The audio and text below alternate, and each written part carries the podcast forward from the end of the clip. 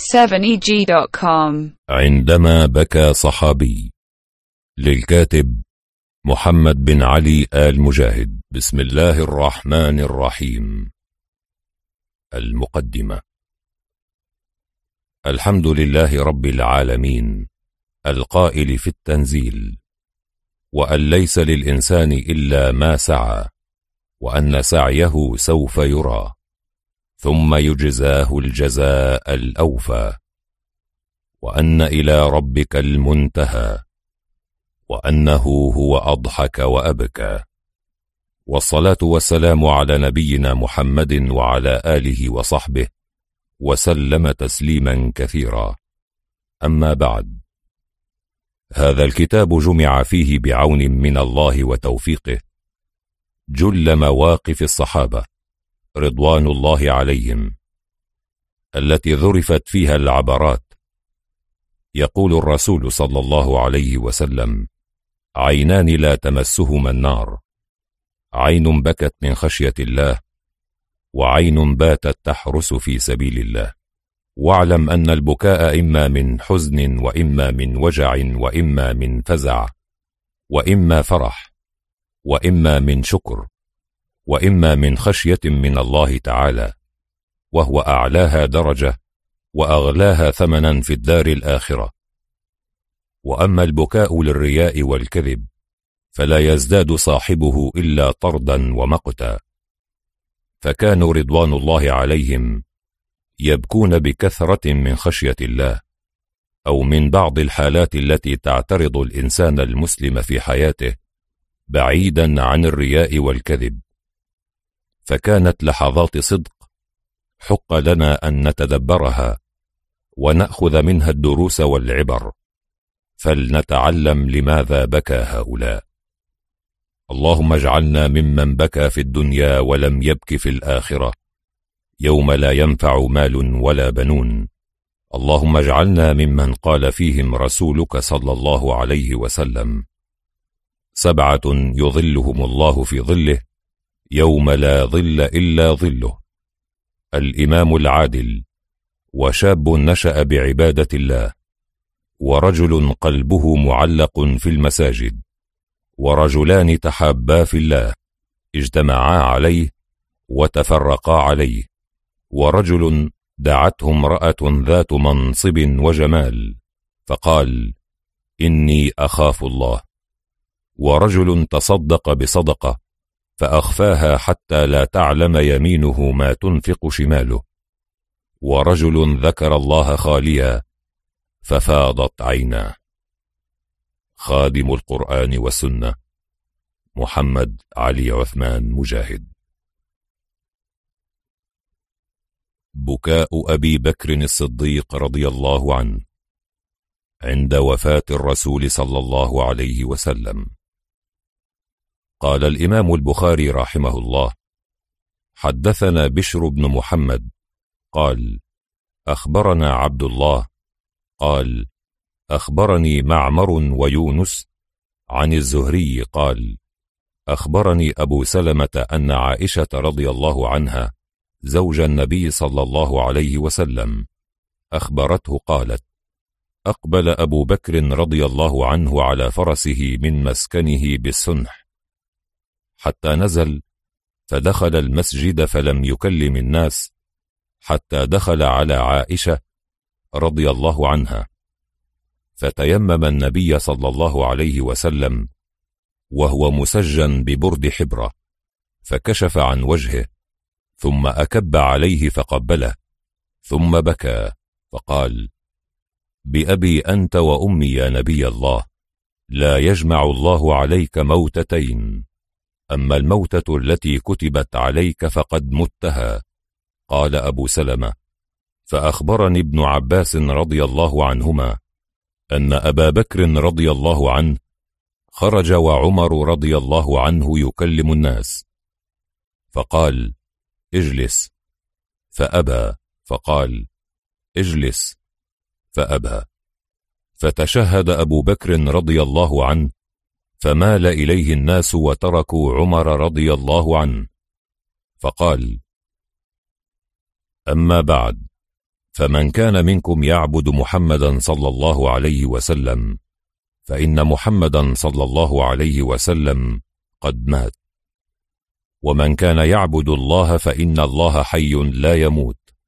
قال الله تعالى وما محمد إلا رسول قد خلت من قبله الرسل. أفإن مات أو قتل انقلبتم على أعقابكم ومن ينقلب على عقبيه فلن يضر الله شيئا وسيجزي الله الشاكرين. والله لكأن الناس لم يكونوا يعلمون أن الله أنزل الآية حتى تلاها أبو بكر رضي الله عنه فتلقاها منه الناس فما يسمع بشر إلا يتلوها. وقال الزهري وأخبرني سعيد بن المسيب أن عمر بن الخطاب رضي الله عنه قال والله ما هو إلا أن سمعت أبا بكر تلاها عقرت حتى ما تقلني رجلاي وأهويت إلى الأرض وعرفت حين سمعته تلاها أن رسول الله قد مات. وعن أنس بن مالك رضي الله عنه أنه سمع عمر بن الخطاب رضي الله عنه الغد حين بويع أبو بكر في مسجد رسول الله صلى الله عليه وسلم. واستوى أبو بكر رضي الله عنه على منبر رسول الله. تشهد عمر قبل أبي بكر ثم قال أما بعد فإني قلت لكم أمس مقالة لم تكن كما قلت. وإني والله ما وجدتها في كتاب أنزله الله ولا في عهد عهده إلي رسول الله ولكن كنت أرجو أن يعيش رسول الله صلى الله عليه وسلم. فقال كلمة يريد حتى يكون آخرنا. فاختار الله لرسوله الذي عنده على الذي عندكم. وهذا الكتاب الذي هدى الله به رسولكم. فخذوه تهتدوا لما هدي له رسول الله. وأخرج الدارمي فقال أخبرنا سليمان بن حرب حدثنا حماد بن زيد عن أيوب عن عكرمة قال توفي رسول الله صلى الله عليه وسلم يوم الاثنين فحبس بقية يومه وليلته والغد حتى دفن ليلة الأربعاء وقالوا إن رسول الله صلى الله عليه وسلم لم يمت ولكن عرج بروحه كما عرج بروح موسى. فقام عمر فقال إن رسول الله صلى الله عليه وسلم لم يمت ولكن عرج بروحه كما عرج بروح موسى. والله لا يموت رسول الله صلى الله عليه وسلم حتى يقطع أيدي أقوام وألسنتهم. فلم يزل عمر يتكلم حتى أزبد شدقاه مما يوعد ويقول. فقام العباس فقال إن رسول الله صلى الله عليه وسلم قد مات وإنه لبشر وإنه يأسن كما يأسن البشر. أي قوم فادفنوا صاحبكم.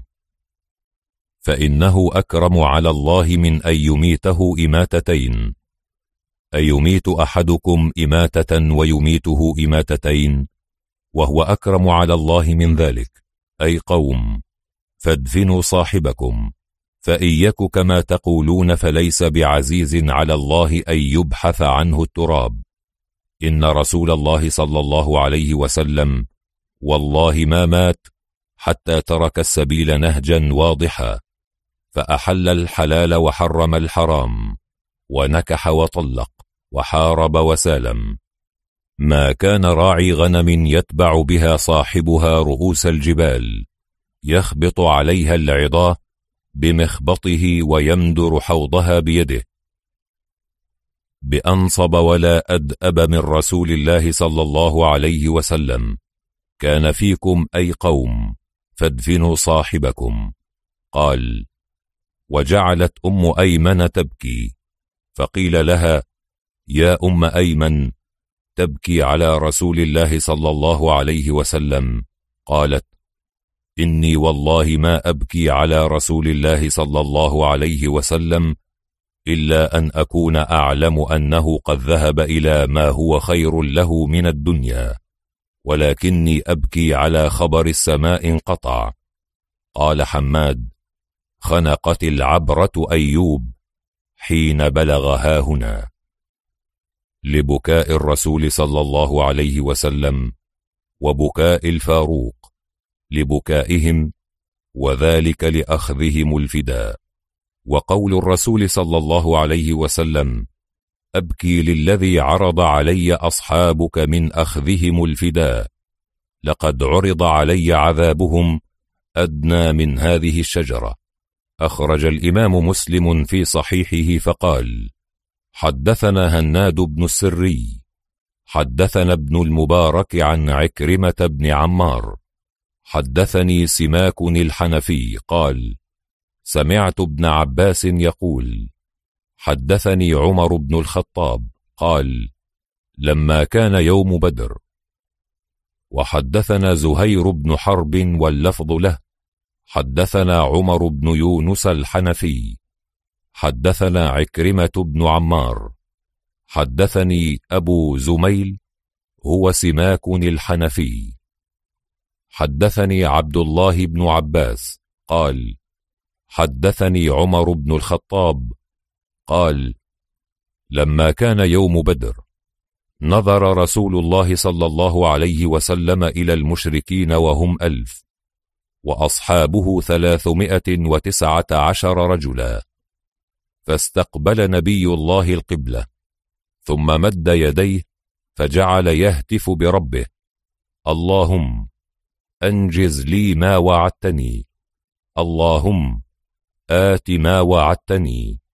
اللهم إن تهلك هذه العصابة من أهل الإسلام لا تعبد في الأرض.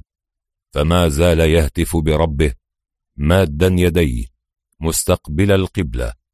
حتى سقط رداؤه عن منكبيه فأتاه أبو بكر فأخذ رداءه فألقاه على منكبيه ثم التزمه من ورائه وقال يا نبي الله كذاك مناشدتك ربك فإنه سينجز لك ما وعدك. فأنزل الله عز وجل إذ تستغيثون ربكم فاستجاب لكم أني ممدكم بألف من الملائكة مردفين. فأمده الله بالملائكة. قال أبو زميل. فحدثني ابن عباس قال. بينما رجل من المسلمين يومئذ يشتد في أثر رجل من المشركين أمامه. إذ سمع ضربة بالصوت فوقه. وصوت الفارس يقول أقدم حيزوم. فنظر إلى المشرك أمامه فخر مستلقيا. فنظر إليه فإذا هو قد خطم أنفه وشق وجهه كضربة الصوت فاخضر ذلك أجمع. فجاء الأنصاري فحدث بذلك رسول الله صلى الله عليه وسلم فقال صدقت ذلك من مدد السماء الثالثة فقتلوا يومئذ سبعين وأسروا سبعين. قال أبو زميل قال ابن عباس فلما أسروا الأسارى قال رسول الله صلى الله عليه وسلم لأبي بكر وعمر ما ترون في هؤلاء الأسارى؟ فقال أبو بكر يا نبي الله هم بنو العم والعشيرة أرى أن تأخذ منهم فدية فتكون لنا قوة على الكفار فعسى الله أن يهديهم للإسلام. فقال رسول الله صلى الله عليه وسلم ما ترى يا ابن الخطاب؟ قلت لا والله يا رسول الله ما أرى الذي رأى أبو بكر ولكني أرى أن تمكنا فنضرب أعناقهم. فتمكن عليا من عقيل فيضرب عنقه وتمكني من فلان نسيبا لعمر فأضرب عنقه فإن هؤلاء أئمة الكفر وصناديدها. فهوي رسول الله صلى الله عليه وسلم ما قال أبو بكر ولم يهو ما قلت.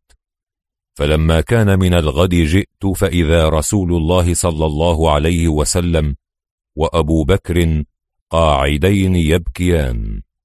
قلت يا رسول الله أخبرني من أي شيء تبكي أنت وصاحبك فإن وجدت بكاء بكيت وإن لم أجد بكاء تباكيت لبكائكما.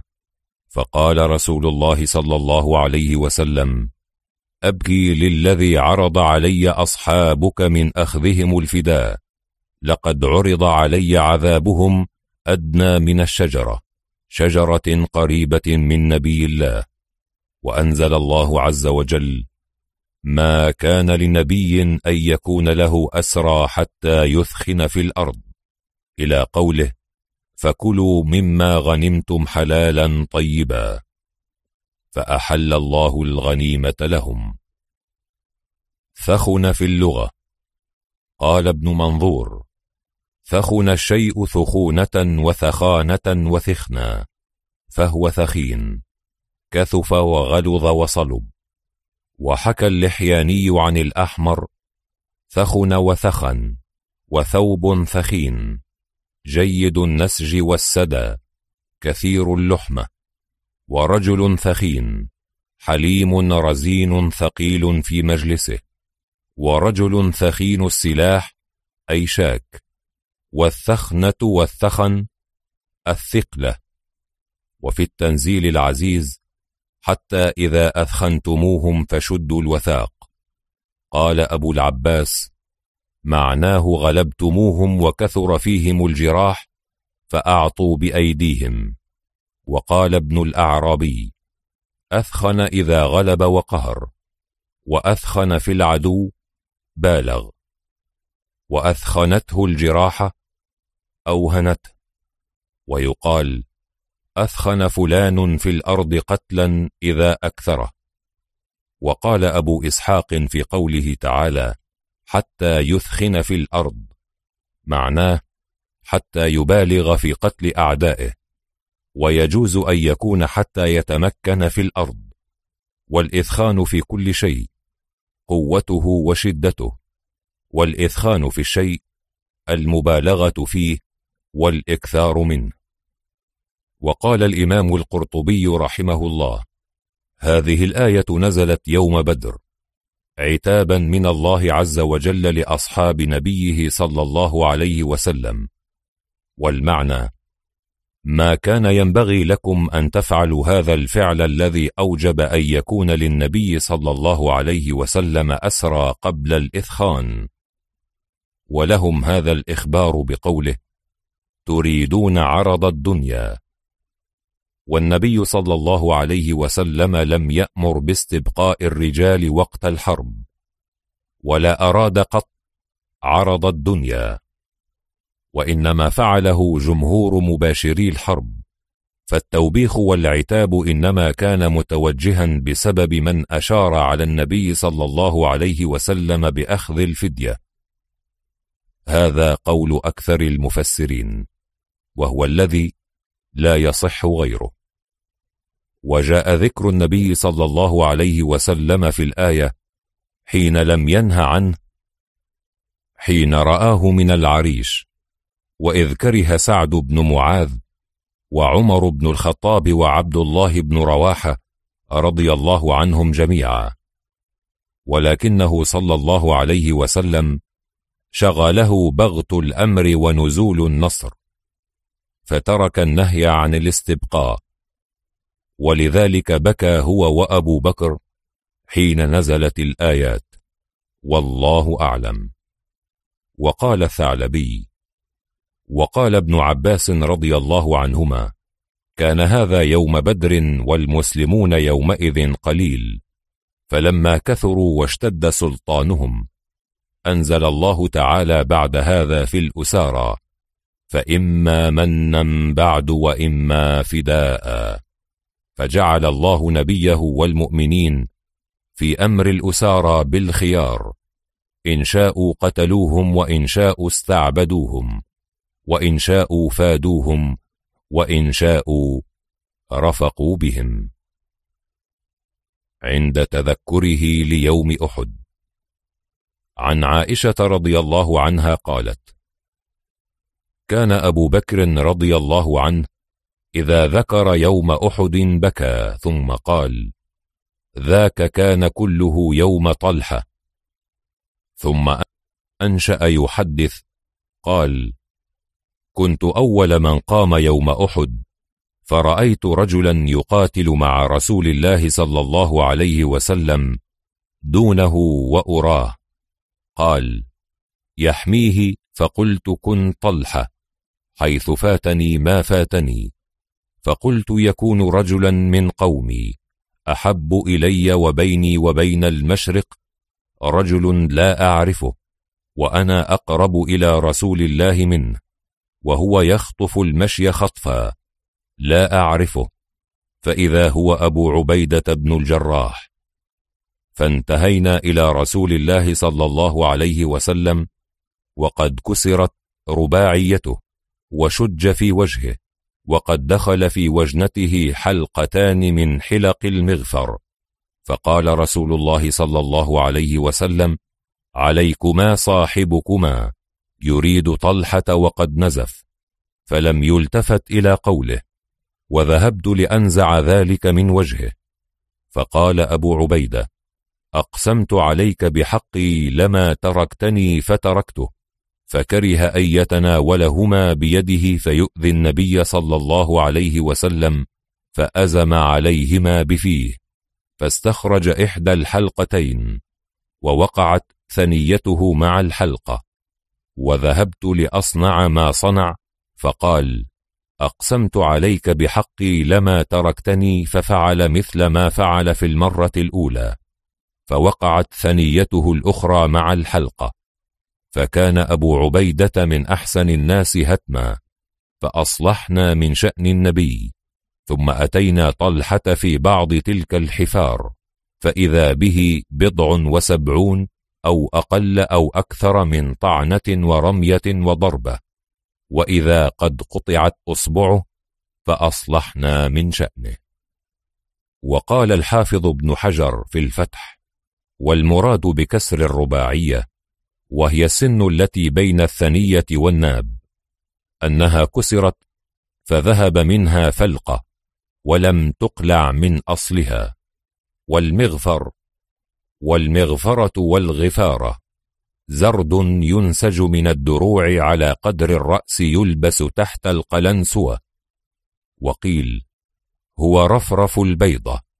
وقيل هو حلق يتقنع به المتسلح.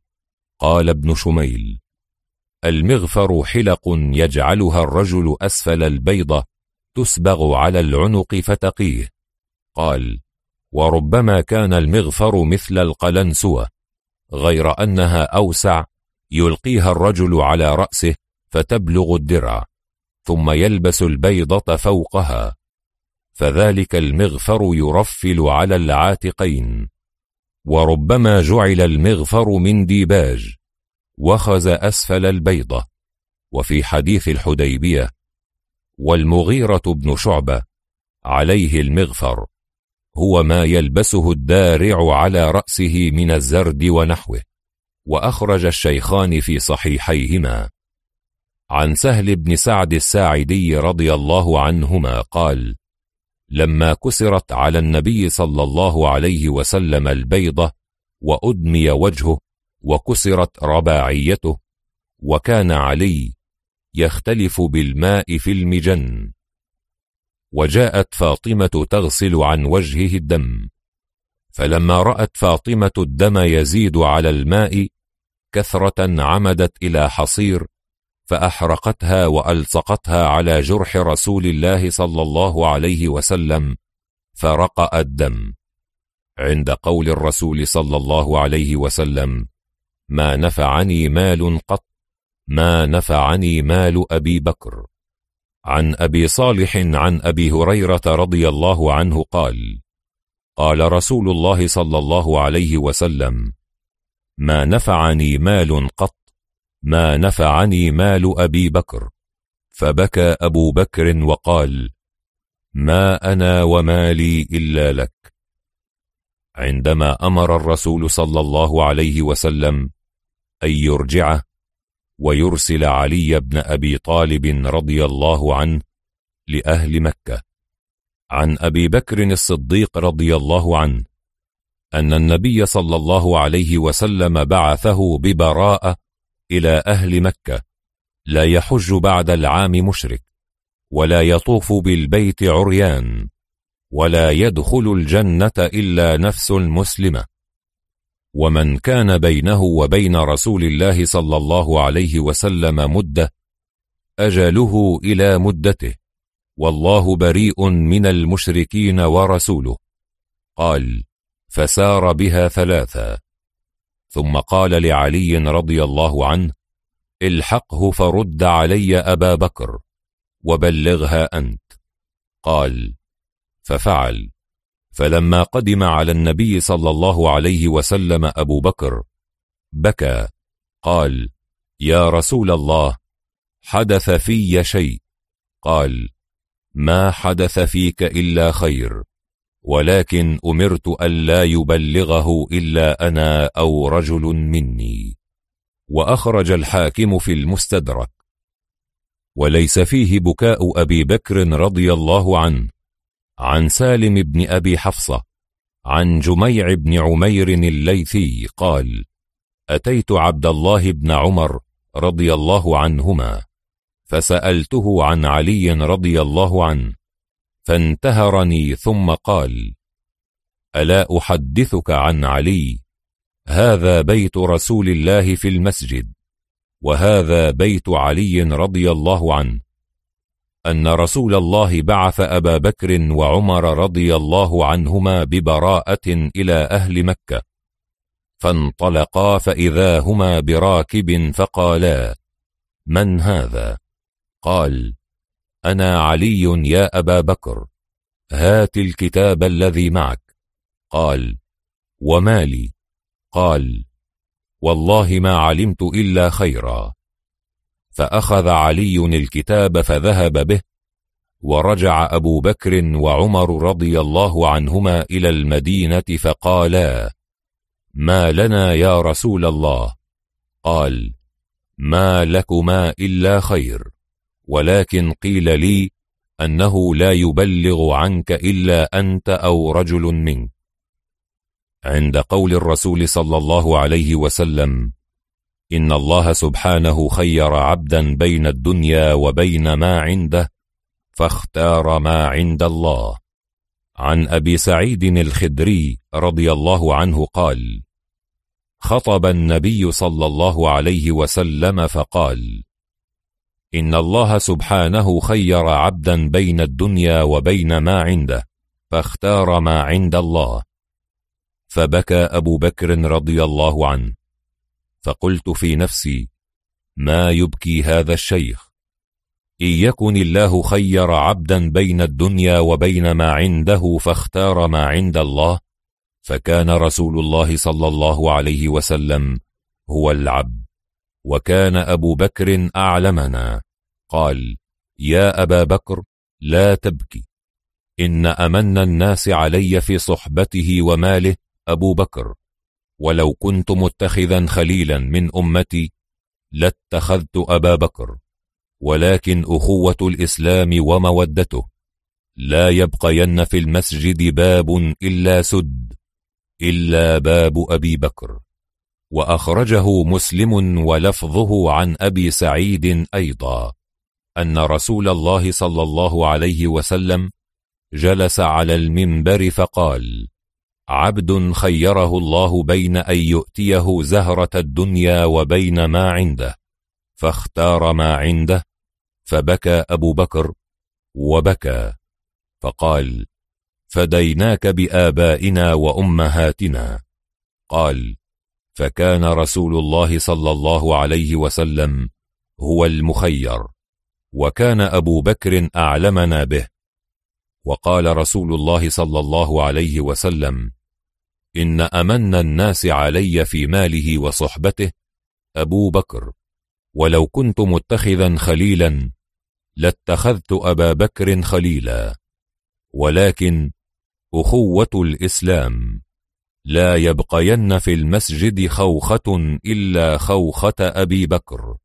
وأخرج الترمذي عن عبد الملك بن عمير عن ابن أبي المعلى عن أبيه أن رسول الله صلى الله عليه وسلم خطب يوما فقال إن رجلا خيره ربه بين أن يعيش في الدنيا ما شاء أن يعيش ويأكل في الدنيا ما شاء أن يأكل وبين لقاء ربه فاختار لقاء ربه. قال فبكى أبو بكر فقال أصحاب النبي ألا تعجبون من هذا الشيخ إذ ذكر رسول الله رجلا صالحا خيره ربه بين الدنيا وبين لقاء ربه فاختار لقاء ربه. قال فكان أبو بكر أعلمهم بما قال رسول الله. فقال أبو بكر بل نفديك بآبائنا وأموالنا. فقال رسول الله ما من الناس أحد أمن إلينا في صحبته وذات يده من ابن أبي قحافة. ولو كنت متخذا خليلا لاتخذت ابن أبي قحافة خليلا. ولكن ود وإخاء إيمان ود وإخاء إيمان. مرتين أو ثلاثة. ألا وإن صاحبكم خليل الله.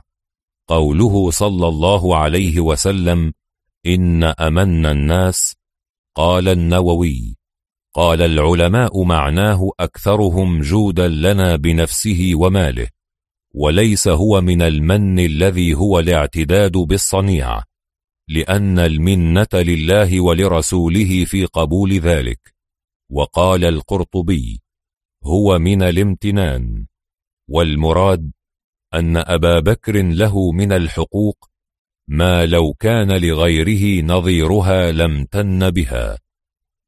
قوله صلى الله عليه وسلم ولو كنت متخذا خليلا لاتخذت أبا بكر خليلا ولكن أخوة الإسلام وفي رواية لكن أخي وصاحبي وقد اتخذ الله صاحبكم خليلا قال القاضي قيل أصل الخلة الافتقار والانقطاع فخليل الله المنقطع إليه وقيل لقصره حاجته على الله تعالى وقيل الخلة الاختصاص وقيل الاصطفاء وسمي إبراهيم خليلا لأنه والى في الله تعالى وعادى فيه وقيل سمي به لأنه تخلق بخلال حسنة وأخلاق كريمة وخلة الله تعالى له نصره وجعله إماما لمن بعده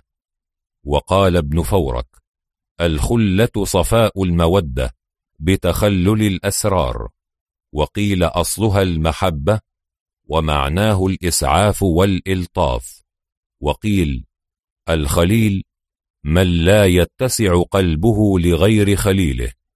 ومعنى الحديث أن حب الله تعالى لم يبق في قلبه موضعا لغيره. قال القاضي وجاء في أحاديث أنه صلى الله عليه وسلم قال ألا وأنا حبيب الله. فاختلف المتكلمون هل المحبة أرفع من الخلة؟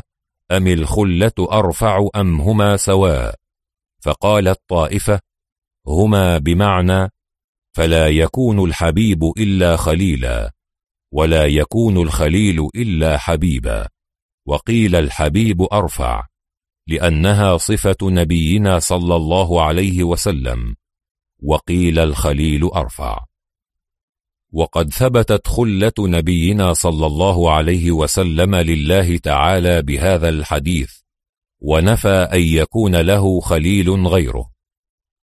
وأثبت محبته لخديجة وعائشة وأبيها وأسامة وأبيه وفاطمة وابنيها وغيرهم ومحبة الله تعالى لعبده تمكينه من طاعته وعصمته وتوفيقه وتيسير ألطافه وهدايته وإفاضة رحمته عليه هذه مباديها.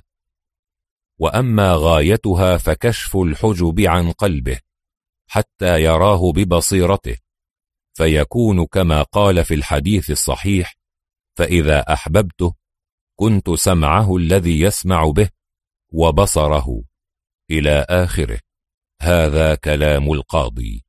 وأما قول أبي هريرة وغيره من الصحابة رضي الله عنهم سمعت خليلي صلى الله عليه وسلم فلا يخالف هذا لأن الصحابي يحسن في حقه الانقطاع إلى النبي صلى الله عليه وسلم.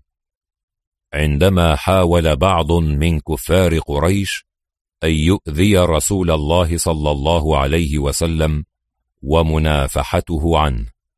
عن عبد الله بن عمرو رضي الله عنهما قال قلت ما أكثر ما رأيت قريشا أصابت من رسول الله فيما كانت تظهر من عداوته. قال حضرتهم وقد اجتمع أشرافهم في الحجر فذكروا رسول الله صلى الله عليه وسلم فقالوا ما رأينا مثل ما صبرنا عليه من هذا الرجل قط. سفه أحلامنا وشتم آباءنا وعاب ديننا وفرق جماعتنا وسب آلهتنا. لقد صبرنا منه على أمر عظيم أو كما قالوا فبين هم في ذلك إذ طلع رسول الله صلى الله عليه وسلم فأقبل يمشي حتى استلم الركن فمر بهم طائفا بالبيت فلما أن مر بهم غمزوه ببعض القول قال وعرفت ذلك في وجهه. ثم مضى فلما مر بهم الثانية غمزوه بمثلها فعرفت ذلك في وجهه. ثم مضى فمر بهم الثالثة غمزوه بمثلها ثم قال أتسمعون يا معشر قريش؟ أما والذي نفس محمد بيده لقد جئتكم بالذبح. قال فأخذت القوم كلمته حتى ما منهم رجل إلا لك أنما على رأسه طائر واقع حتى إن أشدهم فيه وطأة قبل ذلك يتوقاه بأحسن ما يجيب من القول.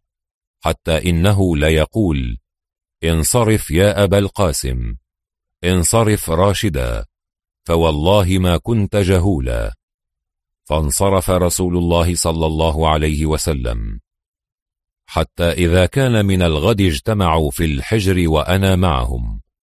فقال بعضهم لبعض ذكرتم ما بلغ منكم وما بلغكم عنه. حتى إذا بادأكم بما تكرهون تركتموه. وبينهم في ذلك إذ طلع عليهم رسول الله صلى الله عليه وسلم فوثبوا إليه وثبة رجل واحد وأحاطوا به يقولون له أنت الذي تقول كذا وكذا لما كان يبلغهم عنه من عيب آلهتهم ودينهم. قال نعم أنا الذي أقول ذلك. قال فلقد رأيت رجلا منهم أخذ بمجمع ردائه. وقال وقام أبو بكر الصديق رضي الله عنه دونه يقول وهو يبكي أتقتلون رجلا أن يقول ربي الله؟ ثم انصرفوا عنه. فإن ذلك لأشد ما رأيت قريشا بلغت منه قط.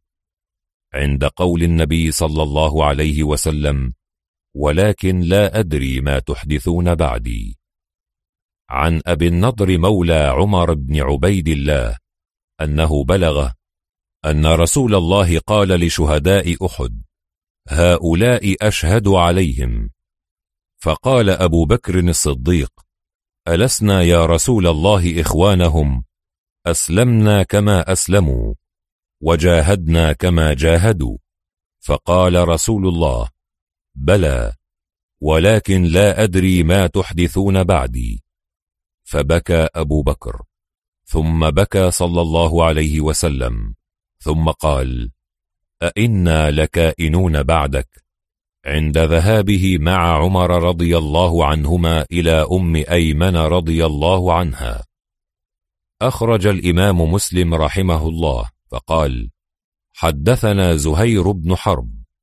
أخبرني عمرو بن عاصم الكلابي. حدثنا سليمان بن المغيرة عن ثابت عن أنس رضي الله عنه قال قال أبو بكر رضي الله عنه بعد وفاة رسول الله صلى الله عليه وسلم لعمر انطلق بنا إلى أم أيمن نزورها كما كان رسول الله يزورها. فلما انتهينا إليها بكت. فقالا لها ما يبكيك؟ ما عند الله خير لرسوله. فقالت ما أبكي ألا أكون أعلم أن ما عند الله خير لرسوله ولكن أبكي أن الوحي قد انقطع من السماء. فهيجتهما على البكاء فجعلا يبكيان معها.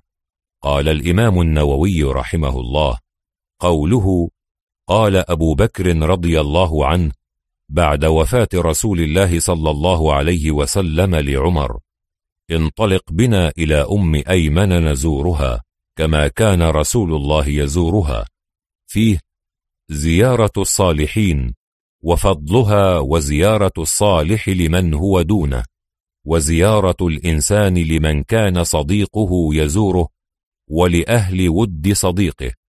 وزيارة جماعة من الرجال للمرأة الصالحة وسماع كلامها واستصحاب العالم والكبير صاحبا له في الزيارة والعيادة ونحوهما والبكاء حزنا على فراق الصالحين والأصحاب. وإن كانوا قد انتقلوا إلى أفضل مما كانوا عليه والله أعلم. في موقف بينه وبين ربيعة الأسلمي رضي الله عنه. عن ربيعة الأسلمي رضي الله عنه قال كنت أخدم رسول الله صلى الله عليه وسلم فقال يا ربيعة ألا تزوج؟ قال قلت والله يا رسول الله ما أريد أن أتزوج ما عندي ما يقيم المرأة. وما أحب أن يشغلني عنك شيء. فأعرض عني فخدمته ما خدمته. ثم قال لي الثانية يا ربيعة ألا تزوج؟ فقلت ما أريد أن أتزوج؟ ما عندي ما يقيم المرأة وما أحب أن يشغلني عنك شيء. فأعرض عني ثم رجعت إلى نفسي فقلت والله لرسول الله صلى الله عليه وسلم بما يصلحني في الدنيا والآخرة أعلم مني. والله لئن قال تزوج لأقولن نعم يا رسول الله مرني بما شئت. قال فقال يا ربيعة ألا تزوج؟ فقلت بلى مرني بما شئت. قال انطلق إلى آل فلان. حي من الأنصار وكان فيهم تراخ عن النبي صلى الله عليه وسلم فقل لهم إن رسول الله صلى الله عليه وسلم أرسلني إليكم يأمركم أن تزوجوني فلانة لامرأة منهم فذهبت فقلت لهم إن رسول الله أرسلني إليكم يأمركم أن تزوجوني فلانة فقالوا مرحبا برسول الله وبرسول رسول الله صلى الله عليه وسلم. والله لا يرجع رسول رسول الله صلى الله عليه وسلم إلا بحاجته. فزوجوني وألطفوني. وما سألوني البينة. فرجعت إلى رسول الله صلى الله عليه وسلم حزينا. فقال لي ما لك يا ربيعة؟ فقلت يا رسول الله أتيت قوما كراما فزوجوني وأكرموني وألطفوني وما سألوني بينة وليس عندي صداق. فقال رسول الله صلى الله عليه وسلم يا بريدة الأسلمي اجمعوا له وزن نواة من ذهب. قال فجمعوا إلي وزن نواة من ذهب فأخذت ما جمعوا لي فأتيت به النبي صلى الله عليه وسلم فقال اذهب بهذا إليهم. فقل هذا صداقها. فأتيتهم فقلت هذا صداقها. فرضوه وقبلوه وقالوا كثير طيب. قال ثم رجعت إلى النبي صلى الله عليه وسلم حزينا. فقال يا ربيع ما لك حزين. فقلت يا رسول الله ما رأيت قوما أكرم منهم رضوا بما آتيتهم وأحسنوا. وقال كثيرا طيب وليس عندي ما أولم. قال يا بريدة اجمعوا له شاة. قال فجمعوا لي كبشا عظيما سمينا. فقال لي رسول الله صلى الله عليه وسلم اذهب إلى عائشة فقل لها فلتبعث بالمكتل الذي فيه الطعام.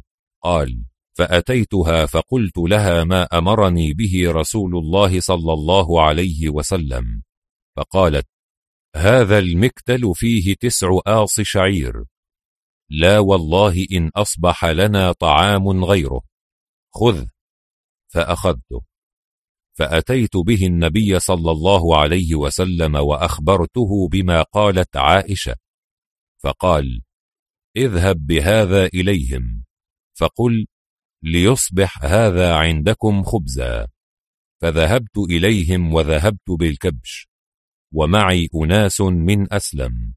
فقال ليصبح هذا عندكم خبزا وهذا طبخا. فقالوا أما الخبز فسنكفيكموه وأما الكبش فاكفونا أنتم. فأخذنا الكبش أنا وأناس من أسلم. فذبحناه وسلخناه وطبخناه فأصبح عندنا خبز ولحم. فأولمت ودعوت رسول الله صلى الله عليه وسلم. ثم قال إن رسول الله صلى الله عليه وسلم أعطاني أرضا وأعطاني أبو بكر أرضا. وجاءت الدنيا فاختلفنا في عذق نخلة. فقلت أنا هي في حدي. وقال أبو بكر هي في حدي. فكان بيني وبين أبي بكر كلام. فقال أبو بكر كلمة كرهها وندم. فقال لي يا ربيعة رد علي مثلها حتى تكون قصاصا. قال قلت لا أفعل. فقال أبو بكر لتقولن أو لأستعدين عليك رسول الله صلى الله عليه وسلم. فقلت ما أنا بفاعل. قال ورفض الأرض. وانطلق أبو بكر رضي الله عنه إلى النبي صلى الله عليه وسلم وانطلقت أتلوه فجاء ناس من أسلم فقالوا لي رحم الله أبا بكر في أي شيء يستعدي عليك رسول الله صلى الله عليه وسلم؟ وهو قال لك ما قال؟ فقلت أتدرون ما هذا؟ هذا أبو بكر الصديق هذا ثاني اثنين وهذا ذو شيبة المسلمين. إياكم لا يلتفت فيراكم تنصروني عليه فيغضب فيأتي رسول الله صلى الله عليه وسلم فيغضب لغضبه فيغضب الله عز وجل لغضبهما فيهلك ربيعه. قالوا ما تأمرنا؟ قال ارجعوا.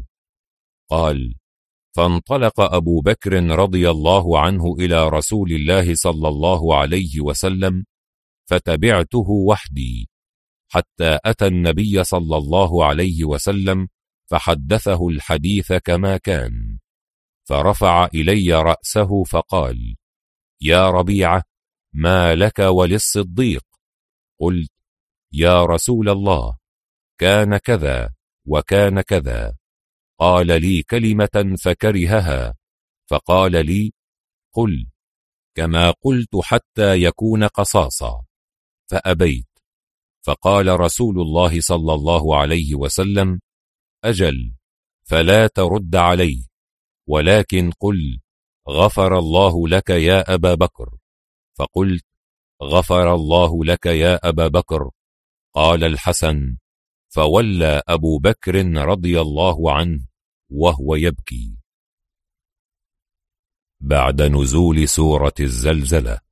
عن عبد الله بن عمرو رضي الله عنهما قال نزلت إذا زلزلت الأرض زلزالها وأبو بكر الصديق رضي الله عنه قاعد فبكى أبو بكر فقال له رسول الله صلى الله عليه وسلم ما يبكيك يا أبا بكر؟ فقال أبكتني هذه السورة. فقال رسول الله صلى الله عليه وسلم لو أنكم لا تخطئون ولا تذنبون.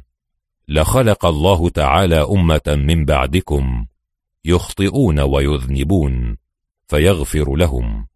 عندما أتي بماء وعسل عن زيد بن أرقم رضي الله عنه قال كنا مع أبي بكر رضي الله عنه فاستسقى فأتي بماء وعسل فلما وضعه على يده بكى وانتحب حتى ظننا أن به شيئا ولا نسأله عن شيء فلما فرغ قلنا يا خليفة رسول الله ما حملك على هذا البكاء؟ قال بينما أنا مع رسول الله صلى الله عليه وسلم إذ رأيته يدفع عن نفسه شيئا ولا أرى شيئا فقلت يا رسول الله ما الذي أراك تدفع عن نفسك ولا أرى شيئا؟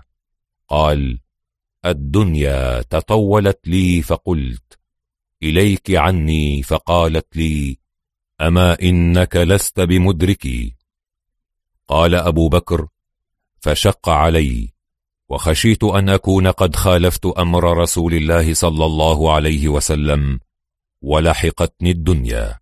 ولفظ الحاكم. فقالوا يا خليفة رسول الله ما أبكاك؟ قال كنت مع رسول الله صلى الله عليه وسلم فرأيته يدفع عن نفسه شيئا ولم أر معه أحدا. فقلت يا رسول الله ما الذي تدفع عن نفسك؟ قال هذه الدنيا مثلت لي فقلت لها إليك عني. ثم رجعت فقالت إن أفلت مني فلن ينفلت مني من بعدك. عند قراءته للقرآن الكريم. عن عائشة رضي الله عنها قالت لما مرض النبي صلى الله عليه وسلم مرضه الذي مات فيه أتاه بلال يؤذنه بالصلاة فقال مروا أبا بكر فليصل. قلت إن أبا بكر رجل أسيف. إن يقم مقامك يبكي فلا يقدر على القراءة. قال مروا أبا بكر فليصلي. فقلت مثله. فقال في الثالثة أو الرابعة إن كن صواحب يوسف مروا أبا بكر فليصلي. فصلى. وخرج النبي صلى الله عليه وسلم يهادى بين رجلين. كأني أنظر إليه يخط برجليه الأرض. فلما رآه أبو بكر ذهب يتأخر فأشار إليه أن صلي. فتأخر أبو بكر رضي الله عنه وقعد النبي صلى الله عليه وسلم إلى جنبه وأبو بكر يسمع الناس التكبير. وهو واقف على منبر رسول الله صلى الله عليه وسلم يخطب. عن أوسط بن إسماعيل البجلي أنه سمع أبا بكر حين قبض النبي صلى الله عليه وسلم يقول قام رسول الله صلى الله عليه وسلم في مقام هذا عام الأول ثم بكى أبو بكر ثم قال عليكم بالصدق فإنه مع البر وهما في الجنة وإياكم والكذب. فإنه مع الفجور وهما في النار وسلوا الله المعافاة فإنه لم يؤت أحد بعد اليقين خيرا من المعافاة ولا تحاسدوا ولا تباغضوا ولا تقاطعوا ولا تدابروا وكونوا عباد الله إخوانا. قوله ولا تحاسدوا أي لا يتمنى بعضكم زوال نعمة بعض سواء أرادها لنفسه أو لا. فالحسد تمني زوال النعمة. وقوله ولا تباغضوا أي لا تتعاطوا أسباب البغض لأن البغض لا يكتسب ابتداء. وقوله ولا تقاطعوا أي يقاطع بعضكم بعضا. والتقاطع ضد التواصل. وقوله ولا تدابروا قال الخطابي لا تتهاجروا فيهجر أحدكم أخاه. مأخوذ من تولية الرجل الآخر دبره إذا أعرض عنه حين يراه. وقال ابن عبد البر قيل للإعراض مدابرة لأن من أبغض أعرض. ومن أعرض ولى دبره والمحب بالعكس. خطبة أبي بكر الصديق رضي الله عنه هي مقاطع من أحاديث وردت في الصحيح من أحاديث نبي الله صلى الله عليه وسلم نذكر منها. قول رسول الله صلى الله عليه وسلم عليكم بالصدق فإن الصدق يهدي إلى البر. وإن البر يهدي إلى الجنة. وما يزال الرجل يصدق ويتحرى الصدق حتى يكتب عند الله صديقا وإياكم والكذب فإن الكذب يهدي إلى الفجور وإن الفجور يهدي إلى النار. ومنها قول رسول الله صلى الله عليه وسلم لا تحاسدوا ولا تناجشوا ولا تباغضوا ولا تدابروا. ولا يبع بعضكم على بيع بعض. وكونوا عباد الله إخوانا. المسلم أخو المسلم. لا يظلمه ولا يخذله ولا يحقره. التقوى ها هنا. ويشير إلى صدره ثلاث مرات. بحسب امرئ من الشر أن يحقر أخاه المسلم. كل المسلم على المسلم حرام دمه وماله وعرضه. من قول بلال رضي الله عنه عن قيس بن أبي حازم رحمه الله قال اشترى أبو بكر بلالا بخمس أواق ثم أعتقه قال فقال له بلال يا أبا بكر إن كنت إنما أعتقتني لتتخذني خادما فاتخذني خادما وإن كنت إنما أعتقتني لله فدعني أعمل لله. قال فبكى أبو بكر ثم قال بل أعتقتك لله في حادثة الإفك. عن هشام بن عروة قال أخبرني أبي عن عائشة رضي الله عنها قالت لما ذكر من شأني الذي ذكر وما علمت به قام رسول الله صلى الله عليه وسلم في خطيبا. فتشهد فحمد الله وأثنى عليه بما هو أهله. ثم قال أما بعد أشيروا علي في أناس أبنوا أهلي. والله ما علمت على أهلي من سوء قط وأبنوا بمن والله ما علمت عليه من سوء قط. ولا دخل بيتي قط إلا وأنا حاضر ولا غبت في سفر إلا غاب معي. فقام سعد بن معاذ رضي الله عنه فقال ائذن لي يا رسول الله أن نضرب أعناقهم. وقام رجل من الخزرج وكانت أم حسان بن ثابت من رهط ذلك الرجل فقال كذبت أما والله أن لو كانوا من الأوس ما أحببت أن نضرب أعناقهم حتى كاد أن يكون بين الأوس والخزرج شر في المسجد وما علمت به. فلما كان مساء ذلك اليوم خرجت لبعض حاجتي ومعي أم مصطح فعثرت فقالت تعس مصطح فقلت لها أي أم؟ تسبين ابنك. فسكتت. ثم عثرت الثانية. فقالت تعس مصطح فقلت لها أي أم تسبين ابنك. فسكتت. ثم عثرت الثالثة. فقالت تعس مصطح فانتهرتها فقلت لها أي أم تسبين ابنك. فقالت والله ما أسبه إلا فيك. فقلت في أي شأني؟ قالت فبقرت إلي الحديث. قلت قد كان هذا؟ قالت نعم والله. لقد رجعت إلى بيتي وكأن الذي خرجت له لم أخرج. لا أجد منه قليلا ولا كثيرا. ووعكت فقلت لرسول الله صلى الله عليه وسلم أرسلني إلى بيت أبي. فأرسل معي الغلام. فدخلت الدار فوجدت أم رومان في السفل وأبو بكر فوق البيت يقرأ.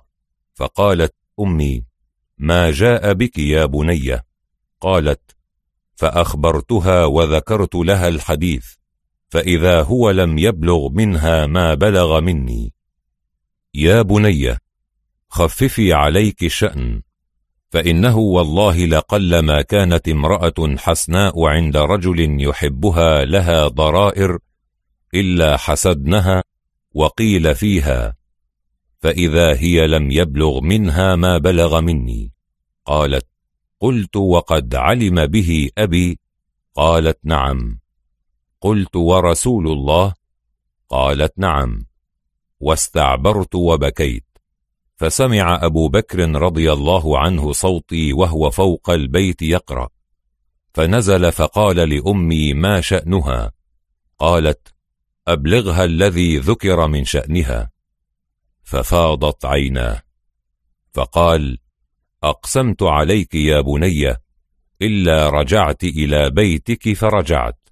ولقد جاء رسول الله صلى الله عليه وسلم إلى بيتي وسأل عني خادمتي فقالت لا والله ما علمت عليها عيبا إلا أنها كانت ترقد حتى تدخل الشاة فتأكل خميرتها أو عجينتها.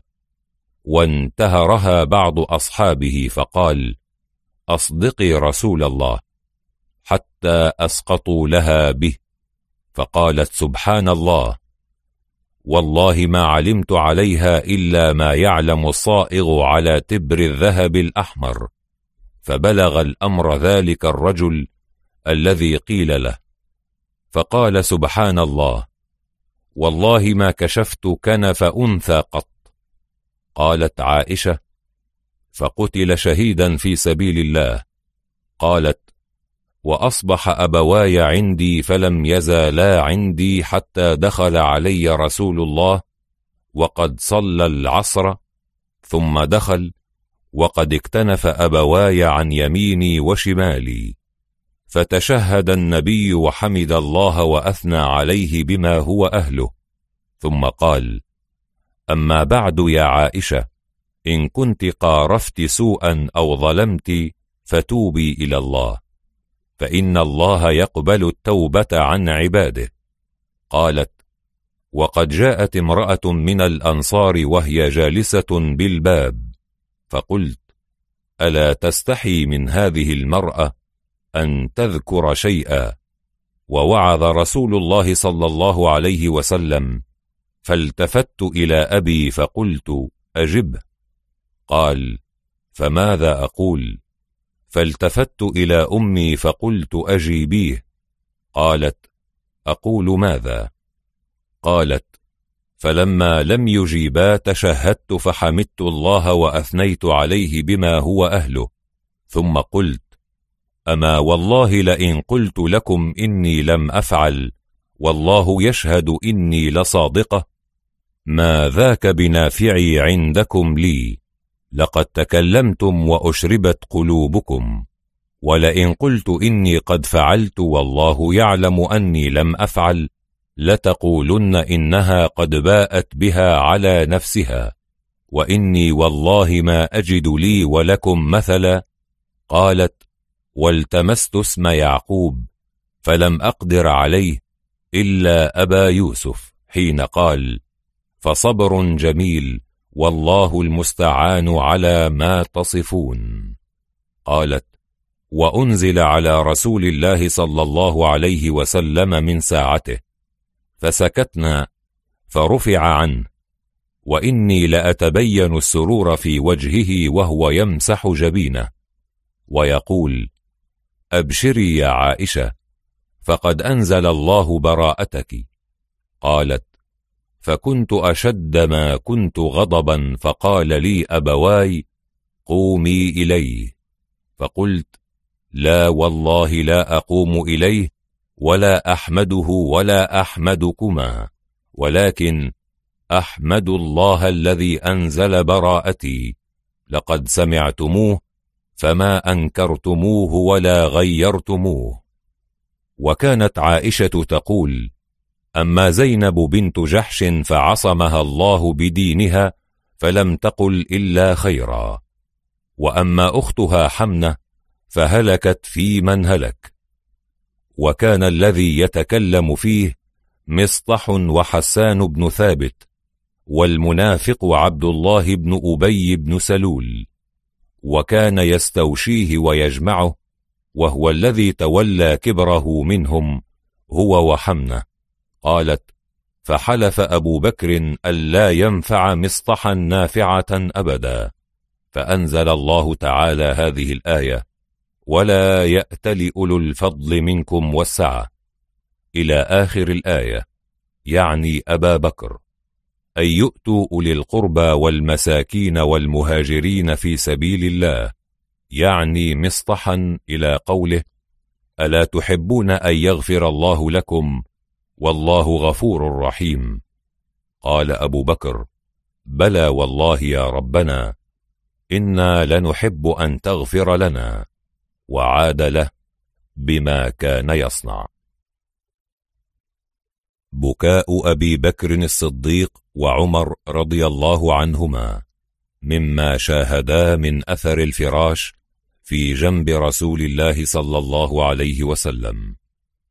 عن عائشة رضي الله عنها قالت كان لرسول الله صلى الله عليه وسلم سرير مشبك بالبرد عليه كساء أسود قد حشوناه بالبرد فدخل أبو بكر وعمر عليه فإذا النبي صلى الله عليه وسلم نائم عليه فلما رآهما استوى جالسا فنظرا فإذا أثر السرير في جنب رسول الله صلى الله عليه وسلم.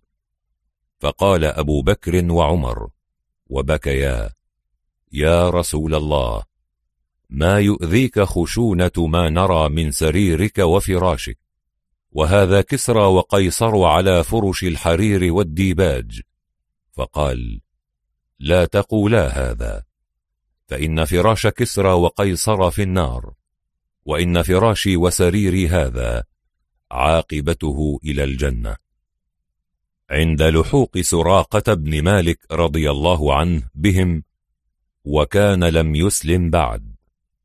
أخرج ابن حبان في صحيحه فقال أخبرنا الفضل بن الحباب الجمحي حدثنا عبد الله بن رجاء الغداني حدثنا إسرائيل عن أبي إسحاق قال سمعت البراء يقول اشترى أبو بكر من عازب رحلا بثلاثة عشر درهما. فقال أبو بكر لعازب مر البراء فليحمله إلى أهلي. فقال له عازب لا حتى تحدثني كيف صنعت أنت ورسول الله حين خرجتما من مكة والمشركون يطلبونكم.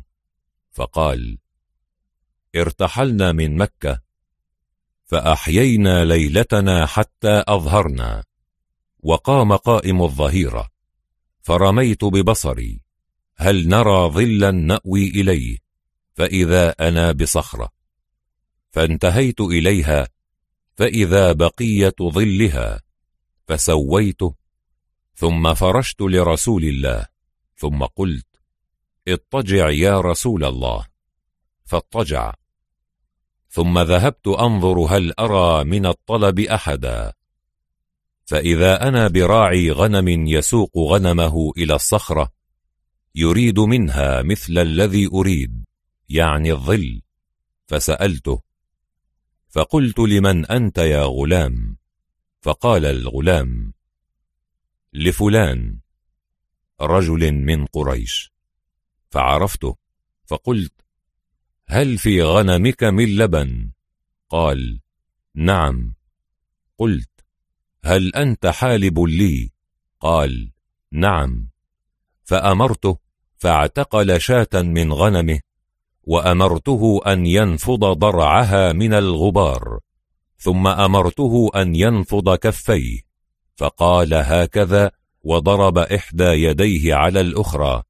فحلب لي كثبة من لبن وقد رويت معي لرسول الله إدواتا على فمها خرقة فصببت على اللبن حتى برد أسفله فانتهيت إلى رسول الله فوافقته قد استيقظ فقلت اشرب يا رسول الله. فشرب فقلت قد آن الرحيل يا رسول الله. فارتحلنا والقوم يطلبوننا فلم يدركنا أحد منهم غير سراقة بن مالك بن جعشم على فرس له فقلت هذا الطلب قد لحقنا يا رسول الله. قال فبكيت. فقال لا تحزن إن الله معنا. فلما دنا منا وكان بيننا وبينه قيد رمحين أو ثلاثة. قلت هذا الطلب يا رسول الله قد لحقنا. فبكيت. قال ما يبكيك؟ قلت أما والله ما على نفسي أبكي ولكن أبكي عليك. فدعا عليه رسول الله صلى الله عليه وسلم فقال اللهم اكفناه بما شئت. قال فساخت به فرسه في الأرض إلى بطنها فوثب عنها ثم قال يا محمد قد علمت أن هذا عملك فادع الله أن ينجيني مما أنا فيه فوالله لأعمين على من ورائي من الطلب وهذه كنانتي فخذ منها سهما فإنك ستمر على إبلي وغنمي في مكان كذا وكذا. فخذ منها حاجتك. فقال رسول الله صلى الله عليه وسلم لا حاجة لنا في إبلك. ودعا له رسول الله صلى الله عليه وسلم فانطلق راجعا إلى أصحابه. ومضى رسول الله صلى الله عليه وسلم حتى أتينا المدينة ليلا فتنازعه القوم أيهم ينزل عليه رسول الله. فقال رسول الله صلى الله عليه وسلم إني أنزل الليلة على بني النجار أخوال عبد المطلب أكرمهم بذلك. فخرج الناس حين قدمنا المدينة في الطرق وعلى البيوت من الغلمان والخدم يقولون جاء محمد جاء رسول الله. فلما أصبح انطلق فنزل حيث أمر. بكاء عمر بن الخطاب رضي الله عنه عندما أتي بغنائم القادسية. أخرج البيهقي في السنن بسنده. أن أبا العباس محمد بن يعقوب حدثهم. أنا الربيع بن سليمان أنا الشافعي أنا غير واحد من أهل العلم. أنه لما قدم على عمر بن الخطاب رضي الله عنه ما أصيب من العراق قال له صاحب بيت المال أنا أدخله بيت المال قال لا ورب الكعبة لا يؤوى تحت سقف بيت حتى أقسمه فأمر به فوضع في المسجد ووضعت عليه الأنطاع وحرسه رجال من المهاجرين والأنصار. فلما أصبح غدا معه العباس بن عبد المطلب وعبد الرحمن بن عوف آخذ بيد أحدهما أو أحدهما آخذ يده. فلما رأوه كشطوا الأنطاع عن الأموال فرأى منظرا لم ير مثله رأى الذهب فيه والياقوت والزبرجد واللؤلؤ يتلألأ. فبكى. فقال له أحدهما إنه والله ما هو بيوم بكاء ولكنه يوم شكر وسرور. فقال إني والله ما ذهبت حيث ذهبت ولكنه والله ما كثر هذا في قوم قط إلا وقع بأسهم بينهم. ثم أقبل على القبلة ورفع يديه إلى السماء وقال اللهم إني أعوذ بك أن أكون مستدرجا فإني أسمعك تقول سنستدرجهم من حيث لا يعلمون. ثم قال أين سراقة بن جعشم؟ فأتي به أشعر الذراعين دقيقهما فأعطاه سواري كسرى فقال البسهما ففعل. فقال قل الله أكبر. قال الله أكبر. قال قل الحمد لله الذي سلبهما من كسر بن هرمز وألبسهما سراقة بن جعشم أعرابيا من بني مدلج وجعل يقلب بعض ذلك بعضا. فقال إن الذي أدى هذا لأمين. فقال له رجل أنا أخبرك أنت أمين الله وهم يؤدون إليك ما أديت إلى الله. فإذا رتعت رتعوا. قال صدقت. ثم فرقه. قال الشافعي رحمه الله وإنما ألبسهما سراقة لأن النبي صلى الله عليه وسلم قال لسراقة ونظر إلى ذراعيه. كأني بك قد لبست سواري كسرى. قال ولم يجعل له إلا سوارين. كما أخرج البيهقي أيضا عن الزهري بن المسور بن مخرمة رضي الله عنه. قال أتي عمر بن الخطاب رضي الله عنه بغنائم من غنائم القادسية فجعل يتصفحها وينظر إليها وهو يبكي. ومعه عبد الرحمن بن عوف. فقال له عبد الرحمن يا أمير المؤمنين هذا يوم فرح وهذا يوم سرور. قال فقال أجل ولكن لم يؤت هذا قوم قط إلا أورتهم العداوة والبغضاء. وعن الزهري عن إبراهيم بن عبد الرحمن بن عوف قال لما أتي عمر رضي الله عنه بكنوز كسرى قال له عبد الله بن أرقم الزهري ألا تجعلها في بيت المال؟ يعني فقال عمر رضي الله عنه لا تجعلها في بيت المال حتى تقسمها. وبكى عمر رضي الله عنه. فقال له عبد الرحمن بن عوف رضي الله عنه ما يبكيك يا أمير المؤمنين؟ فوالله إن هذا ليوم شكر ويوم سرور ويوم فرح. فقال عمر إن هذا لم يعطه الله قوما قط إلا ألقى الله بينهم العداوة والبغضاء. وعن أبي سنان الدؤلي أنه دخل على عمر بن الخطاب رضي الله عنه وعنده نفر من المهاجرين الأولين. فأرسل عمر إلى سفط أتي به من قلعة العراق فكان فيه خاتم فأخذه بعض بنيه فأدخله في فيه فانتزعه عمر منه ثم بكى عمر رضي الله عنه فقال له من عنده؟ لم تبكي؟ وقد فتح الله عليك وأظهرك على عدوك وأقر عينك فقال عمر سمعت رسول الله صلى الله عليه وسلم يقول لا تفتح الدنيا على أحد إلا ألقى الله عز وجل بينهم العداوة والبغضاء إلى يوم القيامة وأنا أشفق من ذلك. بكاء الصديق والفاروق عند استشهاد سعد بن معاذ رضي الله عنه وعن عائشة رضي الله عنها قالت لما مات سعد بن معاذ بكى أبو بكر وبكى عمر رضي الله عنهما حتى لا عرف بكاء أبي بكر من بكاء عمر وبكاء عمر من بكاء أبي بكر. فقلت لعائشة هل كان رسول الله صلى الله عليه وسلم يبكي؟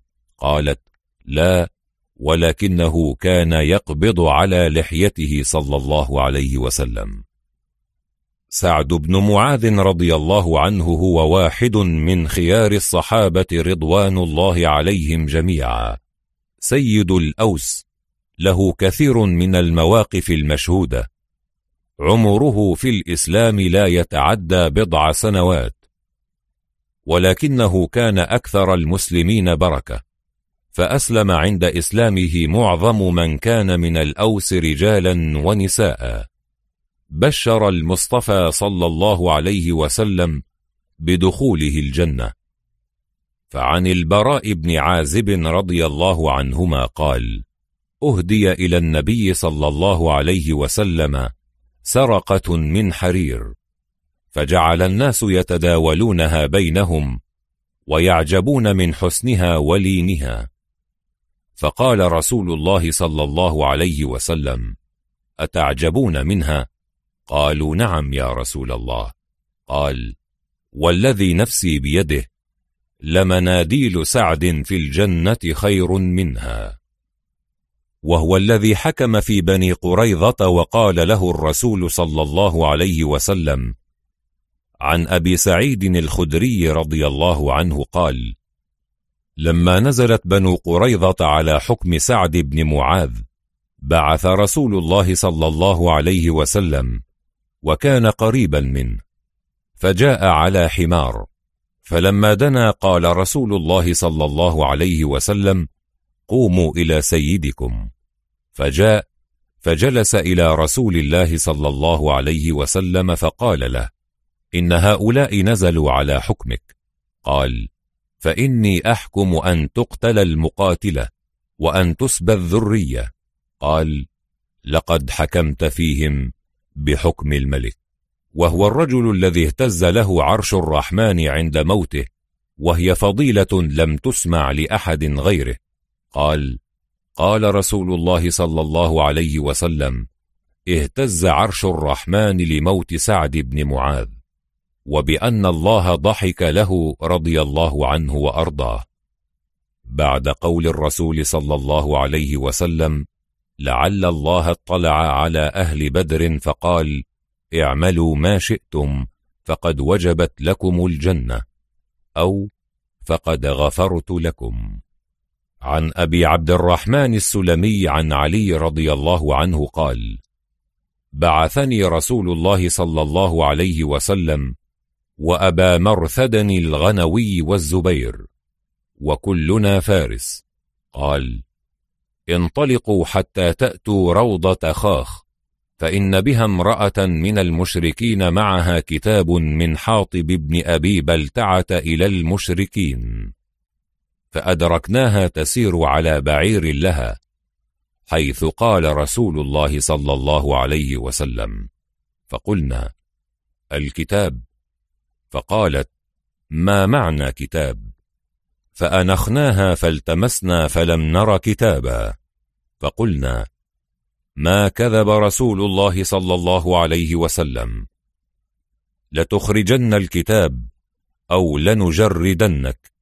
فلما رأت الجد أهوت إلى حجزتها وهي محتجزة بكساه فأخرجته. فانطلقنا بها إلى رسول الله صلى الله عليه وسلم. فقال عمر يا رسول الله قد خان الله ورسوله والمؤمنين فدعني فلأضرب عنقه. فقال النبي صلى الله عليه وسلم ما حملك على ما صنعت؟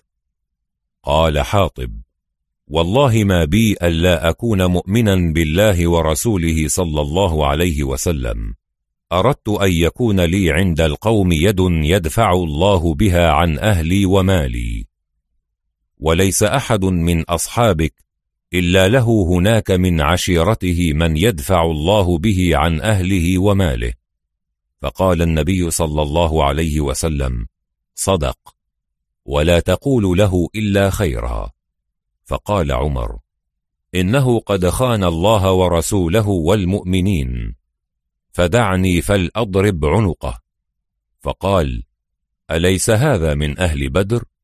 فقال لعل الله اطلع على أهل بدر فقال اعملوا ما شئتم فقد وجبت لكم الجنة أو فقد غفرت لكم. فدمعت عينا عمر رضي الله عنه وقال الله ورسوله أعلم.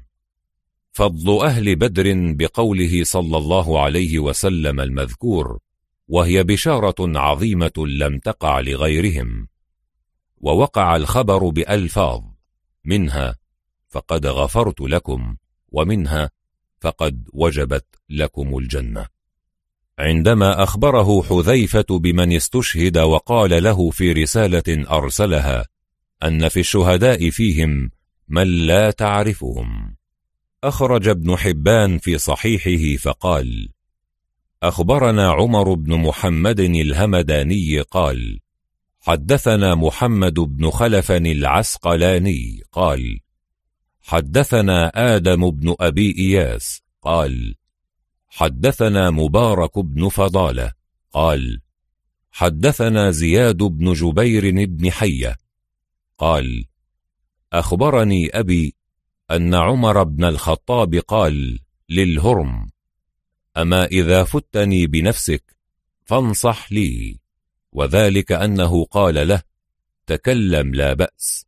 فأمنه. فقال الهرمزان نعم إن فارس اليوم رأس وجناحان. قال فأين الرأس؟ قال بنهاوند مع بنذاذقان فإن معه أساورة كسرى وأهل أصفهان. قال فأين الجناحان؟ فذكر الهرمزان مكانا نسيته فقال الهرمزان فاقطع الجناحين توهن الرأس. فقال له عمر كذبت يا عدو الله بل أعمد إلى الرأس فيقطعه الله.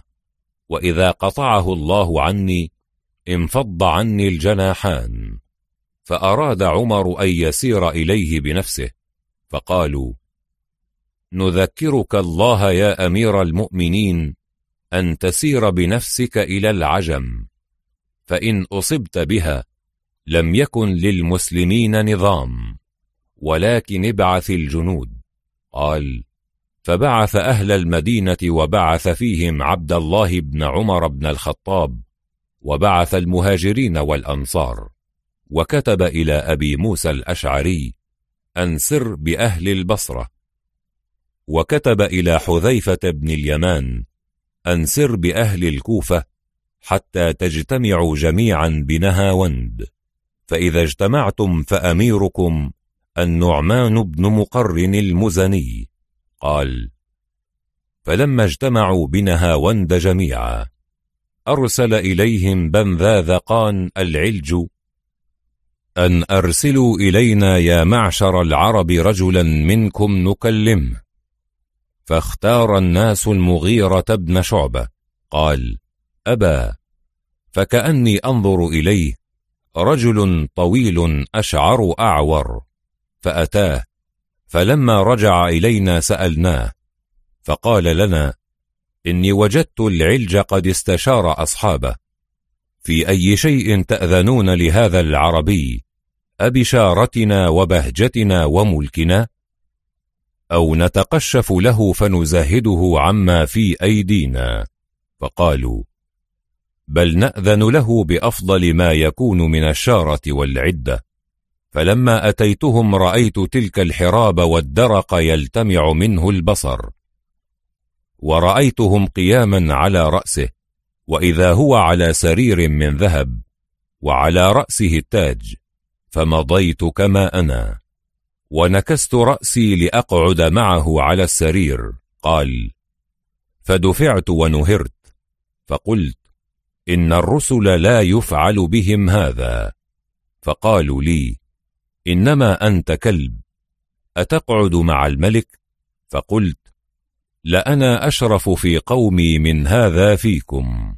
قال فانتهرني. وقال اجلس فجلست فترجم لي قوله فقال يا معشر العرب إنكم كنتم أطول الناس جوعا وأعظم الناس شقاء وأقذر الناس قذرا وأبعد الناس دارا وأبعده من كل خير وما كان منعني أن آمر هؤلاء الأساورة حولي أن ينتظموكم بالنشاب إلا تنجسا بجيفكم لأنكم أرجاس فإن تذهبوا نخلي عنكم وإن تأبوا نركم مصارعكم. قال المغيرة فحمدت الله وأثنيت عليه وقلت والله ما أخطأت من صفتنا ونعتنا شيئا إن كنا لأبعد الناس دارا وأشد الناس جوعا وأعظم الناس شقاء. وأبعد الناس من كل خير حتى بعث الله إلينا رسولا فوعدنا النصر في الدنيا والجنة في الآخرة. فلم نزل نتعرف من ربنا مذ جاءنا رسوله الفلج والنصر حتى أتيناكم. وإنا والله نرى لكم ملكا وعيشا لا نرجع إلى ذلك الشقاء أبدا حتى نغلبكم على ما في أيديكم. أو نقتل في أرضكم. فقال أما الأعور فقد صدقكم الذي في نفسه فقمت من عنده وقد والله أرعبت العلج جهدي. فأرسل إلينا العلج إما أن تعبروا إلينا بنهاوند وإما أن نعبر إليكم. فقال النعمان اعبروا. فعبرنا. قال أبي فلم أرك اليوم قط. إن العلوج يجيئون كأنهم جبال الحديد. وقد تواثقوا ألا يفروا من العرب. وقد قرن بعضهم إلى بعض. حتى كان سبعة في قران. وألقوا حسك الحديد خلفهم. وقالوا من فر منا عقره حسك الحديد. فقال المغيرة بن شعبة حين رأى كثرتهم لم أرك اليوم فشلا. إن عدونا يتركون أن يتتاموا فلا يعجلوا. أما والله لو أن الأمر إلي لقد أعجلتهم به. قال وكان النعمان رجلا بكاء. فقال قد كان الله جل وعلا يشهدك أمثالها فلا يخزيك ولا يعري موقفك. وإنه والله ما منعني أن أناجزهم إلا لشيء شهدته من رسول الله صلى الله عليه وسلم. إن رسول الله صلى الله عليه وسلم كان إذا غزا فلم يقاتل أول النهار لم يعجل حتى تحضر الصلوات وتهب الأرواح ويطيب القتال. ثم قال النعمان اللهم إني أسألك أن تقر عيني اليوم بفتح يكون فيه عز الإسلام وأهله وذل الكفر وأهله. ثم اختم لي على إثر ذلك بالشهادة. ثم قال أمنوا يرحمكم الله فأمنا وبكى وبكينا. ثم قال النعمان إني هاز لوائي فتيسروا للسلاح. ثم هازه الثانية. فكونوا متيسرين لقتال عدوكم بإزائهم. فإذا هززته الثالثة فليحمل كل قوم على من يليهم من عدوكم على بركة الله. قال فلما حضرت الصلاة وهبت الأرواح كبر وكبرنا وقال ريح الفتح والله إن شاء الله. وإني لأرجو أن يستجيب الله لي وأن يفتح علينا. فهز اللواء فتيسروا ثم هزه الثانية ثم هزه الثالثة فحملنا جميعا كل قوم على من يليهم. وقال النعمان إن أنا أصبت فعلى الناس حذيفة بن اليمان فإن أصيب حذيفة ففلان. فإن أصيب فلان ففلان حتى عد سبعة آخرهم المغيرة بن شعبة. قال أبي جبير بن حية فوالله ما علمت من المسلمين أحدا يحب أن يرجع إلى أهله حتى يقتل أو يظفر وثبتوا لنا. فلم نسمع إلا وقع الحديد على الحديد حتى أصيب في المسلمين مصابة عظيمة. فلما رأوا صبرنا ورأوا لا نريد أن نرجع. انهزموا. فجعل يقع الرجل فيقع عليه سبعة في قران فيقتلون جميعا وجعل يعقرهم حسك الحديد خلفهم. فقال النعمان قدموا اللواء فجعلنا نقدم اللواء فنقتلهم ونضربهم. فلما رأى النعمان أن الله قد استجاب له ورأى الفتح جاءته نشابة فأصابت خاصرته فقتلته فجاء أخوه معقل بن مقر فسجى عليه ثوبا وأخذ اللواء فتقدم به ثم قال تقدموا رحمكم الله. فجعلنا نتقدم فنهزمهم ونقتلهم فلما فرغنا واجتمع الناس قال أين الأمير؟ فقال معقل. هذا أميركم قد أقر الله عينه بالفتح وختم له بالشهادة. فبايع الناس حذيفة بن اليمان. قال وكان عمر بالمدينة يدعو الله وينتظر مثل صيحة الحبلى. فكتب حذيفة إلى عمر بالفتح مع رجل من المسلمين. فلما قدم عليه قال أبشر يا أمير المؤمنين بفتح أعز الله فيه الإسلام وأهله وأذل فيه الشرك وأهله. وقال النعمان بعثك؟ قال احتسب النعمان يا أمير المؤمنين. فبكى عمر واسترجع وقال ومن ويحك؟ فقال فلان وفلان وفلان حتى عد ناسا. ثم قال وآخرين يا أمير المؤمنين لا تعرفهم. فقال عمر وهو يبكي لا يضرهم ألا يعرفهم عمر لكن الله يعرفهم. ومن رواية البيهقي في السنن قال وحدثنا أبو رجاء الحنفي قال كتب حذيفة إلى عمر رضي الله عنهما إنه أصيب من المهاجرين فلان وفلان. وفي من لا يعرف أكثر. فلما قرأ الكتاب رفع صوته ثم بكى وبكى فقال بل الله يعرفهم. ثلاثا. وأخرج أبو بكر بن أبي شيبة في مصنفه فقال حدثنا أبو أسامة حدثنا شعبة عن علي بن زيد عن أبي عثمان قال أتيت عمر بنعي النعمان بن مقر.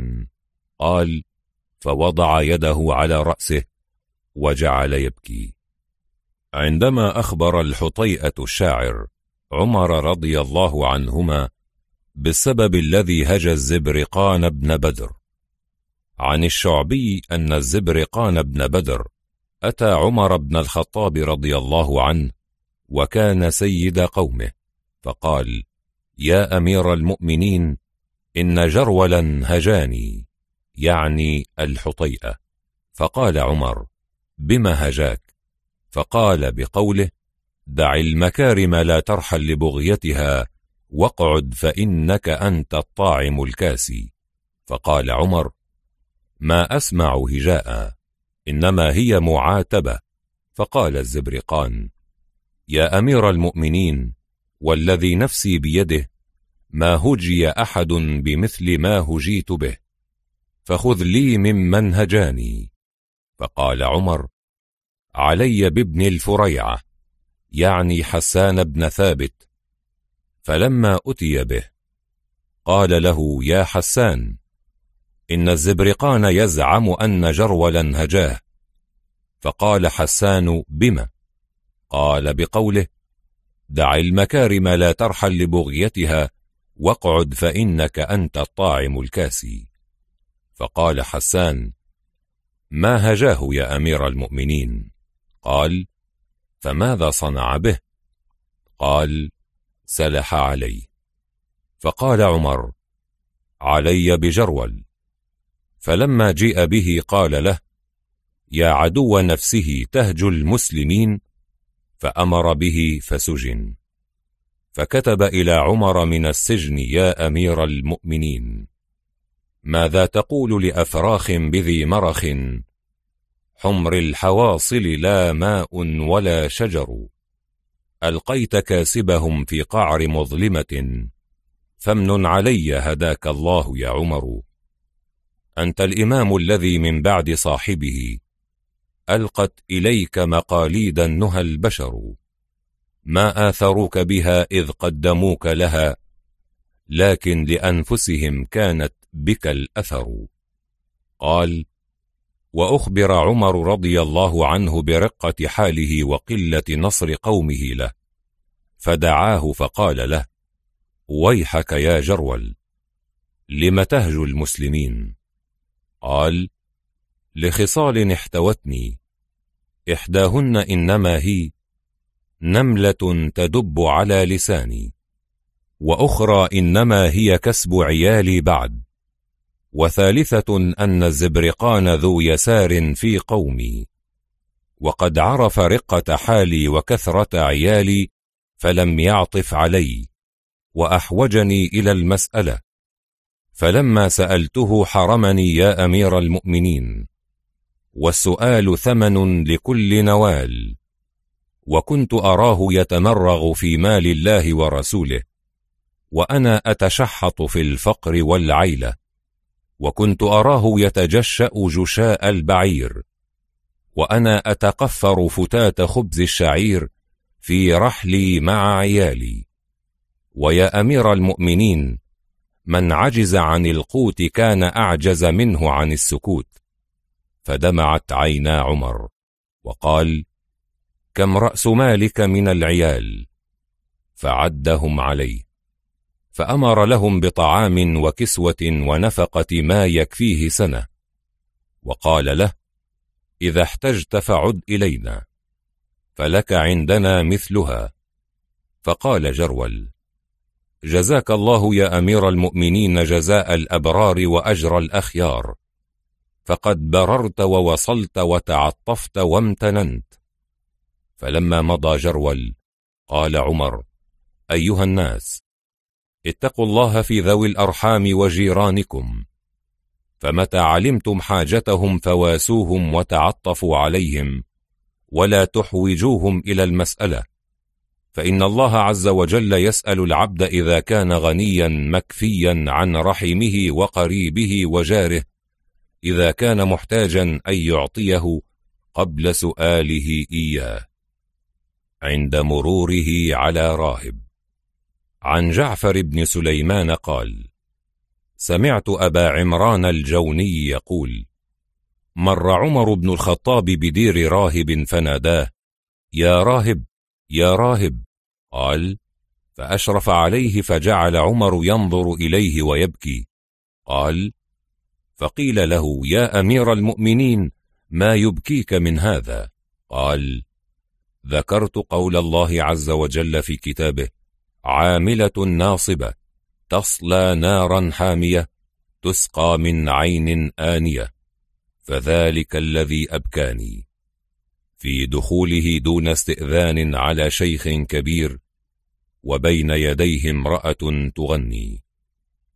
عن السدي رحمه الله قال خرج عمر بن الخطاب رضي الله عنه فإذا هو بضوء نار ومعه عبد الله بن مسعود رضي الله عنه فاتبع الضوء حتى دخل دارا فإذا بسراج في بيت فدخل وذلك في جوف الليل. فإذا شيخ جالس وبين يديه شراب وقينة تغنيه فلم يشعر حتى هجم عليه عمر فقال عمر ما رأيتك الليلة منظرا أقبح من شيخ ينتظر أجله. فرفع رأسه إليه فقال بلى يا أمير المؤمنين ما صنعت أنت أقبح تجسست وقد نهي عن التجسس ودخلت بغير إذن. فقال عمر صدقت. ثم خرج عاضا على ثوبه يبكي وقال ثكلت عمر أمه إن لم يغفر له ربه. نجد هذا كان يستخفي به من أهله فيقول الآن رآني عمر فيتتابع فيه. وهجر الشيخ مجلس عمر حينا فبين عمر بعد ذلك جالس إذ جاءه شبه المستخفي حتى جلس في أخريات الناس فرآه عمر فقال علي بهذا الشيخ فأتي فقيل له أجب. فقام وهو يرى أن عمر سيسوءه بما رأى منه. فقال عمر أدن مني. فما زال يدنيه حتى أجلسه بجنبه فقال أدن مني أذنك. فالتقم أذنه. فقال أما والذي بعث محمدا بالحق رسولا ما أخبرت أحدا من الناس بما رأيت منك ولا ابن مسعود. فإنه كان معي. فقال يا أمير المؤمنين أدن مني أذنك. فالتقم أذنه فقال ولا أنا والذي بعث محمدا بالحق رسولا ما عدت إليه حتى جلست مجلسي هذا. فرفع عمر صوته يكبر فما يدري الناس من أي شيء يكبر. بعد أن رأى امرأة من المسلمين تستعجل فطام ولدها. عن ابن عمر رضي الله عنهما قال قدمت رفقة من التجار فنزلوا المصلى. فقال عمر لعبد الرحمن بن عوف رضي الله عنه هل لك أن نحرسهم الليلة من السرق؟ فباتا يحرسانهم ويصليان ما كتب الله لهما. فسمع عمر بكاء صبي فتوجه نحوه. فقال لأمه اتق الله وأحسني إلى صبيك. ثم عاد إلى مكانه فسمع بكاءه. فعاد إلى أمه فقال لها مثل ذلك. ثم عاد إلى مكانه فلما كان في آخر الليل سمع بكاءه فأتى أمه فقال ويحك إني لأراك أم سوء. ما لي أرى ابنك لا يقر منذ الليلة. قالت يا عبد الله قد أبرمتني منذ الليلة. إني أريغه عن الفطام فيأبى. قال ولم؟ قالت لأن عمر لا يفرض إلا للفطيم. قال وكم له؟ قالت كذا وكذا شهرا. قال ويحك لا تعجليه. فصلى الفجر. وما يستبين الناس قراءته من غلبة البكاء. فلما سلم قال يا بؤسا لعمر كم قتل من أولاد المسلمين. ثم أمر مناديا فنادى ألا تعجلوا صبيانكم عن الفطام. فإنا نفرض لكل مولود في الإسلام. وكتب بذلك إلى الآفاق. إنا نفرض لكل مولود في الإسلام. عندما أهداه رسول الله صلى الله عليه وسلم قباء من ديباج. عن جابر بن عبد الله رضي الله عنهما يقول لبس النبي صلى الله عليه وسلم يوما قباء من ديباج أهدي له ثم أوشك أن نزعه فأرسل به إلى عمر بن الخطاب. فقيل له قد أوشك ما نزعته. يا رسول الله. فقال نهاني عنه جبريل. فجاءه عمر يبكي فقال يا رسول الله كرهت أمرا وأعطيتنيه فما لي؟ قال إني لم أعطكه لتلبسه إنما أعطيتكه تبيعه. فباعه بألفي درهم. عندما كان يدعو. أخرج أبو بكر بن أبي شيبة في مصنفه. عن أبي سعيد مولى أبي أسيد. قال كان عمر إذا صلى أخرج الناس من المسجد فأخذ إلينا. فلما رأى أصحابه ألقى الدرة وجلس فقال ادعوا. فدعوا. قال فجعل يدعو ويدعو حتى انتهت الدعوة إلي فدعوت وأنا مملوك فرأيته دعا وبكى بكاء لا تبكيه الثكلى فقلت في نفسي هذا الذي تقولون إنه غليظ. عند نزول آيات من سورة المائدة. أخرج أبو بكر بن أبي شيبة حدثنا محمد بن فضيل عن هارون بن أبي وكيع عن أبيه قال لما نزلت هذه الآية اليوم أكملت لكم دينكم. قال يوم الحج الأكبر.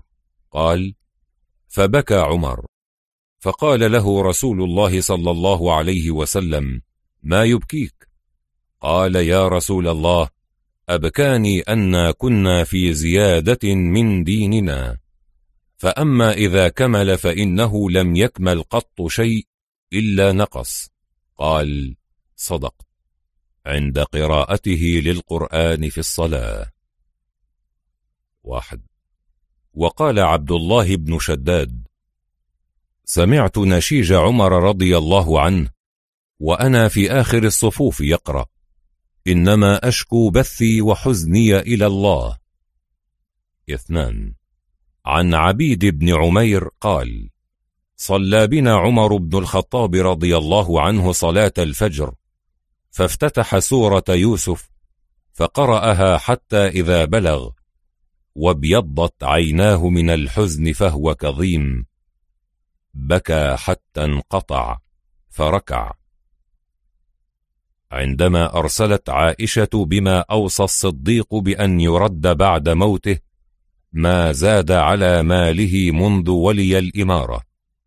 عن الأعمش عن شقيق عن مسروق عن عائشة رضي الله عنها قالت قال أبو بكر رضي الله عنه حين حضر انظري كل شيء زاد في مالي منذ دخلت في هذه الإمارة فرديه إلى الخليفة من بعدي. قالت فلما مات نظرنا فما وجدنا زاد في ماله إلا ناضحا كان يسقي بستانا له وغلاما نوبيا كان يحمل صبيا له. قالت فأرسلت به إلى عمر رضي الله عنه. قالت فأخبرت أن عمر رضي الله عنه بكى وقال رحم الله أبا بكر لقد أتعب من بعده تعبا شديدا. وفي رواية أخرى عن أبي بكر بن حفص بن عمر قال جاءت عائشة إلى أبي بكر وهو يعالج ما يعالج الميت ونفسه في صدره فتمثلت هذا البيت. لعمرك ما يغني الثراء عن الفتى إذا حشرجت يوما وضاق بها الصدر. فنظر إليها كالغضبان ثم قال ليس كذلك يا أم المؤمنين. ولكن وجاءت سكرة الموت بالحق ذلك ما كنت منه تحيد. إني قد كنت نحلتك حائطا وإن في نفسي منه شيئا فرديه إلى الميراث. قالت نعم فرددته.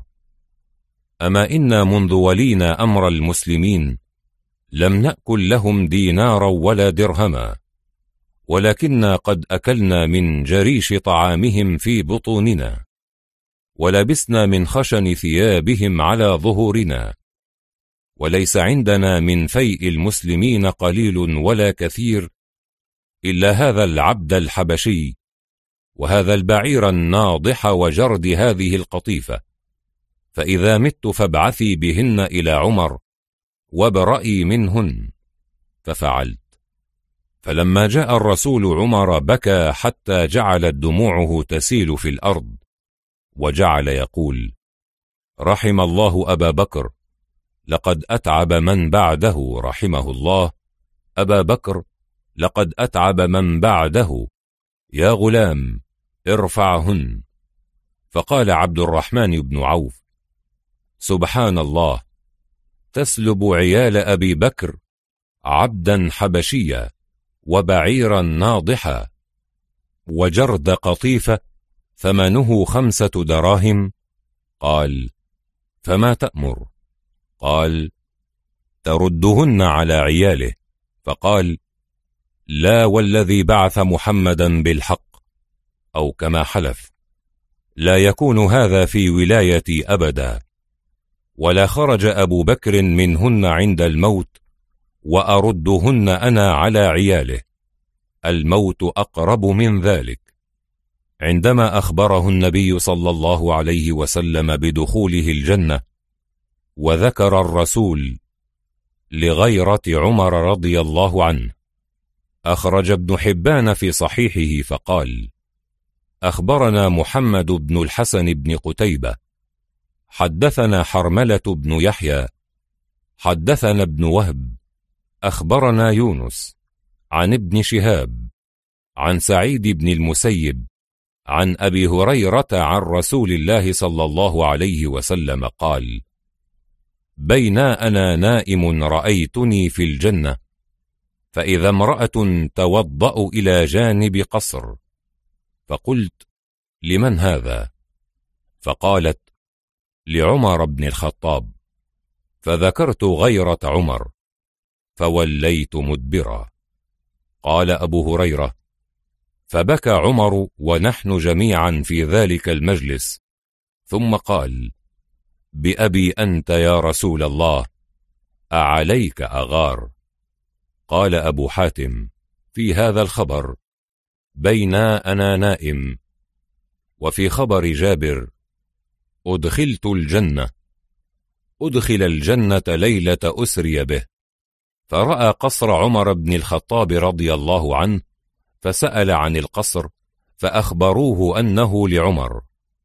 وبينما النبي نائم مرة أخرى إذ رأى كأنه أدخل الجنة وإذا امرأة إلى جانب قصر تتوضأ فسأل عن القصر فقالت لعمر بن الخطاب.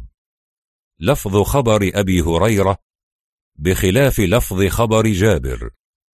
فدلك ذلك على أنهما خبران في وقتين متباينين من غير أن يكون تضاد ولا تهاتر بعدما طعن من عبد المغيرة. واحد. عن ابن عباس رضي الله عنهما قال دعاني عمر رضي الله عنه حين طعن فقال احفظ عني ثلاث خصال. من قال علي فيهن شيئا فقد كذب. من قال إني تركت مملوكا فقد كذب. ومن قال إني قضيت في الكلالة بشيء فقد كذب. ومن قال إني سميت الخليفة من بعدي فقد كذب. ثم بكى عمر رضي الله عنه. فقال له ابن عباس رضي الله عنهما ما يبكيك يا أمير المؤمنين؟ قال يبكيني أمر آخرتي. قال ابن عباس فإن فيك يا أمير المؤمنين ثلاث خصال لا يعذبك الله معهن أبدا إن شاء الله. قال عمر وما هن؟ قال إنك إذا قلت صدقت وإذا حكمت عدلت وإذا استرحمت رحمت. قال أتشهد لي بهن عند ربي يا ابن عباس؟ قال نعم. اثنان. عن أبي مطر قال سمعت عليا رضي الله عنه يقول دخلت على عمر بن الخطاب رضي الله عنه حين وجأه أبو لؤلؤة وهو يبكي فقلت ما يبكيك يا أمير المؤمنين؟ قال أبكاني خبر السماء أيذهب بي إلى الجنة أم إلى النار؟ فقلت له أبشر بالجنة. فإني سمعت رسول الله صلى الله عليه وسلم يقول ما لا أحصيه. يقول سيدا كهول أهل الجنة أبو بكر وعمر وأنعما. فقال أشاهد أنت لي يا علي بالجنة؟ قلت نعم. وأنت يا حسن فاشهد على أبيك أن رسول الله قال إن عمر من أهل الجنة. هذا عمر رضي الله عنه يبكي ويخاف أين يذهب إلى جنة أم إلى نار وهو المبشر بالجنة. فأين نحن؟ نسأل الله السلامة والعفو والعافية وأن نرافق عمر في مدخله. عندما كان يتفقد للرعية ومشاهدته لامرأة وحولها صبيان يبكون من الجوع. عن أسلم أن عمر بن الخطاب رضي الله عنه طاف ليلة فإذا هو بامرأة في جوف دار لها وحولها صبيان يبكون. وإذا قدر على النار قد ملأتها ماء فدنا عمر رضي الله عنه من الباب فقال يا أمة الله ما بكاء هؤلاء الصبيان؟ قالت بكاؤهم من الجوع. قال فما هذه القدر التي على النار؟ قالت قد جعلت فيها ماء هو ذا أعللهم به حتى يناموا وأوهمهم أن فيها شيئا دقيقا.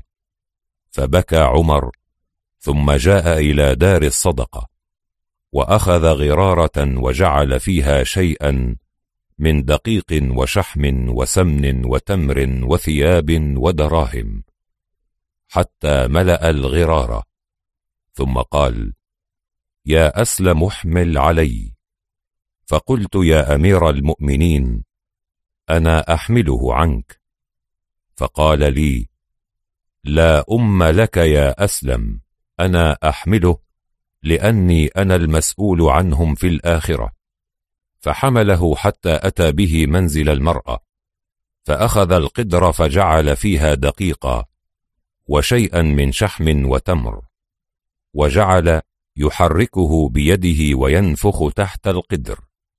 فرأيت الدخان يخرج من خلل لحيته حتى طبخ لهم ثم جعل يغرف بيده ويطعمهم حتى شبعوا ثم خرج وربض بحذائهم حتى كأنه سبع وخفت أن أكلمه.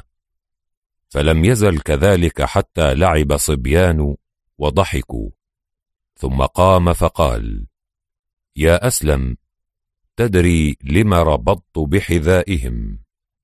قلت لا. قال رأيتهم يبكون فكرهت أن أذهب وأدعهم حتى أراهم يضحكون. فلما ضحكوا طابت نفسي. ما أجمل هذا الموقف. رحم الله أبا حفص الفاروق عمر رضي الله عنه وجمعنا الرحمن الرحيم معه. في مستقر دار رحمته على قبر شيخ عند عودته من الحج.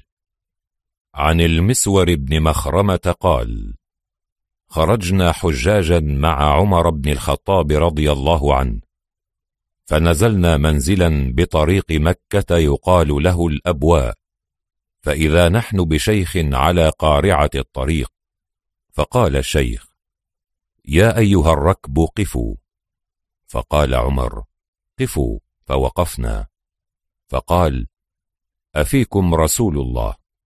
فقال عمر أمسكوا لا يتكلمن أحد. ثم قال أتعقل يا شيخ؟ قال العقل ساقني إلى ها هنا. ثم قال توفي النبي صلى الله عليه وسلم. قال وقد توفي؟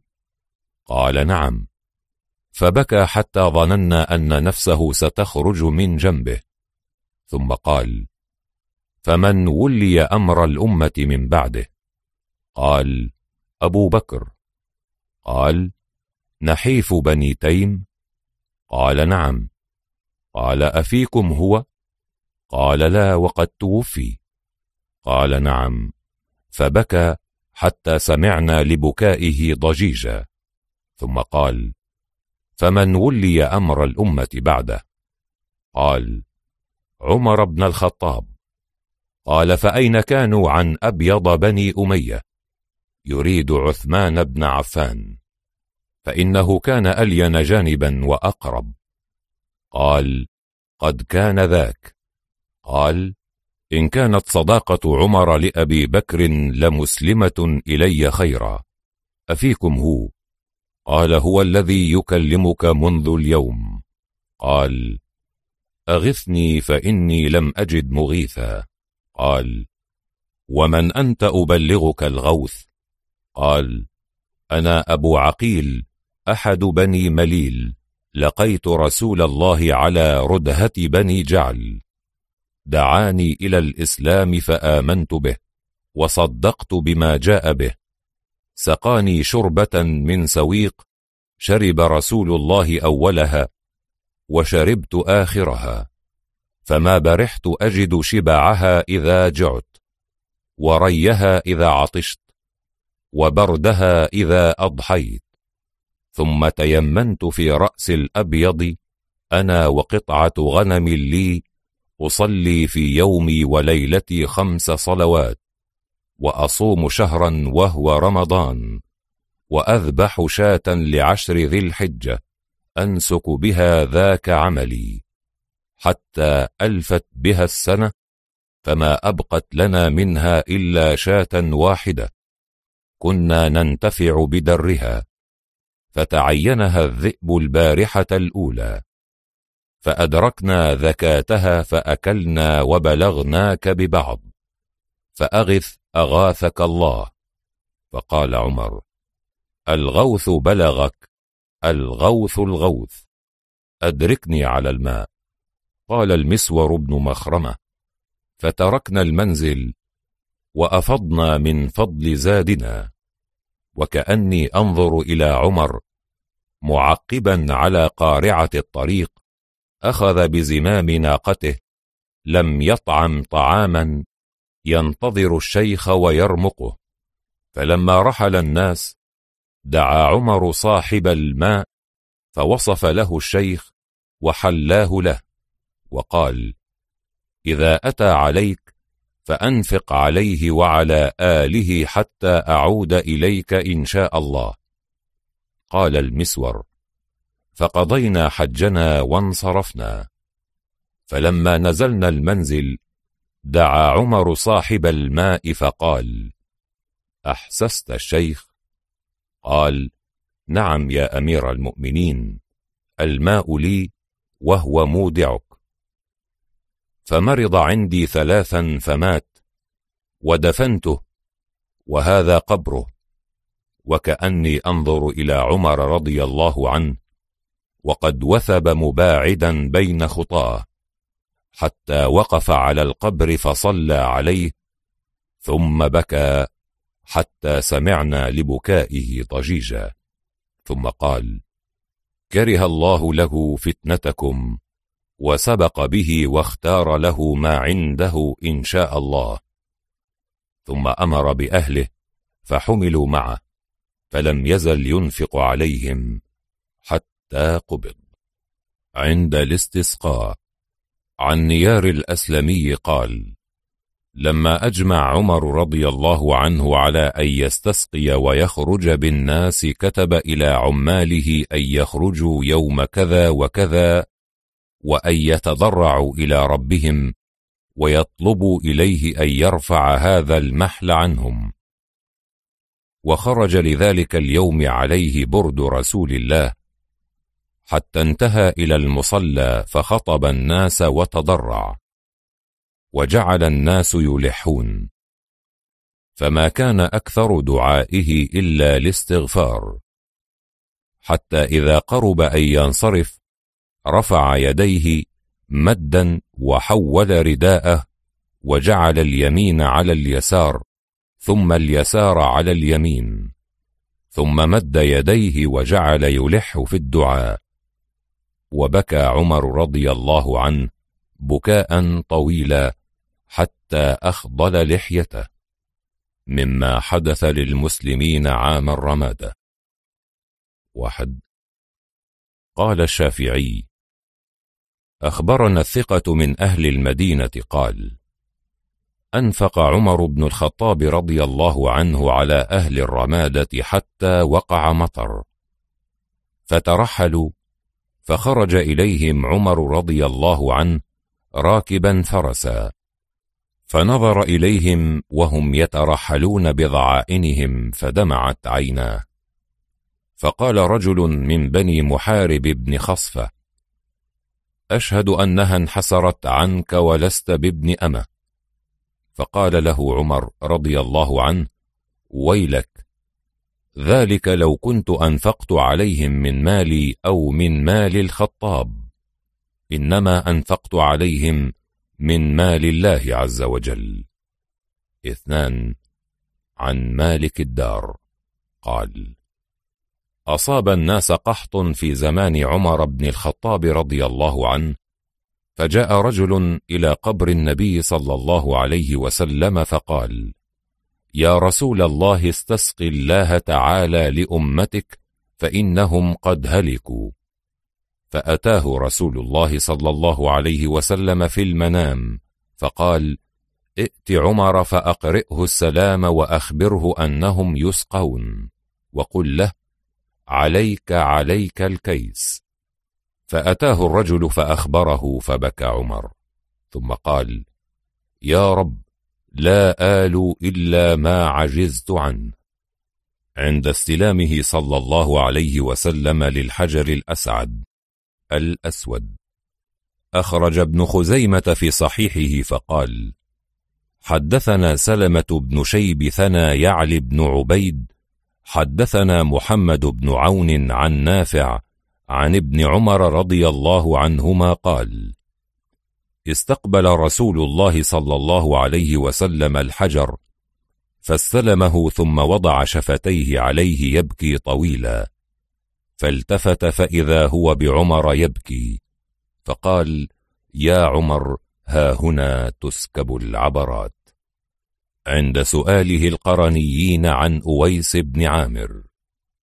عن علقمة بن مرثد الحضرمي قال انتهى الزهد إلى ثمانية نفر من التابعين عامر بن عبد الله القيسي وأويس القرني وهرم بن حيان العبدي والربيع بن خيثمن الثوري وأبي مسلم الخولاني والأسود بن زيد ومسروق بن الأجدع والحسن بن أبي الحسن البصري.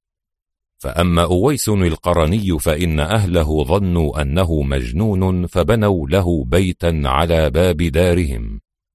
فكانت تأتي عليه السنة والسنتان لا يرون له وجها وكان طعامه مما يلتقط من النوى. فإذا أمسى باعه لإفطاره وإن أصاب حشفة خبأها لإفطاره. فلما ولي عمر بن الخطاب رضي الله عنه قال يا أيها الناس قوموا بالموسم. فقال ألا اجلسوا إلا من كان من أهل اليمن؟ فجلسوا. فقال ألا اجلسوا إلا من كان من أهل الكوفة؟ فجلسوا. فقال ألا اجلسوا إلا من كان من مراد؟ فجلسوا. فقال ألا اجلسوا إلا من كان من قرن؟ فجلسوا. إلا رجلا وكان عم أويس. فقال عمر له أقرني أنت قال نعم. قال أتعرف أويسا؟ قال وما تسأل عن ذلك يا أمير المؤمنين. فوالله ما فينا أخف منه ولا أجن منه ولا أهوج منه. فبكى عمر وقال بك لآبة. سمعت رسول الله صلى الله عليه وسلم يقول يدخل الجنة بشفاعته مثل ربيعة ومضر. وفي فضل أويس بن عامر رضي الله عنه أخرج مسلم. عن قتادة عن زرارة بن أوفى عن أسير بن جابر قال كان عمر بن الخطاب رضي الله عنه إذا أتى عليه أمداد أهل اليمن سألهم أفيكم أويس بن عامر؟ حتى أتى على أويس. فقال أنت أويس بن عامر. قال نعم. قال من مراد ثم من قرن. قال نعم. قال فكان بك برص فبرئت منه إلا موضع درهم. قال نعم. قال لك والدة. قال نعم.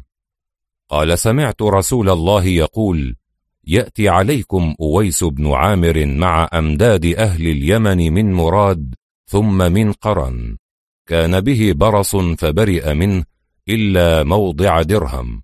له والدة هو بها بر. لو أقسم على الله لأبره. فإن استطعت أن يستغفر لك فافعل.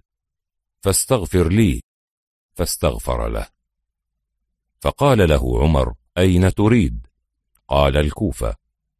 قال ألا أكتب لك إلى عاملها. قال أكون في غبراء الناس أحب إلي. قال فلما كان من العام المقبل حج رجل من أشرافهم فوافق عمر فسأله عن أويس. قال تركته رث البيت قليل المتاع. قال سمعت رسول الله صلى الله عليه وسلم يقول يأتي عليكم أويس بن عامر مع أمداد أهل اليمن من مراد ثم من قرن. كان به برص فبرئ منه إلا موضع درهم. له والدة هو بها بر.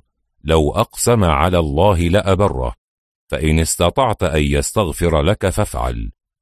فأتى أويسا فقال استغفر لي. قال لقيت عمر. قال نعم فاستغفر له. ففطن له الناس. فانطلق على وجهه. قال أسير وكسوته بردة فكان كلما رآه إنسان قال من أين لأويس هذه البردة؟ عندما التقى بأبي مسلم الخولاني رحمه الله. عن شرحبيل بن مسلم الخولاني عن أبي بشر جعفر بن أبي وحشية رضي الله عنه أن الأسود بن قيس بن ذي الخمار تنبأ باليمن فبعث إلى أبي مسلم الخولاني فأتاه.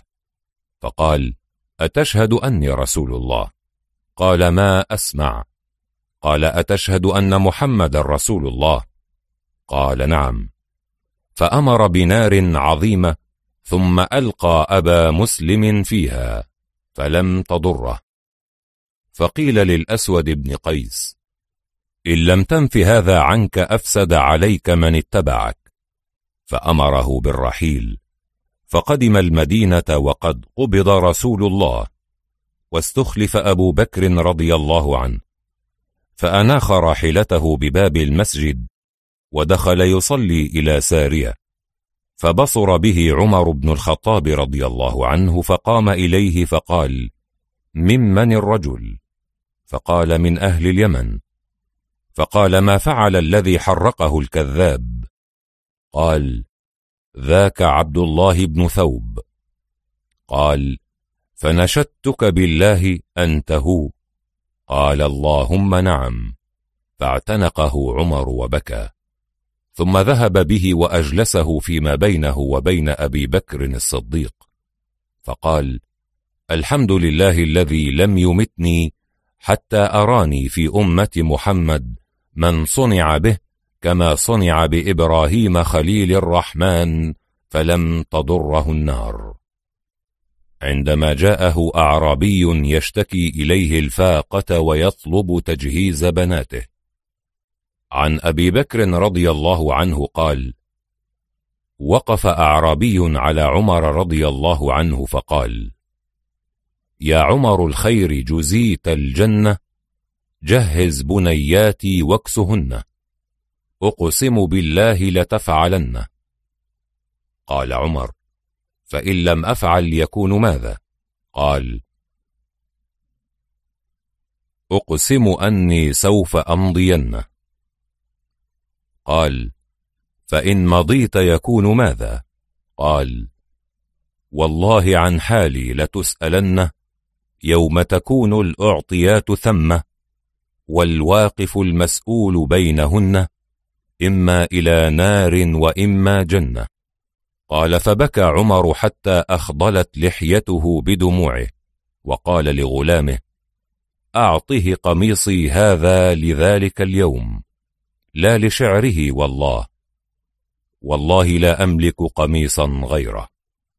عند سماعه للقرآن الكريم من غيره. عن أبي عبد الرحمن الحبلي قال أن عقبة بن عامر كان من أحسن الناس صوتا بالقرآن فقال له عمر بن الخطاب رضي الله عنه أعرض علي فقرأ عليه سورة براءة فبكى عمر. عندما ذكره محمد بن مسلمة رضي الله عنه بقول الرسول صلى الله عليه وسلم أما إنكم سترون بعدي أثرا عن هشام بن حسان قال قال محمد بن مسلمة توجهت إلى المسجد فرأيت رجلا من قريش عليه حلة فقلت من كساك هذه؟ قال أمير المؤمنين. قال فجاوزت فرأيت رجلا من قريش عليه حلة فقلت من كساك هذه؟ قال أمير المؤمنين. قال فدخل المسجد فرفع صوته بالتكبير فقال الله أكبر صدق الله ورسوله. الله أكبر صدق الله ورسوله. قال فسمع عمر صوته فبعث إليه أن ائتني. فقال حتى أصلي ركعتين. فرد عليه الرسول يعزم عليه لما جاء. فقال محمد بن مسلمة وأنا أعزم على نفسي ألا آتيه حتى أصلي ركعتين. فدخل في الصلاة وجاء عمر فقعد إلى جنبه. فلما قضى صلاته قال أخبرني عن رفعك صوتك في مصلى رسول الله بالتكبير وقولك صدق الله ورسوله. ما هذا؟ قال يا أمير المؤمنين أقبلت أريد المسجد فاستقبلني فلان بن فلان القرشي عليه حلة. قلت من كساك هذه؟ قال أمير المؤمنين. فجاوزت. فاستقبلني فلان بن فلان القرشي عليه حلة. قلت من كساك هذه؟ قال أمير المؤمنين. فجاوزت فاستقبلني فلان بن فلان الأنصاري عليه حلة دون الحلتين. فقلت من كساك هذه؟ قال أمير المؤمنين. إن رسول الله قال أما إنكم سترون بعدي أثرة وإني لا أحب أن تكون على يديك يا أمير المؤمنين. قال فبكى عمر رضي الله عنه ثم قال أستغفر الله والله لا أعود. قال فما رؤي بعد ذلك اليوم فضل رجلا من قريش على رجل من الأنصار. عندما شكى إليه رجل أبا موسى الأشعري رضي الله عنه عن عبد الله بن شداد بن الهادي عن ابن عمر رضي الله عنهما قال كنت مع عمر بن الخطاب رضي الله عنه في حج أو عمرة فإذا نحن براكب فقال عمر رضي الله عنه أرى هذا يطلبنا؟ قال فجاء الرجل فبكى. قال ما شأنك؟ إن كنت غارما أعناك وإن كنت خائفا آمناك. إلا أن تكون قتلت نفسا فتقتل بها. وإن كنت كرهت جوار قوم حولناك عنهم. قال إني شربت الخمر. وأنا أحد بني تيم. وإن أبا موسى جلدني وحلقني وسود وجهي وطاف بي في الناس. وقال لا تجالسوه ولا تآكلوه فحدثت نفسي بإحدى ثلاث. إما أن أتخذ سيفا فأضرب به أبا موسى. وإما أن آتيك فتحولني إلى الشام فإنهم لا يعرفونني. وإما أن ألحق بالعدو فآكل معهم وأشرب. قال فبكى عمر رضي الله عنه وقال ما يسرني أنك فعلت وأن لعمر كذا وكذا وإني كنت لأشرب الناس لها في الجاهلية وإنها ليست كالزنا. وكتب إلى أبي موسى سلام عليك أما بعد. فإن فلان ابن فلان التيمي أخبرني بكذا وكذا. وأيم الله لئن عدت لأسودن وجهك ولأطوفن بك في الناس. فإن أردت أن تعلم حق ما أقول لك فعد فأمر الناس أن يجالسوه ويؤاكلوه وإن تاب فاقبلوا شهادته. وحمله وأعطاه مئتي درهم. فأخبر عمر رضي الله عنه أن شهادته تسقط بشربه الخمر وأنه إذا تاب حينئذ تقبل شهادته. قال الشافعي رحمه الله وبائع الخمر مردود الشهادة لأنه لا خلاف بين أحد من المسلمين في أن بيعها محرم.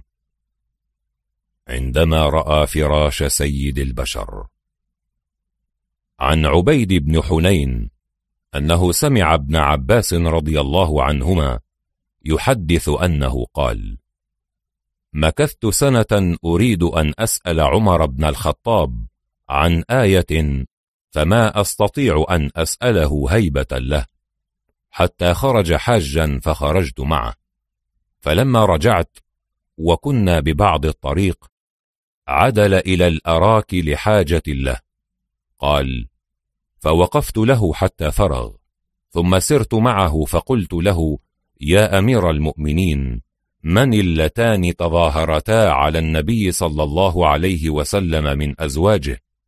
فقال تلك حفصة وعائشة.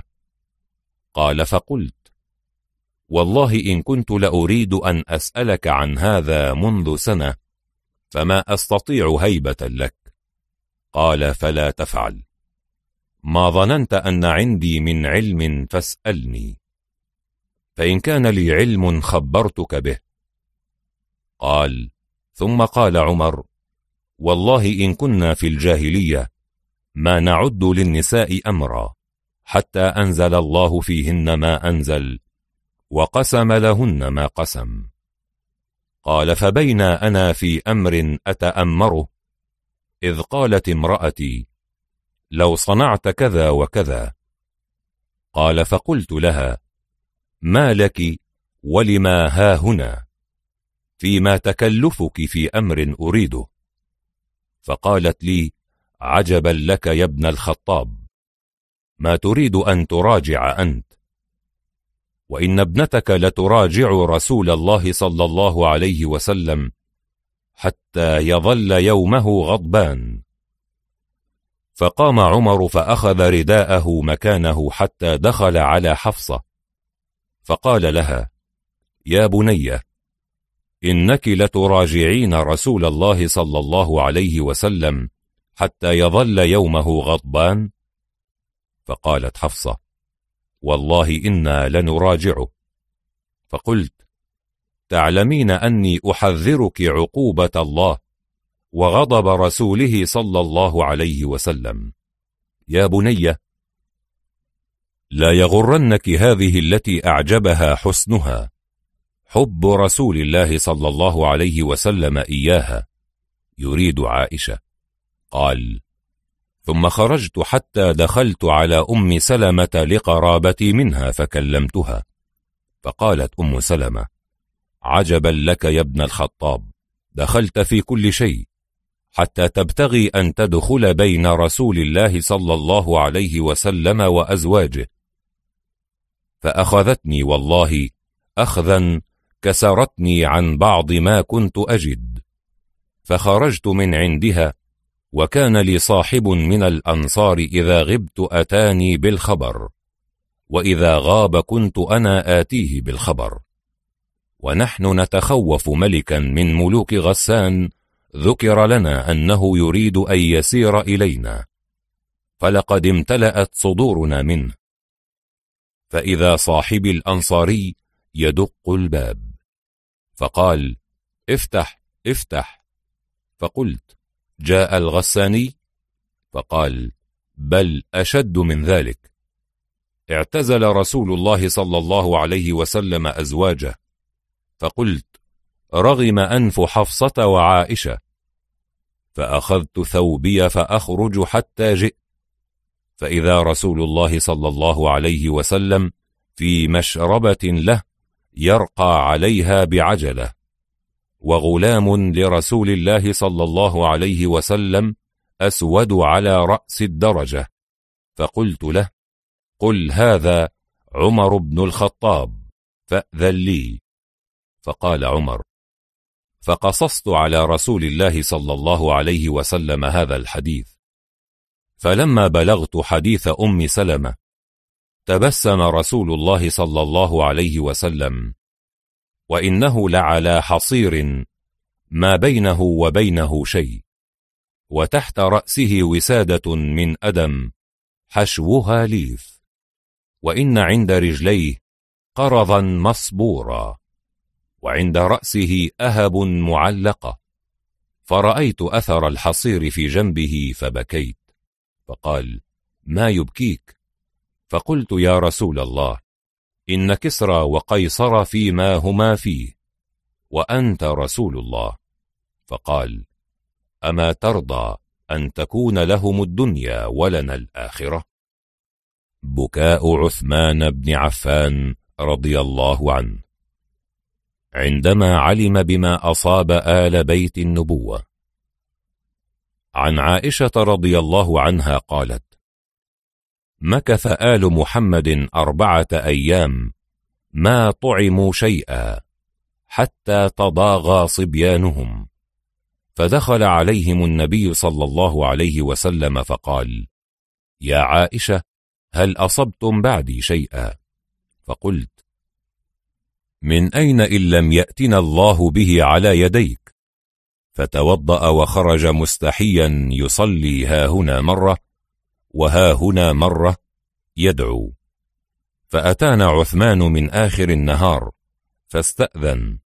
فهممت أن أحجبه ثم قلت هو رجل من مكاثير المسلمين. لعل الله ساقه إلينا ليجري لنا على يديه خيرا. فأذنت له. فقال يا أماه أين رسول الله؟ فقلت يا بني ما طعم آل محمد مذ أربعة أيام شيئا؟ فبكى عثمان ثم قال مقتا للدنيا يا أم المؤمنين. ما كنت بخليقة أن ينزل بك هذا ثم لا تذكريه لي ولعبد الرحمن بن عوف ولثابت بن قيس ونظرائنا من مكاثير المسلمين. ثم خرج فبعث إلينا بأحمال من الدقيق وأحمال من الحنطة وأحمال من التمر وبمسلوخ وثلاثمائة في صرة ثم قال هذه يبطئ عليكم. فأتانا بخبز وشواء كثير فقال كلوا أنتم هذا وضعوا لرسول الله حتى يجيء. ثم أقسم علي ألا يكون مثل هذا إلا أعلمته إياه. ودخل رسول الله متغيرا ضامر البطن فقال يا عائشة هل أصبتم بعدي شيئا؟ قلت نعم يا رسول الله قد علمت أنك إنما خرجت تدعو الله ولقد علمت أن الله لن يردك عن سؤالك. قال فماذا أصبتم؟ قلت كذا وكذا حمل بعير دقيقة وكذا وكذا حمل بعير حنطة وكذا وكذا حمل بعير تمرة وثلاثمائة درهم في صرة وخبز وشواء كثير. فقال ممن؟ قلت من عثمان بن عفان دخل علي فأخبرته فبكى وذكر الدنيا بمقت وأقسم علي ألا يكون فينا مثل هذا إلا أعلمته. فما جلس رسول الله حتى خرج إلى المسجد ورفع يديه وقال اللهم إني قد رضيت عن عثمان فارض عنه. ثلاثة. عند وقوفه على القبور. أخرج الترمذي في سننه بسنده. عن عبد الله بن بجير أنه سمع هانئا مولى عثمان قال كان عثمان إذا وقف على قبر بكى حتى يبل لحيته فقيل له تذكر الجنة والنار فلا تبكي وتبكي من هذا. فقال إن رسول الله صلى الله عليه وسلم قال إن القبر أول منزل من منازل الآخرة فإن نجا منه فما بعده أيسر منه وإن لم ينج منه فما بعده أشد منه. قال وقال رسول الله صلى الله عليه وسلم ما رأيت منظرا قط إلا والقبر أفظع منه. عند موت زوجته رقية رضي الله عنها. عن مالك عن ابن شهاب عن سعيد بن المسيب عن أبي هريرة. أن عثمان بن عفان رضي الله عنه لما ماتت امرأته بنت رسول الله بكى. فقال رسول الله ما يبكيك؟ قال أبكي على انقطاع صهري منك. قال فهذا جبريل يأمرني بأمر الله أن نزوجك أختها. وعن سعيد بن المسيب أن رسول الله لقي عثمان بن عفان رضي الله عنه وهو مغموم لهفان. فقال رسول الله ما شأنك يا عثمان؟ قال بأبي أنت يا رسول الله وأمي وهل دخل على أحد من الناس ما دخل علي؟ توفيت بنت رسول الله عندي رحمها الله وانقطع الظهر وذهب الصهر فيما بيني وبينك إلى آخر الأبد. فقال له رسول الله أتقول ذلك يا عثمان؟ قال إي والله أقوله يا رسول الله. فبينما هو يحاوره إذ قال رسول الله لعثمان هذا جبريل يا عثمان يأمرني عن أمر الله أن أزوجك أختها أم كلثوم. على مثل صداقها وعلى مثل عشرتها. فزوجه رسول الله إياها. بكاء علي بن أبي طالب رضي الله عنه. عند إخبار القوم بشجاعة أبي بكر رضي الله عنه. عن محمد بن عقيل قال خطبنا علي بن أبي طالب رضي الله عنه فقال أيها الناس أخبروني من أشجع الناس. قالوا أنت يا أمير المؤمنين. قال أما إني ما بارزت أحدا إلا انتصفت منه. ولكن أخبروني بأشجع الناس.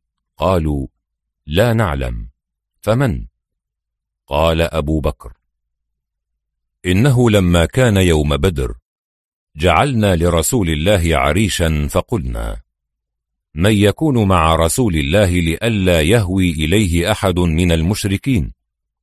فوالله ما دنا منا أحد إلا أبو بكر شاهرا بالسيف على رأس رسول الله لا يهوي إليه أحد إلا أهوى إليه. فهذا أشجع الناس ولقد رأيت رسول الله وأخذته قريش فهذا يجوءه وهذا يتلتله وهم يقولون أنت الذي جعلت الآلهة إلها واحدا. فوالله ما دنا منا أحد إلا أبو بكر يضرب هذا ويجأ هذا ويتلتل هذا وهو يقول ويلكم أتقتلون رجلا أن يقول ربي الله؟ ثم رفع علي بردة كانت عليه فبكى حتى اخضلت لحيته. ثم قال أنشدكم الله أمؤمن آل فرعون خير أم أبو بكر؟ فسكت القوم فقال ألا تجيبوني؟ فوالله لساعة من أبي بكر خير من مثل مؤمن آل فرعون. ذاك رجل يكتم إيمانه وهذا رجل أعلن إيمانه عندما قال له الرسول صلى الله عليه وسلم أنت أخي في الدنيا والآخرة. عن ابن عمر رضي الله عنهما قال آخى رسول الله صلى الله عليه وسلم بين أصحابه.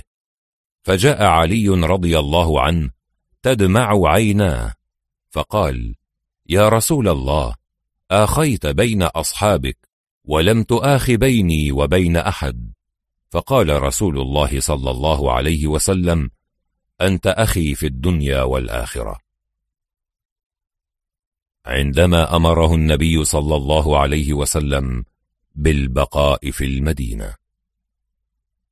عن عمرو بن ميمون قال إني لجالس عند ابن عباس إذ أتاه تسعة رهط فقالوا يا ابن عباس إما أن تقوم معنا وإما أن تخلوا بنا من بين هؤلاء. قال فقال ابن عباس بل أنا أقوم معكم. قال وهو يومئذ صحيح قبل أن يعمى. قال فابتدأوا فتحدثوا فلا ندري ما قالوا. قال فجاء ينفض ثوبه ويقول أف وتف وقعوا في رجل له بضع عشرة فضائل ليست لأحد غيره وقعوا في رجل قال له النبي لأبعثن رجلا لا يخزيه الله أبدا يحب الله ورسوله ويحبه الله ورسوله. فاستشرف لها مستشرف فقال أين علي؟ فقالوا إنه في الرحى يطحن. قال وما كان أحدهم ليطحن. قال فجاء وهو أرمد لا يكاد أن يبصر. قال فنفث في عينيه ثم هز الراية ثلاثا فأعطاها إياه. فجاء علي بصفية بنت حيي.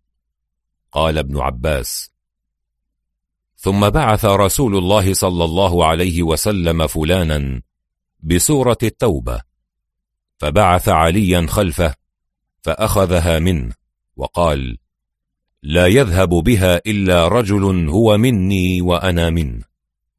فقال ابن عباس وقال النبي صلى الله عليه وسلم لبني عمه أيكم يواليني في الدنيا والآخرة؟ قال وعلي جالس معهم. فقال رسول الله صلى الله عليه وسلم وأقبل على رجل رجل منهم فقال أيكم يواليني في الدنيا والآخرة؟ فأبوا. فقال لعلي أنت ولي في الدنيا والآخرة. قال ابن عباس وكان علي أول من آمن من الناس بعد خديجة رضي الله عنها.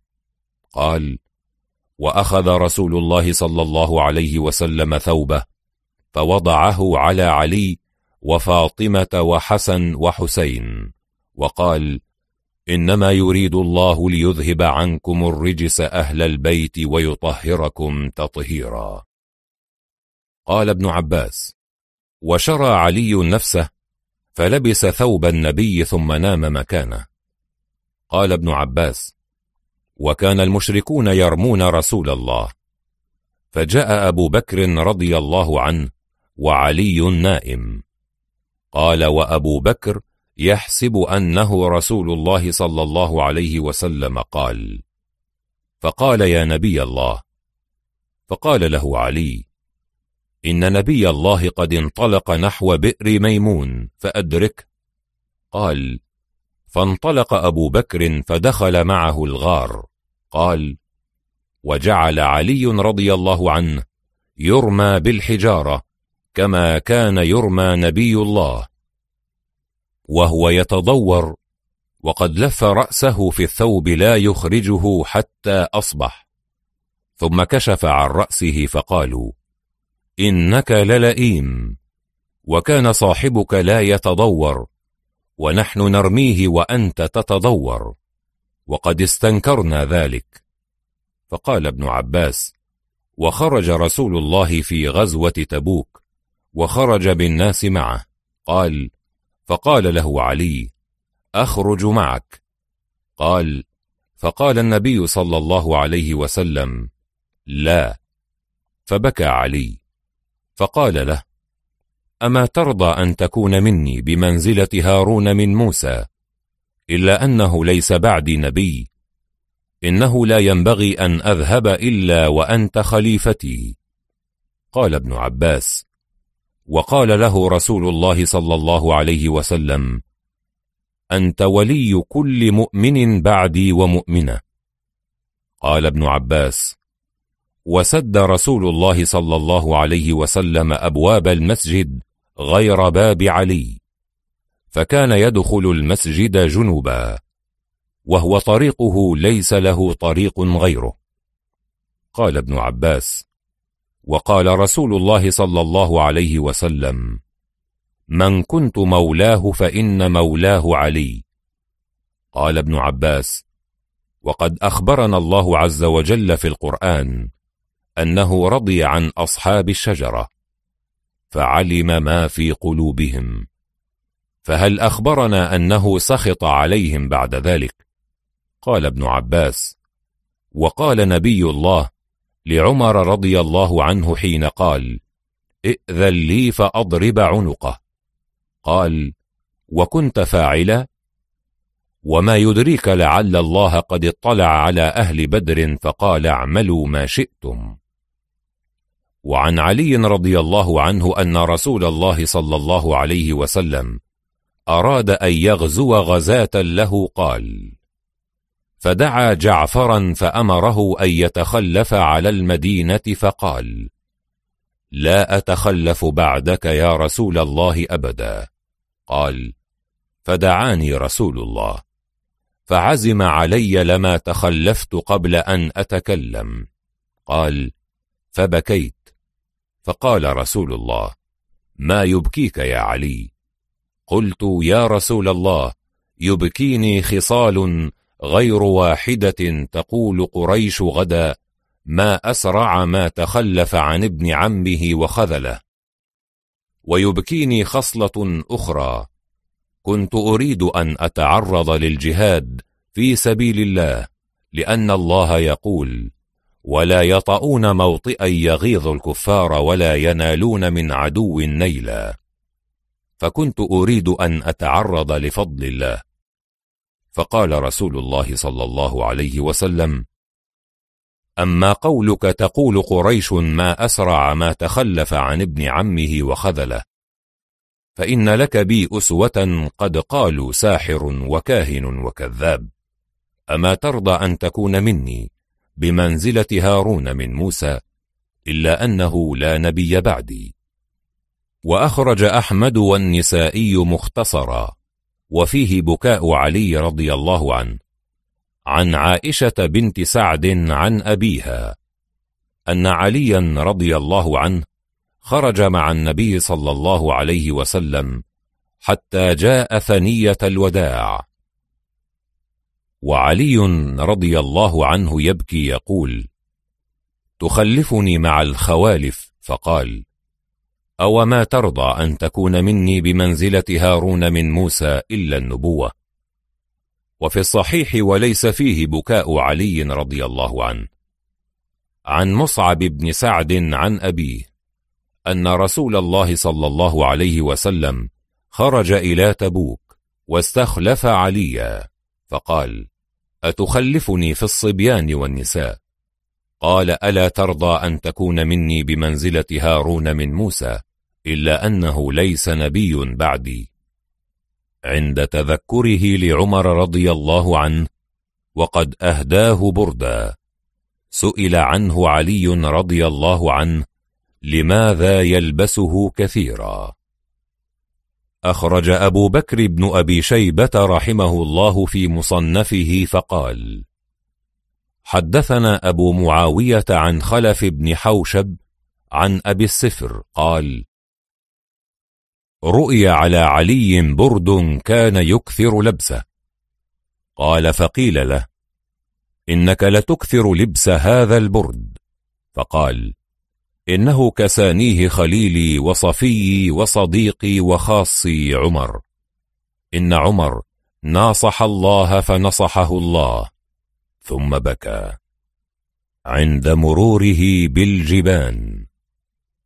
عن كميل بن زياد قال خرجت مع علي بن أبي طالب رضي الله عنه فلما أشرف على الجبان التفت إلى المقبرة فقال يا أهل القبور يا أهل البلا يا أهل الوحشة ما الخبر عندكم؟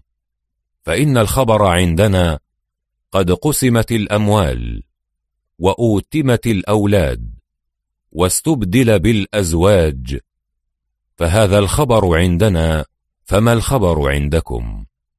ثم التفت إلي فقال يا كميل لو أذن لهم في الجواب فقالوا إن خير الزاد التقوى.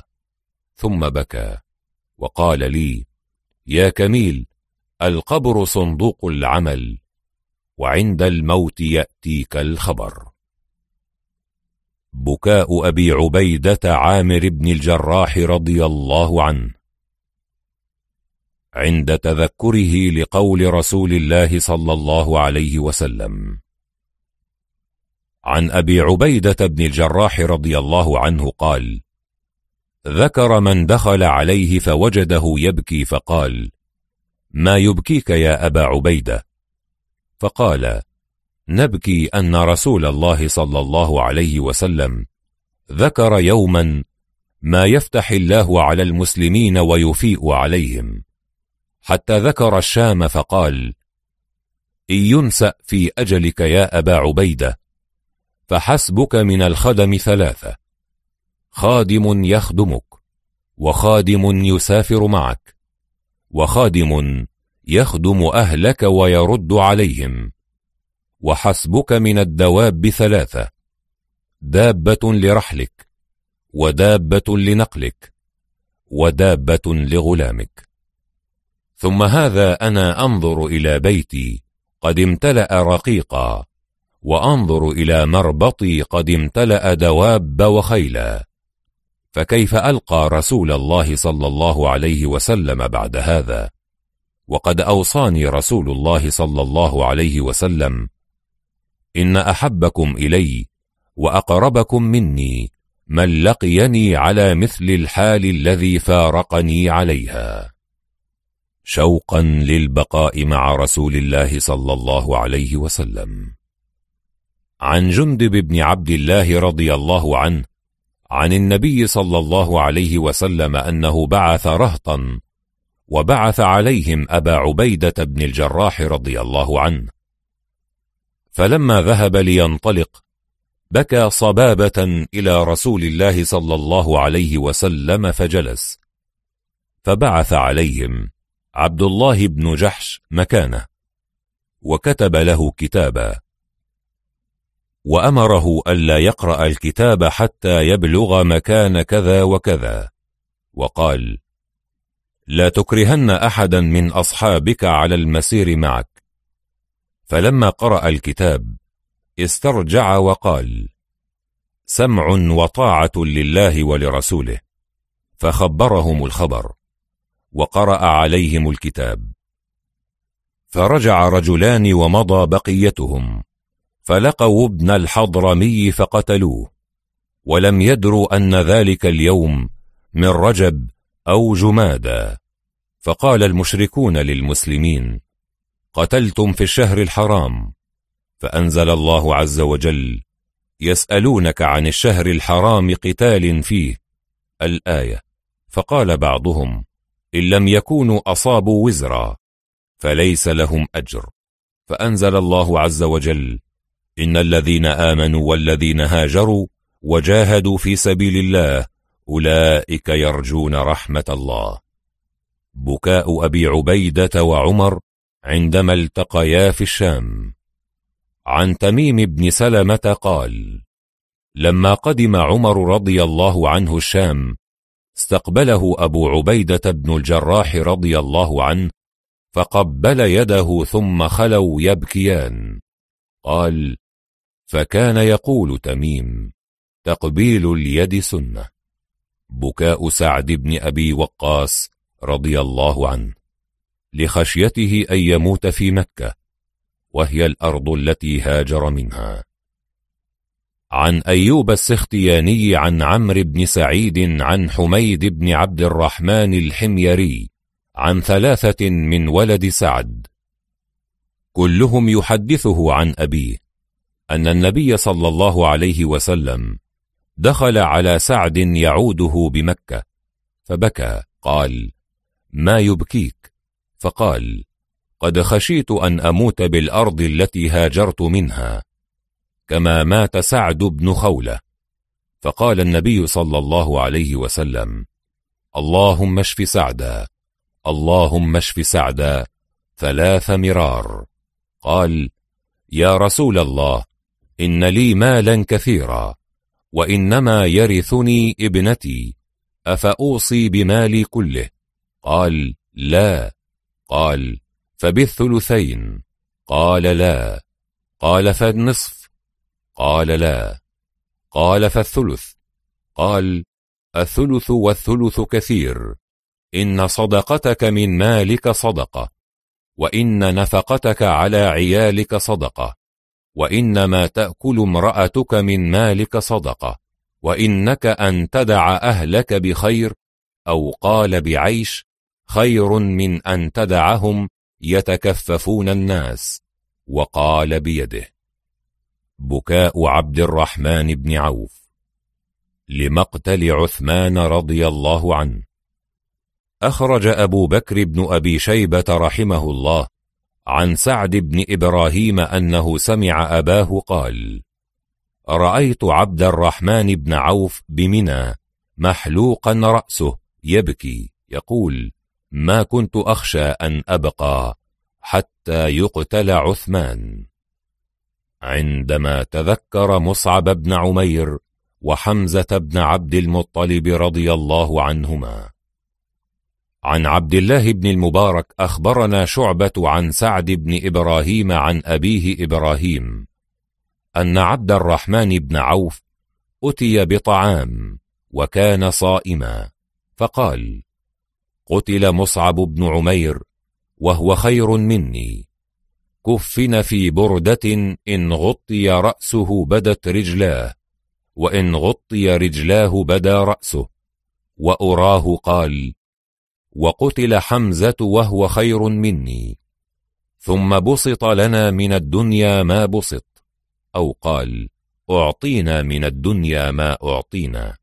وقد خشينا أن تكون حسناتنا عجلت لنا. ثم جعل يبكي حتى ترك الطعام. عندما أخبره النبي صلى الله عليه وسلم بإبطائه عليه عن عبد الله بن أبي أوفى رضي الله عنهما قال خرج رسول الله يوما على أصحابه فقال يا أصحاب محمد لقد أراني الله الليلة منازلكم في الجنة وقدر منازلكم من منزلي ثم أقبل على علي فقال يا علي ألا ترضى أن يكون منزلك مقابل منزلي في الجنة؟ فقال بلى بأبي أنت وأمي يا رسول الله. قال فإن منزلك في الجنة مقابل منزلي. ثم أقبل على أبي بكر رضي الله عنه فقال إني لأعرف رجلا باسمه واسم أبيه وأمه. إذا أتى باب الجنة لم يبق باب من أبوابها ولا غرفة من غرفها إلا قال له مرحبا مرحبا. فقال له سلمان إن هذا لغير خاف يا رسول الله. فقال هو أبو بكر بن أبي قحافة.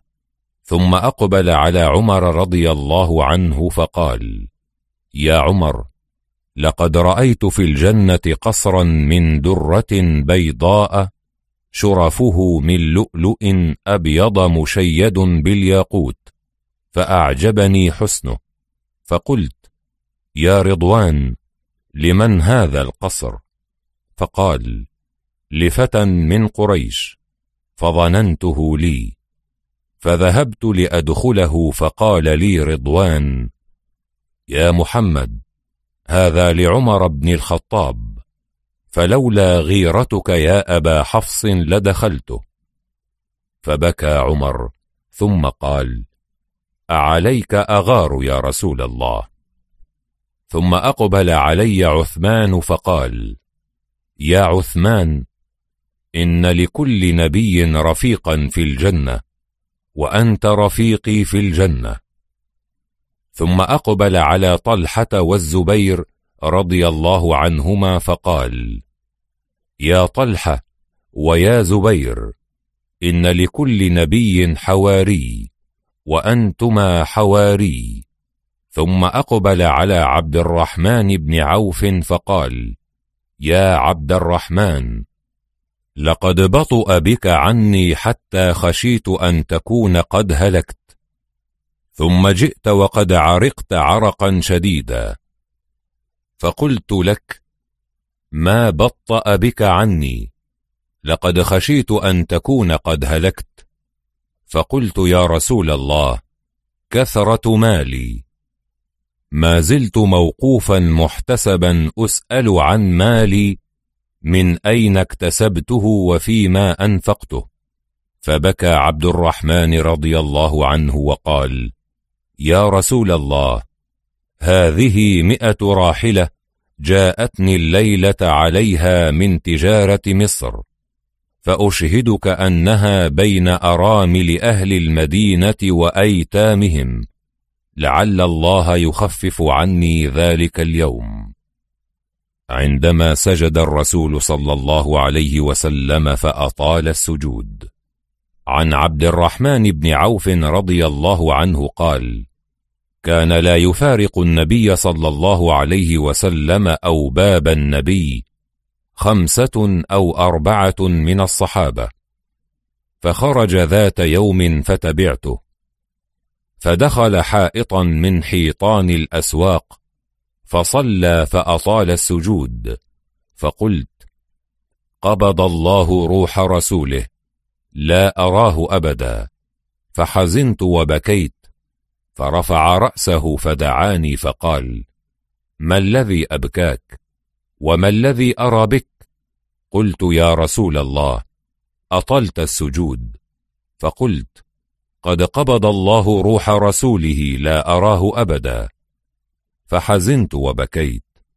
قال سجدت هذه السجدة شكرا لربي فيما أولاني من أمتي أنه قال من صلى عليك منهم صلاة. كتبت له عشر حسنات. عندما كلم عمر رضي الله عنه عن محمد بن زيد قال اجتمع علي وعثمان والزبير وطلحة وعبد الرحمن بن عوف وسعد رضي الله عنهم وكان أجرأهم على عمر عبد الرحمن بن عوف فقالوا يا عبد الرحمن لو كلمت أمير المؤمنين للناس فإنه يأتي الرجل طالب الحاجة فتمنعه هيبتك أن يكلمك في حاجته حتى يرجع ولم يقض حاجته. فدخل عليه فكلمه فقال يا أمير المؤمنين لن للناس فإنه يقدم القادم فتمنعه هيبتك أن يكلمه في حاجته حتى يرجع ولم يكلمك. فقال يا عبد الرحمن أنشدك الله أعلي وعثمان وطلحة والزبير وسعد أمروك بهذا؟ قال اللهم نعم. فقال يا عبد الرحمن والله لقد لنت للناس حتى خشيت الله في اللين. ثم اشتددت عليهم حتى خشيت الله في الشدة. فأين المخرج؟ فقام عبد الرحمن يبكي.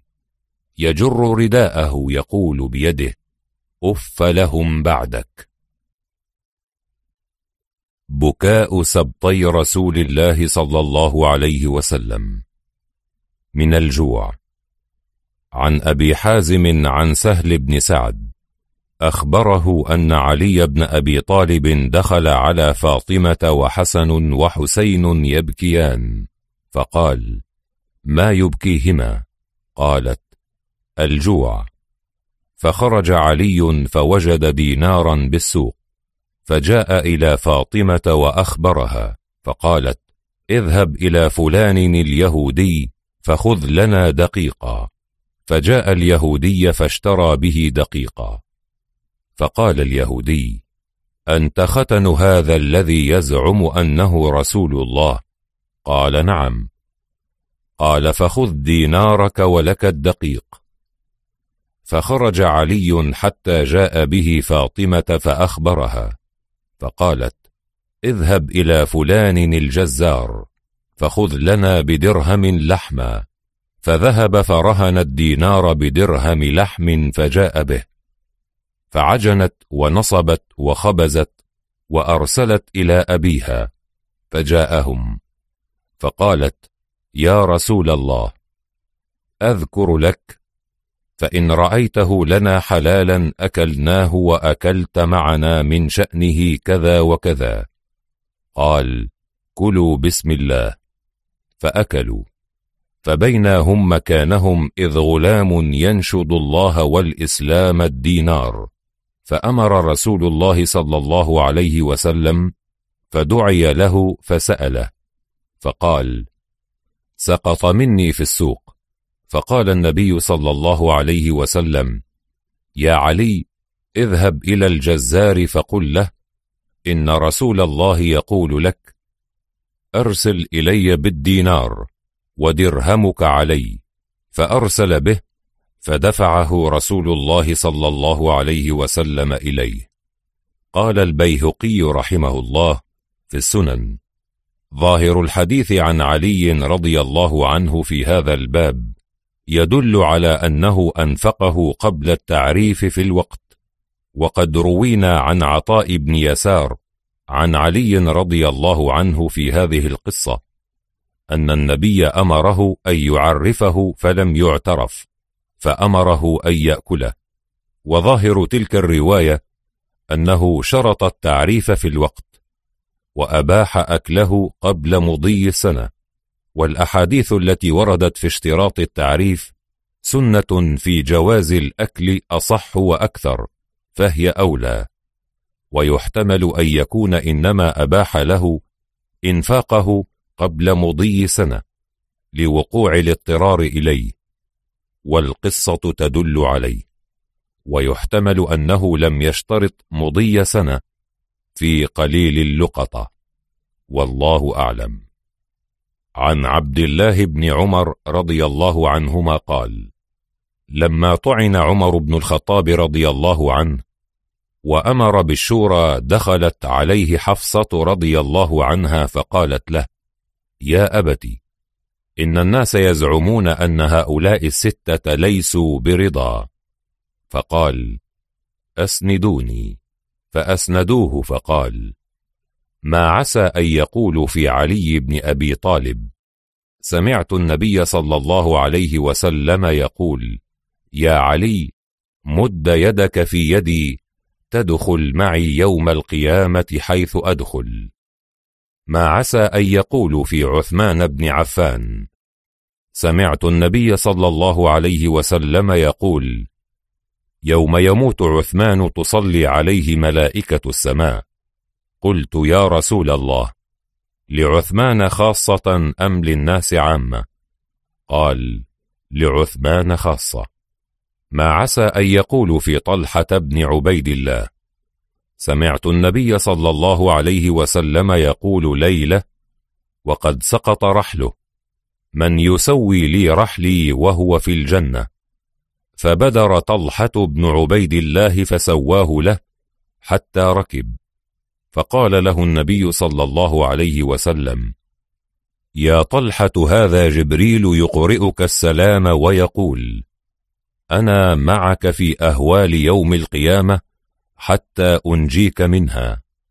ما عسى أن يقولوا في الزبير بن العوام رأيت النبي صلى الله عليه وسلم وقد نام فجلس الزبير يذب عن وجهه حتى استيقظ.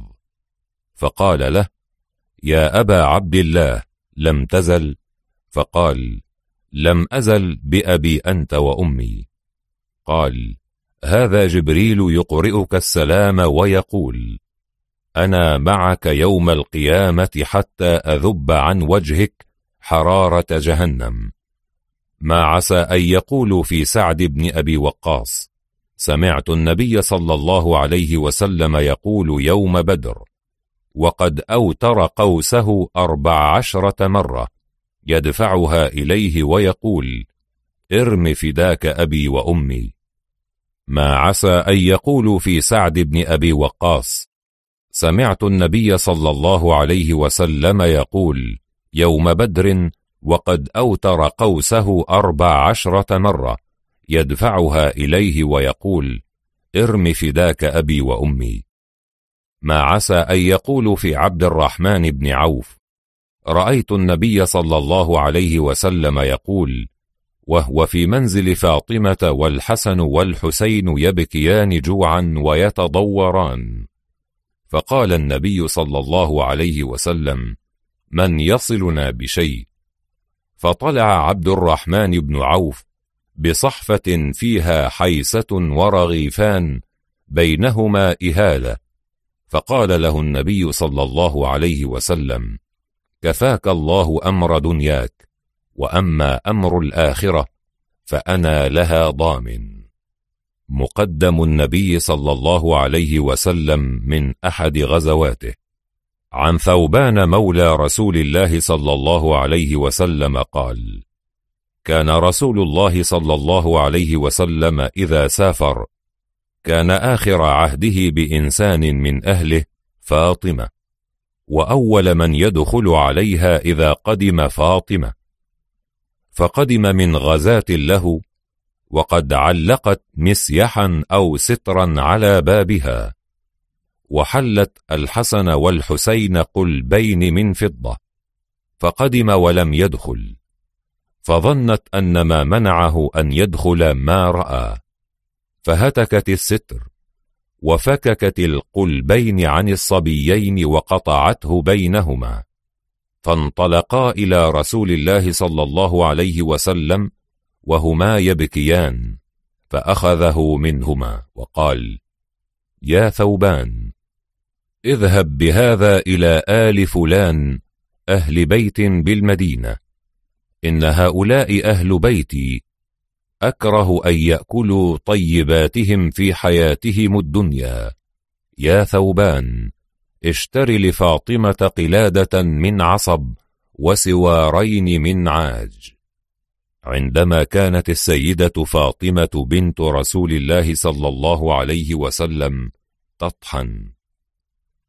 وعن أنس رضي الله عنه أن بلالا رضي الله عنه أبطأ عن صلاة الصبح فقال له النبي صلى الله عليه وسلم ما حبسك؟ قال مررت بفاطمة وهي تطحن والصبي يبكي. فقلت لها إن شئت كفيتك الرحى وكفيتني الصبي. وإن شئت كفيتك الصبي وكفيتني الرحى. قالت أنا أرفق بابني منك فذاك حبسني. فقال رحمتها رحمك الله عندما استسقيا. وعن أبي سعيد الخدري رضي الله عنه أن رسول الله صلى الله عليه وسلم دخل على فاطمة ذات يوم وعلي نائم وهي مضطجعة وابناهما إلى جنبهما فاستسقى الحسن فقام رسول الله صلى الله عليه وسلم إلى لقحة لهم فحلب رسول الله صلى الله عليه وسلم فأتى به فاستيقظ الحسين. فجمل يعالج أن يشرب قبله حتى بكى. فقال رسول الله صلى الله عليه وسلم إن أخاك استسقى قبلك. فقالت فاطمة كأن الحسن آثر عندك. فقال ما هو بآثر عندي منه؟ وإنهما عندي بمنزلة واحدة. وإني وإياك وهما وهذا النائم. لفي مكان واحد يوم القيامة. عن أبي هريرة رضي الله عنه قال خرجنا مع رسول الله حتى إذا كنا ببعض الطريق. سمع رسول الله صوت الحسن والحسين وهما يبكيان مع أمهما. فأسرع السير حتى أتاهما. فسمعته يقول ما شأن ابني؟ فقالت العطش. فأخلف رسول الله إلى مشقة يوضأ منها فلم يجد فيها. وكان الماء يومئذ أعذار والناس يريدون الماء. فنادى هل أحد منكم معه ماء؟ فلم يبق أحد إلا أخلف به إلى كلاله يبتغي الماء في شنته فلم يجد أحد منهم قطرة. فقال رسول الله ناوليني أحدهما فناولته إياه من تحت الخدر. فرأيت بياض ذراعيه حين ناولته فأخذه فضمه إلى صدره وهو يضعو ما يسكت. فأدلع لسانه فجعل يمصه حتى هدأ وسكن. فلم أسمع له بكاء. والآخر يبكي كما هو فشكت. فقال ناوليني الآخر. فناولته إياه ففعل به كذلك فسكتا فلم أسمع لهما صوتا. قال سيروا فصعدا يمينا وشمالا عن الضعائن حتى لقيناه على قارعة الطريق. بكاء الحسين بن علي رضي الله عنهما وإخبار الرسول صلى الله عليه وسلم بقتله في كربلاء.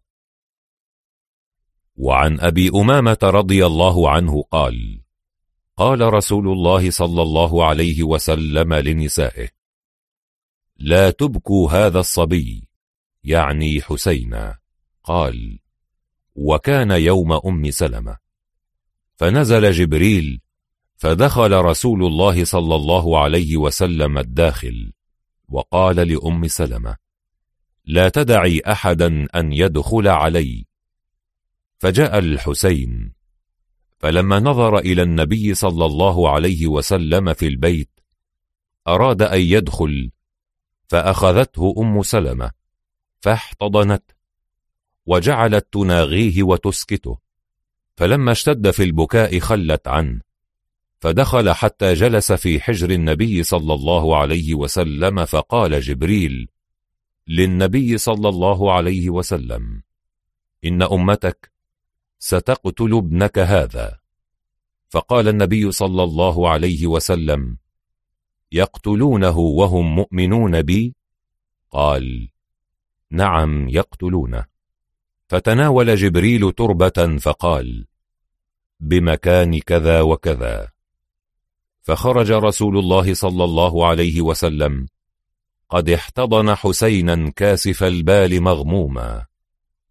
فظنت أم سلمة أنه غضب من دخول الصبي عليه فقالت يا نبي الله جعلت لك الفداء إنك قلت لنا لا تبكوا هذا الصبي.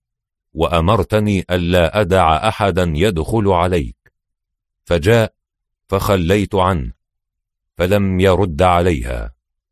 فخرج إلى أصحابه وهم جلوس فقال إن أمتي يقتلون هذا. وفي القوم أبو بكر وعمر وكانا أجرأ القوم عليه فقالا يا نبي الله وهم مؤمنون؟ قال نعم وهذه تربته وأراهم إياها.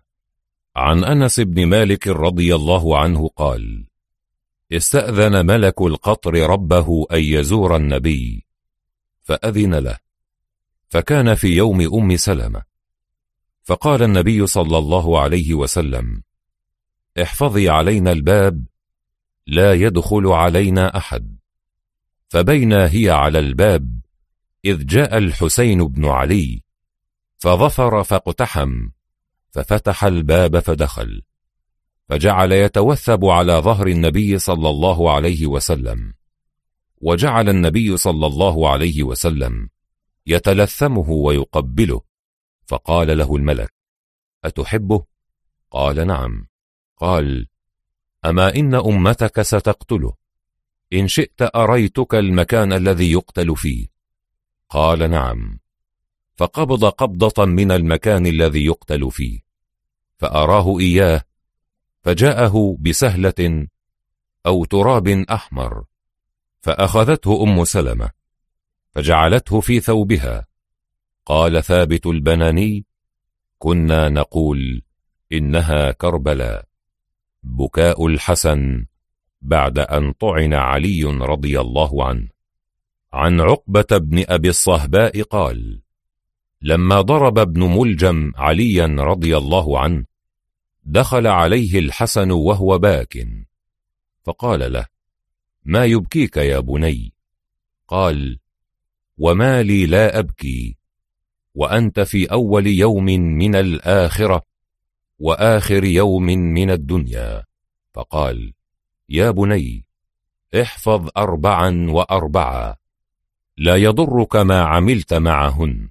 قال وما هن يا أبت قال إن أغنى الغنى العقل وأكبر الفقر الحمق وأوحش الوحشة العجب وأكرم الكرم حسن الخلق.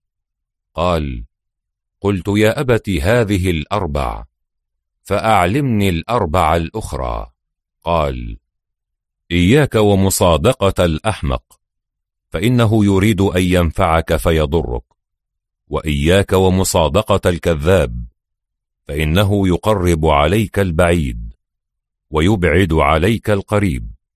وإياك ومصادقة البخيل فإنه يبعد عنك أحوج ما تكون إليه. وإياك ومصادقة الفاجر فإنه يبيعك بالتافه. بكاء الحسن رضي الله عنه عندما علم بما قالته عائشة الخثعمية بعدما أرسل إليها بقية صداقها. كانت عائشة الخثعمية عند الحسين بن علي رضي الله عنهما فلما قتل علي رضي الله عنه قالت لتهنئك الخلافة. قال بقتل علي تظهرين الشماتة. اذهبي فأنت طالق. يعني ثلاثة.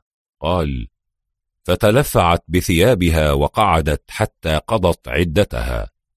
فبعث إليها ببقية بقيت لها من صداقها وعشرة آلاف صدقة.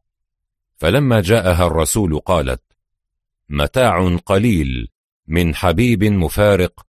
فلما بلغه قولها بكى ثم قال لولا أني سمعت جدي أو حدثني أبي أنه سمع جدي يقول أيما رجل طلق امرأته ثلاثا عند الأقراء أو ثلاثا مبهمة لم تحل له حتى تنكح زوجا غيره لراجعتها. بكاء عبد الله بن عمر رضي الله عنهما عند وداعه للحسين بن علي رضي الله عنهما عند توجهه إلى العراق.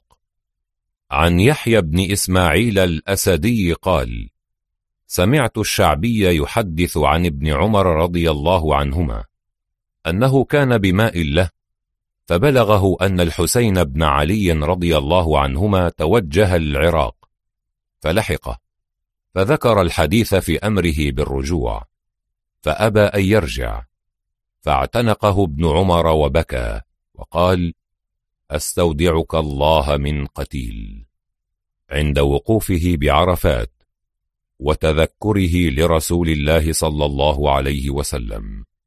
عن المطلب بن عبد الله عن عبد الله بن عمر رضي الله عنهما أنه كان واقفا بعرفات فنظر إلى الشمس حين تدلت مثل الترس للغروب فبكى واشتد بكاؤه. فقال له رجل عنده يا أبا عبد الرحمن قد وقفت معي مرارا لم تصنع هذا. فقال ذكرت رسول الله صلى الله عليه وسلم وهو واقف بمكاني هذا.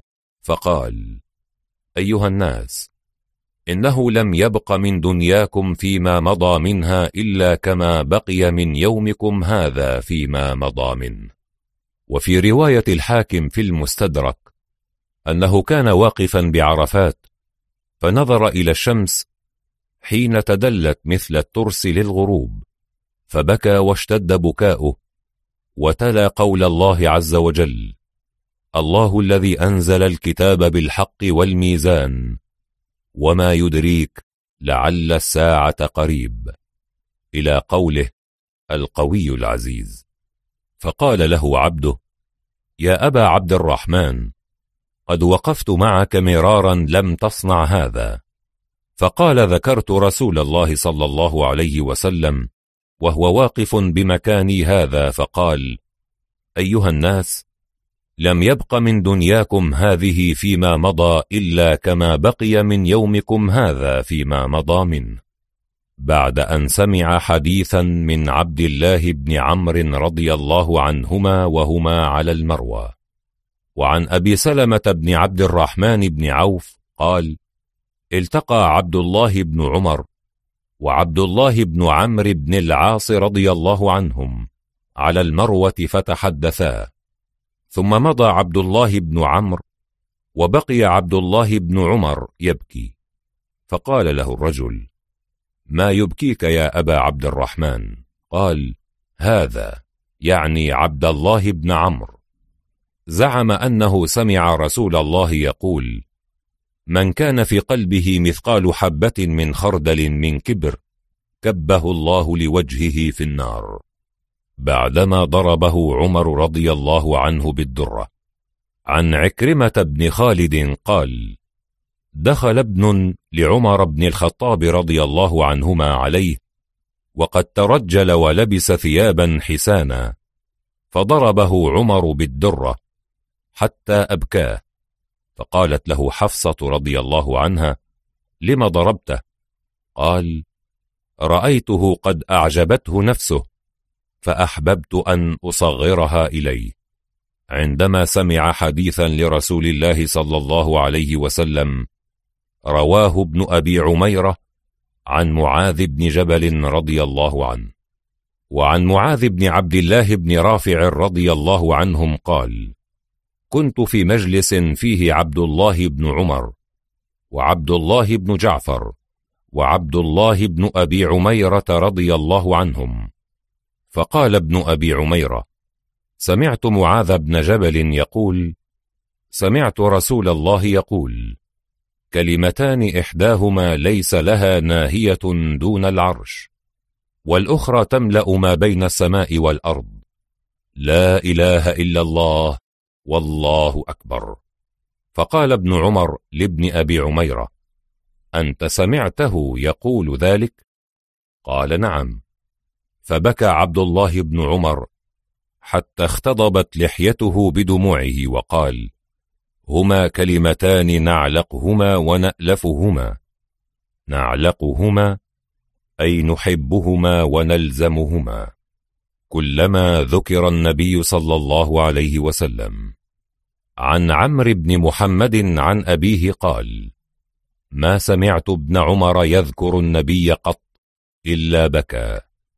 وعن إسحاق بن عبد الله الطفاوي قال كان ابن عمر لا يذكر رسول الله صلى الله عليه وسلم إلا بكى عند قراءته لبعض من آيات القرآن. حدثنا ابن فضيل عن البراء بن سليم عن نافع عن ابن عمر قال ما تلا هذه الآية قط إلا بكى وإن تبدوا ما في أنفسكم أو تخفوه يحاسبكم به الله. حدثنا أبو أسامة عن عثمان بن واقد عن نافع قال كان عبد الله بن عمر إذا قرأ هذه الآية ألم يأنن الذين آمنوا أن تخشع قلوبهم لذكر الله؟ بكى حتى يغلبه البكاء. عن عبد الرحمن الأعرج قال رأيت ابن عمر رضي الله عنهما يقرأ ويل للمطففين وهو يبكي قال هو الرجل يستأجر الرجل أو الكيال وهو يعلم أنه يحيف في كيله فوزره عليه. بكاء عبد الله بن عمرو بن العاص رضي الله عنهما من خشية الله. عن ابن أبي ليلى عن ابن أبي مليكة قال رأيت عبد الله بن عمرو وهو يبكي فنظرت إليه فقال أتعجب؟ أبكي من خشية الله. فإن لم تبكوا حتى يقول أحدكم إيه إيه إن هذا القمر ليبكي من خشية الله تعالى. عند سماعه حديثا عن رسول الله صلى الله عليه وسلم. وعن عمرو بن مرة قال حدثني شيخ يكنى أبا زيد قال كنت جالسا مع عبد الله بن عمرو رضي الله عنهما. وعبد الله بن عمر رضي الله عنهما. فقال عبد الله بن عمر رضي الله عنهما إن الشيطان يجري من ابن آدم مجرى الدم والروح. فبكى عبد الله بن عمر رضي الله عنهما وقال سمعت رسول الله صلى الله عليه وسلم يقول من سمع الناس بعمله سمع الله به سامع خلقه وصغره وحقره. عند تذكره للنار. عن عبد الله بن عمرو رضي الله عنهما قال لو أن رجلا من أهل النار أخرج إلى الدنيا لمات أهل الدنيا من وحشة منظره ونتن ريحه. قال ثم بكى عبد الله بكاء شديدا. دعوة عبد الله بن عمرو بن العاص رضي الله عنهما إلى البكاء. فهو من شيم الصالحين. وعن ابن أبي مليكة قال جلسنا إلى عبد الله بن عمرو رضي الله عنهما في الحجر فقال ابكوا فإن لم تجدوا بكاء فتباكوا. لو تعلموا العلم لصلى أحدكم حتى ينكسر ظهره ولبكى حتى ينقطع صوته. بكاء عبد الله بن عباس رضي الله عنهما. عند تذكره ليوم الخميس الذي اشتد على رسول الله صلى الله عليه وسلم الوجع. أخرج الشيخان في الصحيحين. عن سعيد بن جبير قال قال ابن عباس رضي الله عنهما يوم الخميس وما يوم الخميس. ثم بكى حتى بل دمعه الحصى. فقلت يا ابن عباس وما يوم الخميس؟ قال اشتد برسول الله وجعه. فقال ائتوني أكتب لكم كتابا لا تضلوا بعدي. فتنازعوا. وما ينبغي عند نبي تنازع. وقالوا ما شأنه؟ أهجر؟ يستفهموه قال دعوني فالذي أنا فيه خير. بعد أن قطع اعتكافه ليقضي حاجة لمسلم ذاكرا ما قاله رسول الله صلى الله عليه وسلم في فضل ذلك على الاعتكاف. وعن ابن عباس رضي الله عنهما أنه كان معتكفا في مسجد رسول الله فأتاه رجل فسلم عليه ثم جلس فقال له ابن عباس يا فلان أراك مكتئبا حزينا. قال نعم يا ابن عم رسول الله لفلان علي حق ولا وحرمة صاحب هذا القبر ما أقدر عليه. قال ابن عباس أفلا أكلمه فيك؟ فقال إن أحببت. قال فانتعل ابن عباس ثم خرج من المسجد فقال له الرجل أنسيت ما كنت فيه؟ قال لا ولكني سمعت صاحب هذا القبر والعهد به قريب فدمعت عيناه وهو يقول من مشى في حاجة أخيه وبلغ فيها كان خيرا له من اعتكاف عشر سنين ومن اعتكف يوما ابتغاء وجه الله تعالى جعل الله بينه وبين النار ثلاث خنادق أبعد مما بين الخافقين. بكاء حنظلة الأسيدي رضي الله عنه. عن حنظلة الأسيدي رضي الله عنه. وكان من كتاب رسول الله صلى الله عليه وسلم. أنه مر بأبي بكر وهو يبكي. فقال ما لك يا حنظلة؟ قال نافق حنظلة يا أبا بكر. نكون عند رسول الله. يذكرنا بالنار والجنة كأننا رأي عين. فإذا رجعنا عافسنا الأزواج والضيعة ونسينا كثيرا. قال فوالله إنا لك ذلك. انطلق بنا إلى رسول الله صلى الله عليه وسلم. فانطلقنا فلما رآه رسول الله صلى الله عليه وسلم قال ما لك يا حنظلة؟ قال نافق حنظلة يا رسول الله. نكون عندك تذكرنا بالنار والجنة حتى كأنا رأي عين. فإذا رجعنا عافسنا الأزواج والضيعة ونسينا كثيرا.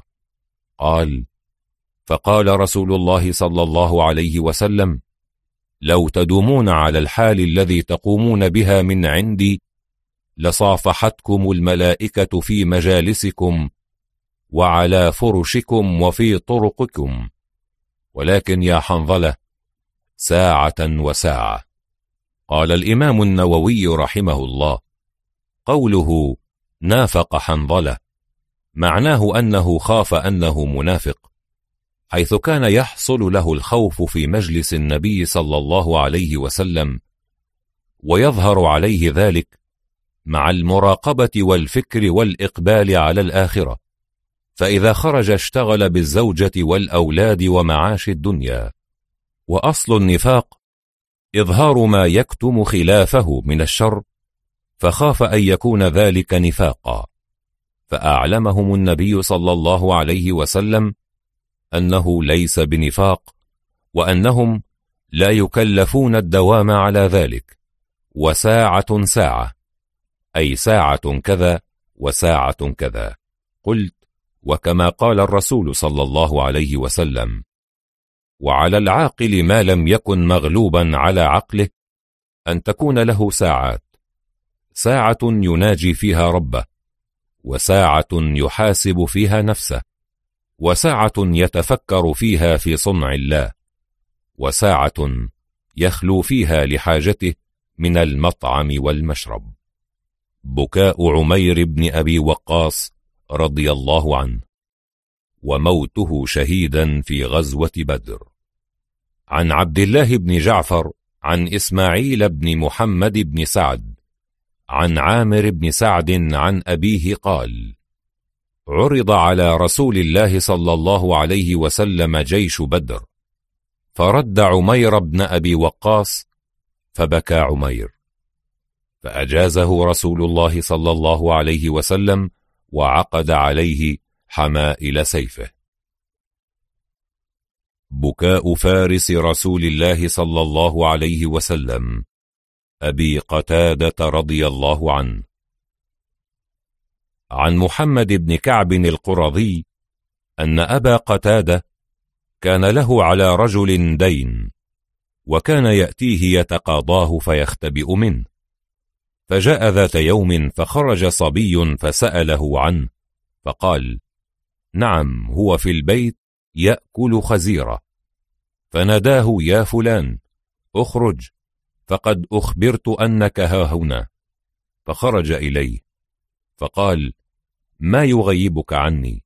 قال إني معسر وليس عندي. قال آه الله أنك معسر؟ قال نعم. فبكى أبو قتادة ثم قال سمعت رسول الله صلى الله عليه وسلم يقول من نفس عن غريمه أو محى عنه كان في ظل العرش يوم القيامة. بكاء أبي هريرة رضي الله عنه. عند زيارته لقومه وتقديمهم للطعام. أخرج أبو يعلى في مسنده حدثنا أبو همام حدثنا ضمرة عن ابن عطاء عن أبيه قال زار أبو هريرة قومه فأتوه برقاق من الرقاق الأول فلما رآه بكى فقيل له ما يبكيك يا أبا هريرة؟ فقال ما رأى رسول الله صلى الله عليه وسلم هذا بعينه قط عند إسلام أمه وكانت تأبى الإسلام. قبل أن يدعو لها رسول الله صلى الله عليه وسلم. أخرج مسلم فقال حدثنا عمرو الناقد حدثنا عمر بن يونس اليمامي حدثنا عكرمة بن عمار عن أبي كثير يزيد بن عبد الرحمن. حدثني أبو هريرة قال كنت أدعو أمي إلى الإسلام وهي مشركة فدعوتها يوما فأسمعتني في رسول الله صلى الله عليه وسلم ما أكره. فأتيت رسول الله صلى الله عليه وسلم وأنا أبكي. قلت يا رسول الله إني كنت أدعو أمي إلى الإسلام فتأبى علي.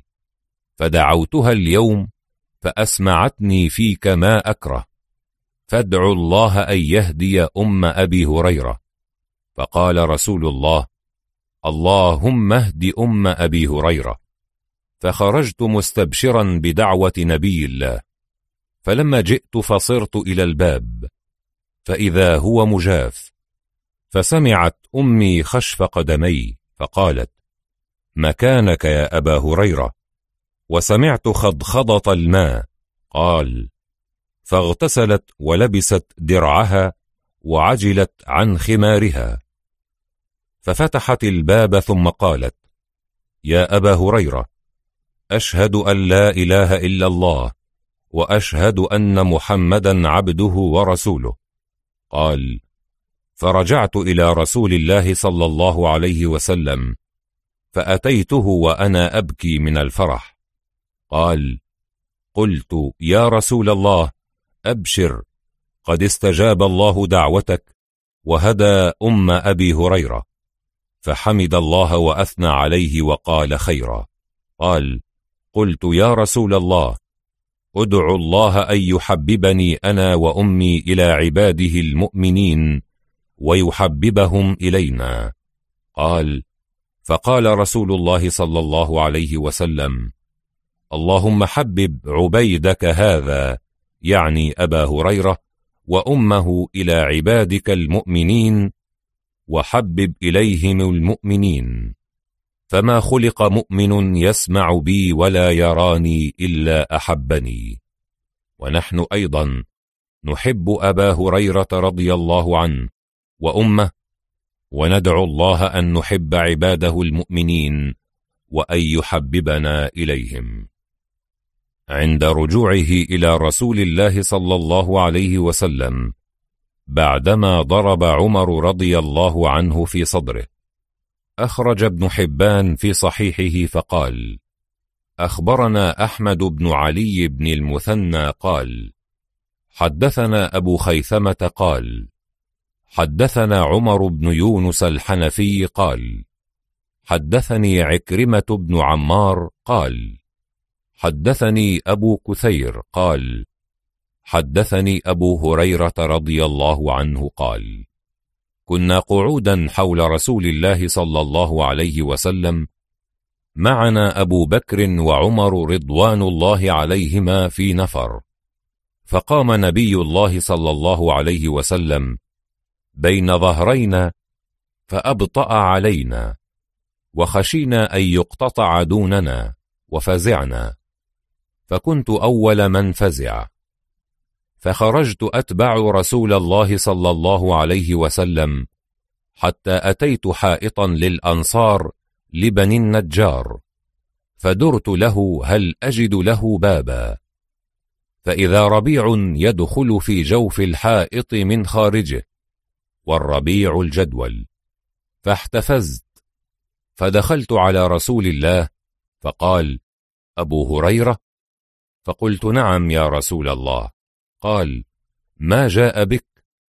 قلت قمت بين أظهرنا فأبطأت علينا فخشينا أن تقتطع دوننا وفزعنا وكنت أول من فزع فأتيت هذا الحائط فاحتفزت كما يحتفز الثعلب وهؤلاء الناس ورائي. فقال يا أبا هريرة. وأعطاني نعليه وقال اذهب بنعلي هاتين فمن لقيت من وراء هذا الحائط يشهد أن لا إله إلا الله مستيقنا بها قلبه فبشره بالجنة. فكان أول من لقيت عمر بن الخطاب رضي الله عنه فقال ما هاتان النعلان يا أبا هريرة؟ قلت هاتان نعلا رسول الله صلى الله عليه وسلم بعثني بهما. فمن لقيت من وراء هذا الحائط يشهد أن لا إله إلا الله مستيقنا بها قلبه بشرته بالجنة. قال فضرب عمر بيده بين ثديي خررت لإستي. فقال ارجع يا أبا هريرة. فرجعت إلى نبي الله وأجهشت بالبكاء وأدركني عمر على أثري. فقال رسول الله صلى الله عليه وسلم ما لك يا أبا هريرة؟ قلت لقيت عمر فأخبرته بالذي بعثتني به فضربني بين ثديي ضربة خررت لإستي. فقال ارجع. فقال رسول الله يا عمر ما حملك على ما فعلت؟ قال يا رسول الله بأبي أنت وأمي. بعثت أبا هريرة بنعليك من لقي يشهد أن لا إله إلا الله مستيقنا بها قلبه يبشره بالجنة؟ قال نعم. قال فلا تفعل فإني أخشى أن يتكل الناس عليها فخلهم يعملون. قال رسول الله فخلهم. بكاء ابن مسعود رضي الله عنه. عند دفن أبي ذر رضي الله عنه. عن ابن إسحاق قال حدثني يزيد بن سفيان عن محمد بن كعب القرظي عن عبد الله بن مسعود رضي الله عنه قال لما سار رسول الله إلى تبوك جعل لا يزال يتخلف الرجل فيقولون يا رسول الله تخلف فلان. فيقول دعوه. إن يك فيه خير فسيلحقه الله بكم وإن يك غير ذلك فقد أراحكم الله منه. حتى قيل يا رسول الله تخلف أبو ذر رضي الله عنه وأبطأ به بعيره. فقال رسول الله دعوه إن يك فيه خير فسيلحقه الله بكم وإن يك غير ذلك فقد أراحكم الله منه. فتلوم أبو ذر رضي الله عنه على بعيره فأبطأ عليه فلما أبطأ عليه أخذ متاعه فجعله على ظهره فخرج يتبع رسول الله ماشيا. ونزل رسول الله في بعض منازله ونظر ناظر من المسلمين فقال يا رسول الله هذا رجل يمشي على الطريق. فقال رسول الله صلى الله عليه وسلم كن أبا ذر. فلما تأمله القوم قالوا يا رسول الله هو والله أبو ذر. فقال رسول الله صلى الله عليه وسلم رحم الله أبا ذر يمشي وحده ويموت وحده ويبعث وحده. فضرب الدهر من ضربته وسير أبو ذر إلى الربذة.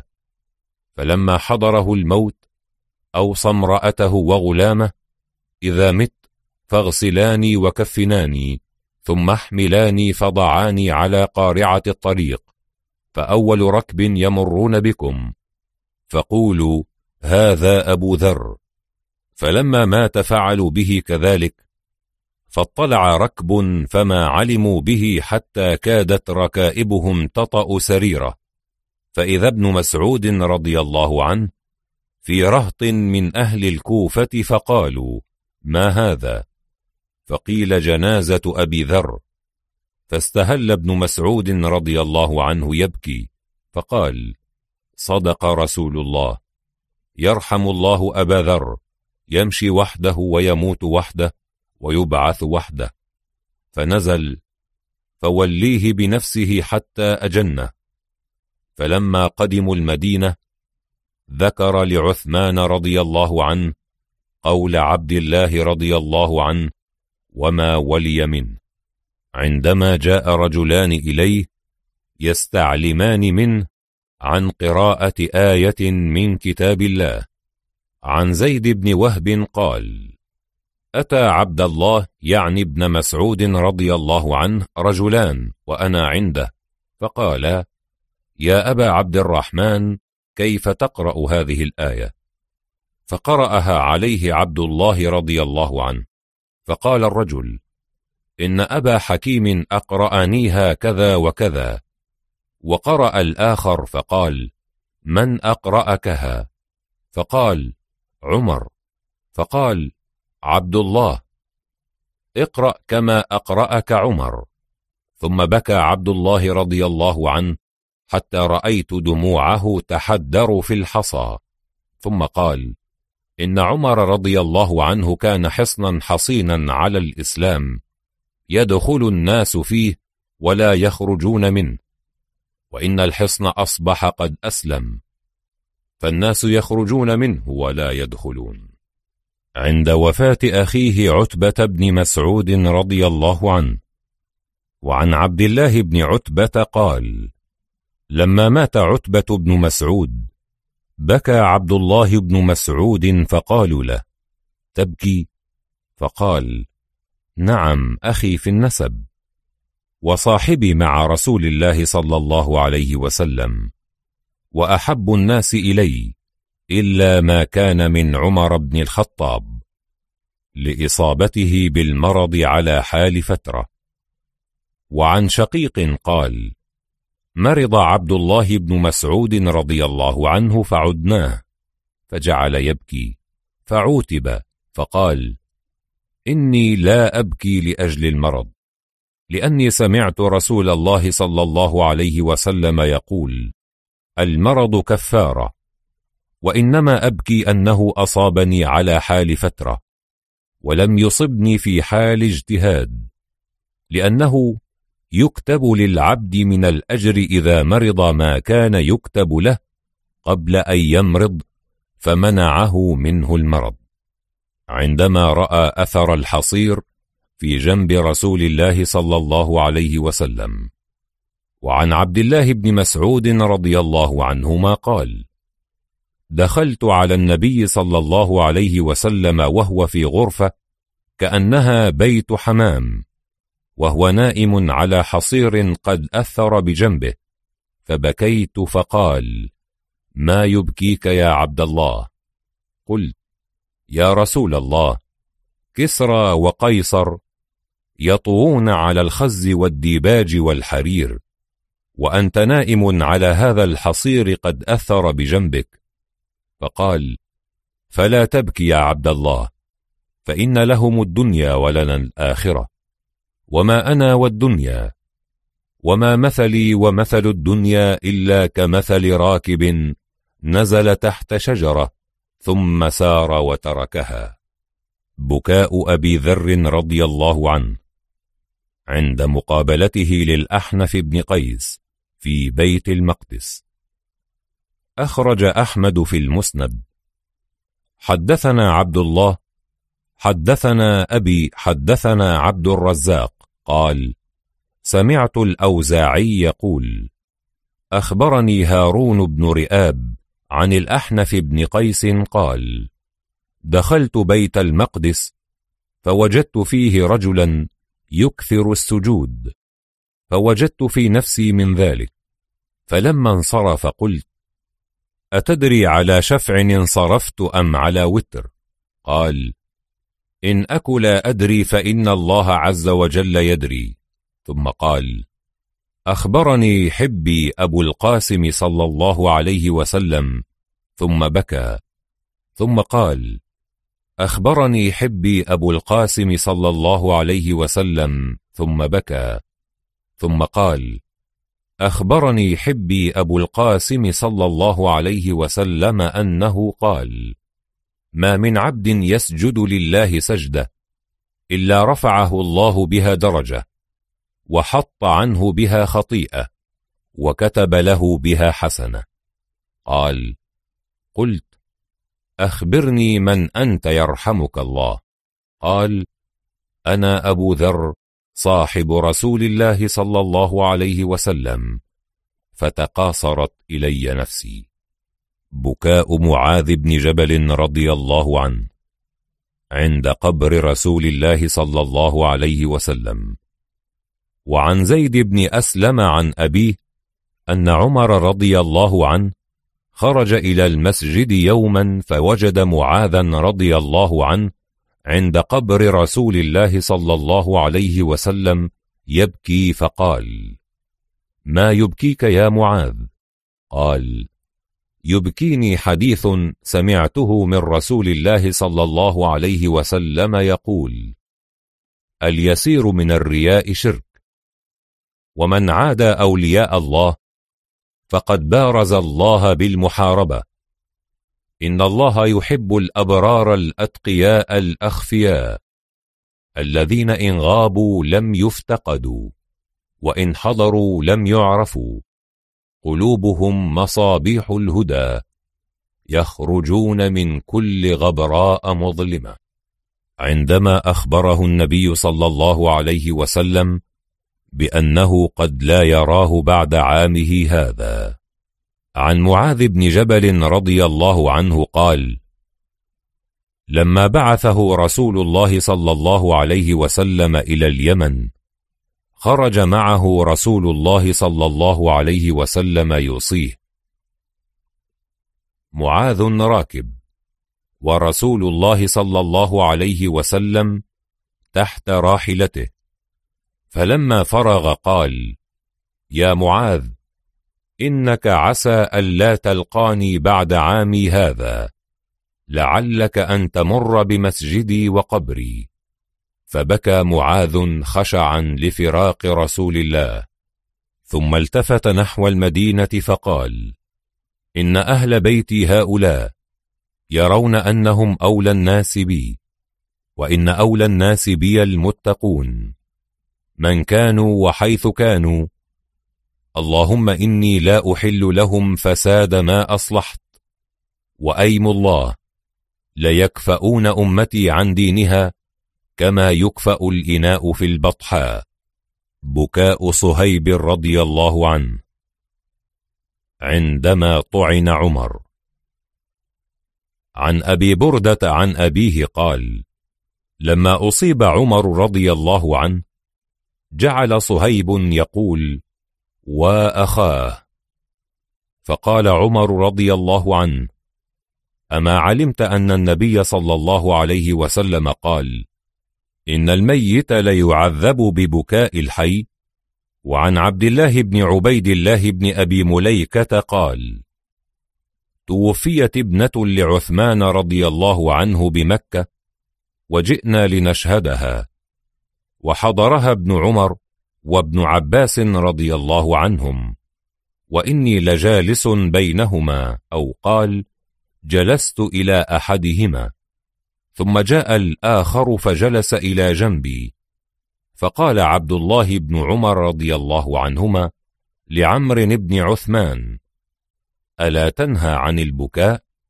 فإن رسول الله صلى الله عليه وسلم قال إن الميت ليعذب ببكاء أهله عليه فقال ابن عباس رضي الله عنهما قد كان عمر رضي الله عنه يقول بعض ذلك ثم حدث قال صدرت مع عمر رضي الله عنه من مكة حتى إذا كنا بالبيداء إذا هو بركب تحت ظل سمرة. فقال اذهب فانظر من هؤلاء الركب. قال فنظرت فإذا صهيب رضي الله عنه فأخبرته فقال ادعه إلي. فرجعت إلى صهيب رضي الله عنه فقلت ارتحل فالحق بأمير المؤمنين. فلما أصيب عمر رضي الله عنه دخل صهيب رضي الله عنه يبكي يقول وأخاه وصاحباه فقال عمر رضي الله عنه يا صهيب أتبكي علي؟ وقد قال رسول الله صلى الله عليه وسلم إن الميت يعذب ببعض بكاء أهله عليه. قال ابن عباس رضي الله عنهما فلما مات عمر رضي الله عنه ذكرت ذلك لعائشة رضي الله عنها فقالت رحم الله عمر والله ما حدث رسول الله صلى الله عليه وسلم أن الله ليعذب المؤمن ببكاء أهله عليه ولكن رسول الله صلى الله عليه وسلم قال إن الله ليزيد الكافر عذابا ببكاء أهله عليه. وقالت حسبكم القرآن ولا تزر وازرة وزر أخرى. قال ابن عباس عند ذلك والله وأنه هو أضحك وأبكى. قال ابن أبي مليكة والله ما قال ابن عمر شيئا. بكاء كعب بن مالك رضي الله عنه وصاحبيه هلال بن أمية ومرارة بن ربيعة رضي الله عنهما عند تخلفهم عن غزوة تبوك دون عذر. عن ابن شهاب قال ثم غزا رسول الله صلى الله عليه وسلم غزوة تبوك وهو يريد الروم ونصارى العرب بالشام. قال ابن شهاب فأخبرني عبد الرحمن بن عبد الله بن كعب بن مالك أن عبد الله بن كعب كان قائد كعب من بنيه حين عمي. قال سمعت كعب بن مالك يحدث حديثه حين تخلف عن رسول الله صلى الله عليه وسلم في غزوة تبوك. قال كعب بن مالك لم أتخلف عن رسول الله صلى الله عليه وسلم في غزوة غزاها قط. إلا في غزوة تبوك غير أني قد تخلفت في غزوة بدر ولم يعاتب أحدا تخلف عنه. إنما خرج رسول الله صلى الله عليه وسلم والمسلمون يريدون عير قريش حتى جمع الله بينهم وبين عدوهم على غير ميعاد. ولقد شهدت مع رسول الله صلى الله عليه وسلم ليلة العقبة حين تواثقنا على الإسلام. وما أحب أن لي بها مشهد بدر وإن كانت بدر أذكر في الناس منها. وكان من خبري حين تخلفت عن رسول الله صلى الله عليه وسلم في غزوة تبوك أني لم أكن قط أقوى ولا أيسر مني حين تخلفت عنه في تلك الغزوة. والله ما جمعت قبلها راحلتين قط.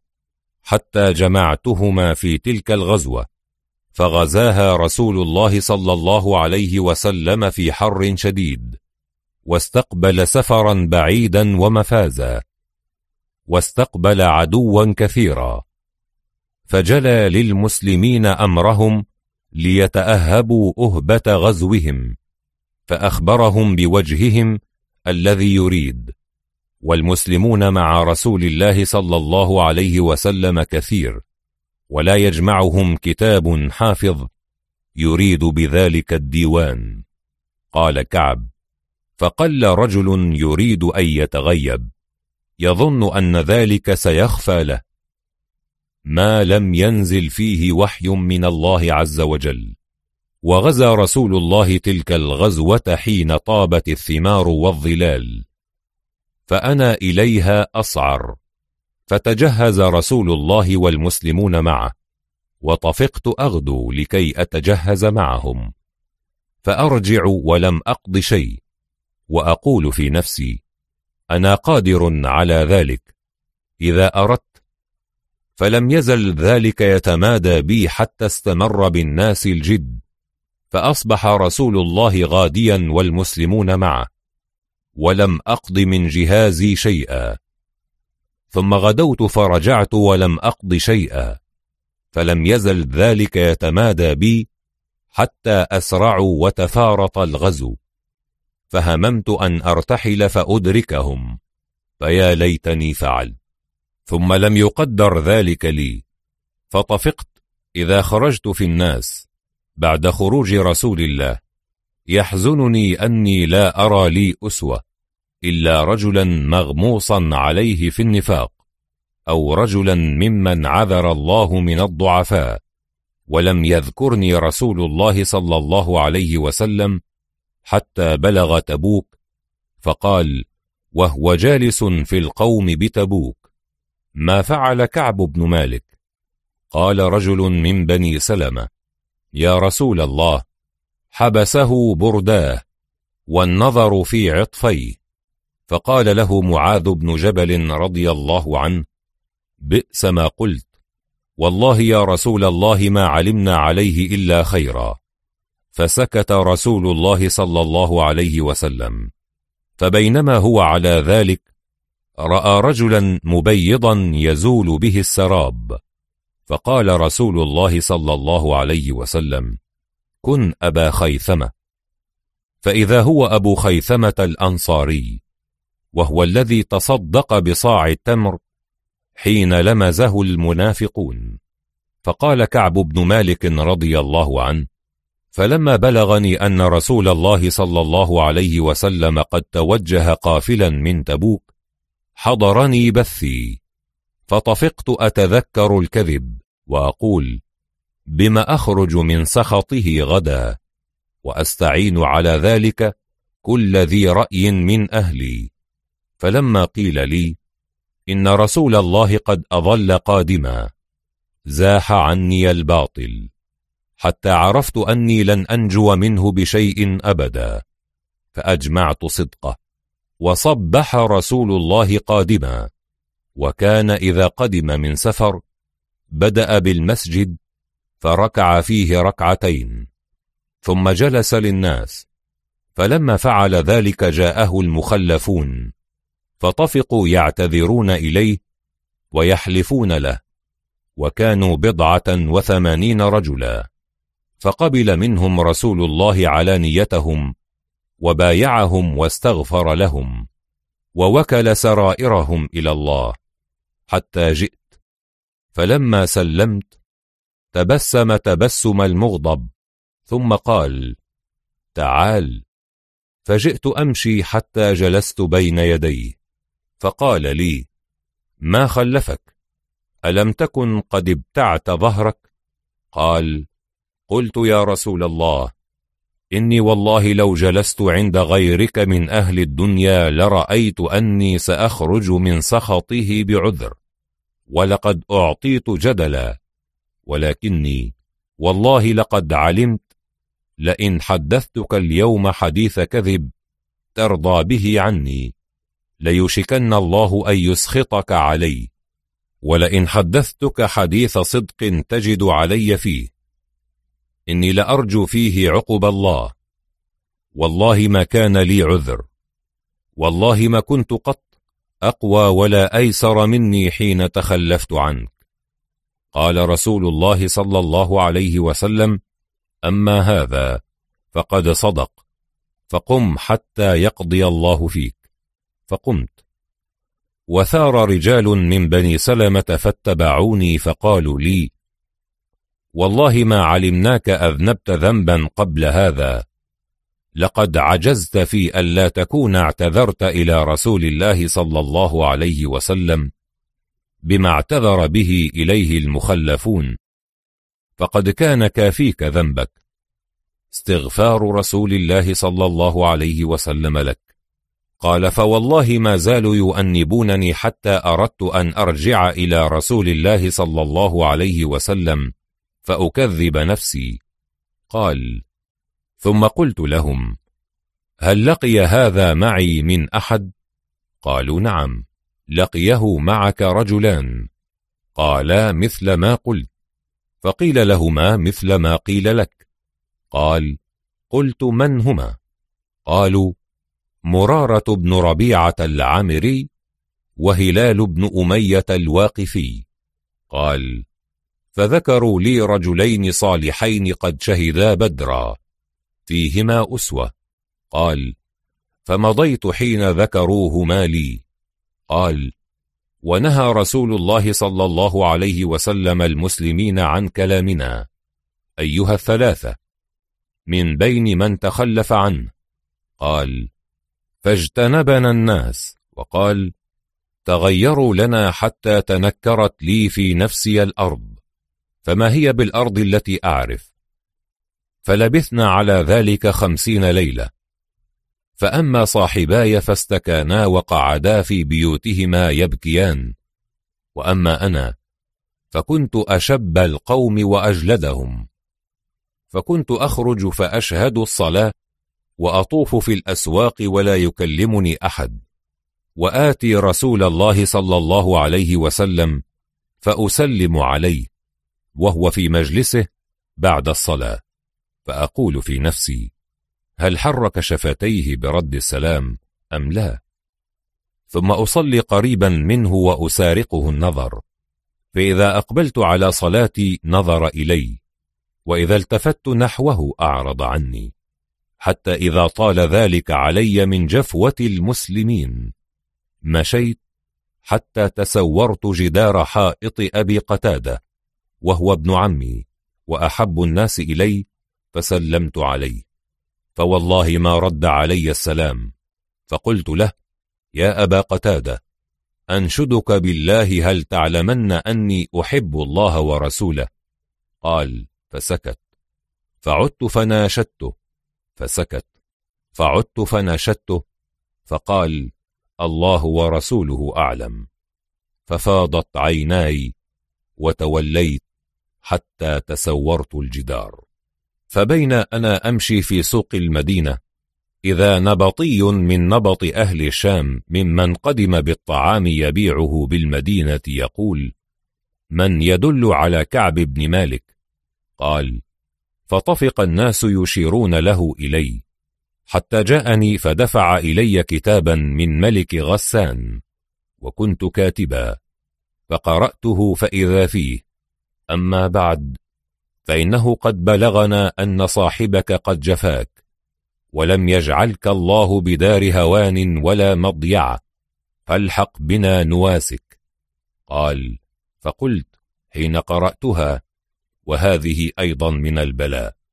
فتياممت بها التنور فسجرتها بها حتى إذا مضت أربعون من الخمسين واستلبث الوحي إذا رسول الله صلى الله عليه وسلم يأتيني فقال إن رسول الله صلى الله عليه وسلم يأمرك أن تعتزل امرأتك؟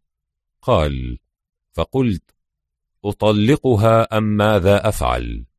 قال لا بل اعتزلها فلا تقربنها.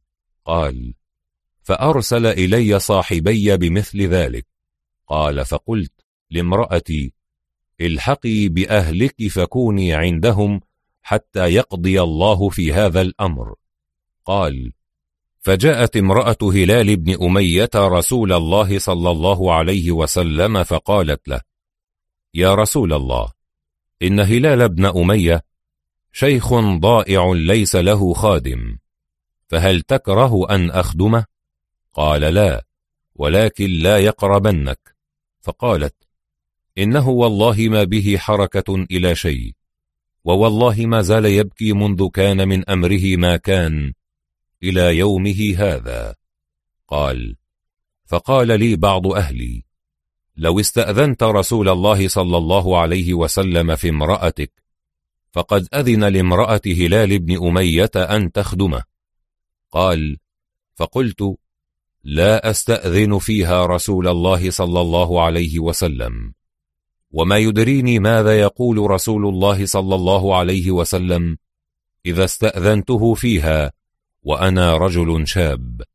قال فلبثت بذلك عشر ليال فكمل لنا خمسون ليلة من حين نهي عن كلامنا.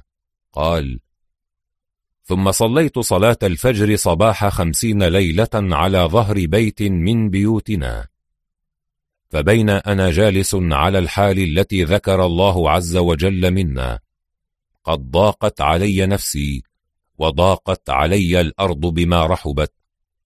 سمعت صوت صارخ أوفى على سلع يقول بأعلى صوته يا كعب بن مالك أبشر. قال فخررت ساجدا وعرفت أن قد جاء فرج. قال فآذن رسول الله صلى الله عليه وسلم الناس بتوبة الله علينا حين صلى صلاة الفجر. فذهب الناس يبشروننا فذهب قبل صاحبي مبشرون وركض رجل إلي فرسا وسعى ساع من أسلم قبلي وأوفى الجبل فكان الصوت أسرع من الفرس. فلما جاءني الذي سمعت صوته يبشرني فنزعت له ثوبي فكسوتهما إياه ببشارته والله ما أملك غيرهما يومئذ. واستعرت ثوبين فلبستهما فانطلقت أتأمم رسول الله يتلقاني الناس فوجا فوجا يهنئونني بالتوبة ويقولون لتهنئك توبة الله عليك حتى دخلت المسجد. فإذا رسول الله جالس في المسجد وحوله الناس فقام طلحة بن عبيد الله يهرول حتى صافحني وهنأني. والله ما قام رجل من المهاجرين غيره. قال فكان كعب لا ينساها لطلحة. قال كعب فلما سلمت على رسول الله قال وهو يبرق وجهه من السرور ويقول أبشر بخير يوم مر عليك منذ ولدتك أمك. قال فقلت أمن عندك؟ يا رسول الله أم من عند الله؟ فقال لا بل من عند الله. وكان رسول الله صلى الله عليه وسلم إذا سر استنار وجهه كأن وجهه قطعة قمر. قال وكنا نعرف ذلك. قال فلما جلست بين يديه قلت يا رسول الله إن من توبتي أن أنخلع من مالي صدقة إلى الله وإلى رسوله. فقال رسول الله صلى الله عليه وسلم أمسك بعض مالك فهو خير لك. قال فقلت فإني أمسك سهمي الذي بخيبر. قال وقلت يا رسول الله إن الله إنما أنجاني بالصدق وإن من توبتي ألا أحدث إلا صدقا ما بقيت. قال فوالله ما علمت أن أحدا من المسلمين أبلاه الله في صدق الحديث منذ ذكرت ذلك لرسول الله إلى يومي هذا. أحسن مما أبلاني الله به. والله ما تعمدت كذبة منذ قلت ذلك لرسول الله إلى يومي هذا. وإني لأرجو أن يحفظني الله فيما بقي. قال فأنزل الله عز وجل لقد تاب الله على النبي والمهاجرين والأنصار الذين اتبعوه في ساعة العسرة من بعد ما كاد يزيغ قلوب فريق منهم. ثم تاب عليهم إنه بهم رؤوف رحيم. وعلى الثلاثة الذين خلفوا حتى إذا ضاقت عليهم الأرض بما رحبت وضاقت عليهم أنفسهم حتى بلغ إلى قوله تعالى يا أيها الذين آمنوا اتقوا الله وكونوا مع الصادقين قال كعب والله ما أنعم الله علي من نعمة قط بعد إذ هداني الله للإسلام أعظم في نفسي من صدقي رسول الله ألا أكون كذبته فأهلك كما هلك الذين كذبوا. إن الله قال للذين كذبوا حين أنزل الوحي شر ما قال لأحد. وقال الله سيحلفون بالله لكم إذا انقلبتم إليهم لتعرضوا عنهم فأعرضوا عنهم إنهم رجس ومأواهم جهنم جزاء بما كانوا يكسبون. يحلفون لكم لترضوا عنهم. فإن ترضوا عنهم فإن الله لا يرضى عن القوم الفاسقين. قال كعب كنا خلفنا أيها الثلاثة عن أمر أولئك الذين قبل منهم رسول الله حين حلفوا له فبايعهم واستغفر لهم وأرجأ رسول الله أمرنا حتى قضى الله فيه فبذلك قال الله عز وجل وعلى الثلاثة الذين خلفوا. وليس الذي ذكر الله مما خلفنا تخلفنا عن الغزو. وإنما هو تخليفه إيانا وإرجاؤه أمرنا. عمن حلف له واعتذر إليه فقبل منه. بكاء أنس رضي الله عنه. على تأخير الصلاة وتضييعها عن وقتها. عن عثمان بن أبي رواد أخي عبد العزيز قال سمعت الزهري يقول دخلت على أنس بن مالك رضي الله عنه بدمشق وهو يبكي فقلت له ما يبكيك؟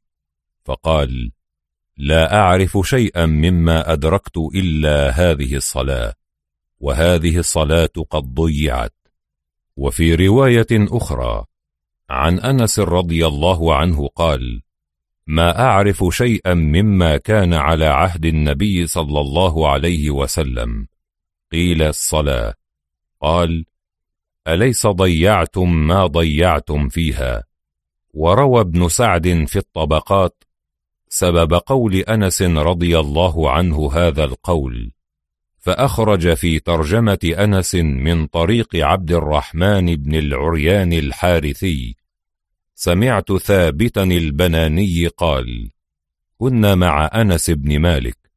فأخر الحجاج الصلاة فقام أنس يريد أن يكلمه فنهاه إخوانه شفقة عليه منه فخرج فركب دابته فقال في مسيره ذلك والله ما أعرف شيئا مما كنا عليه على عهد النبي صلى الله عليه وسلم.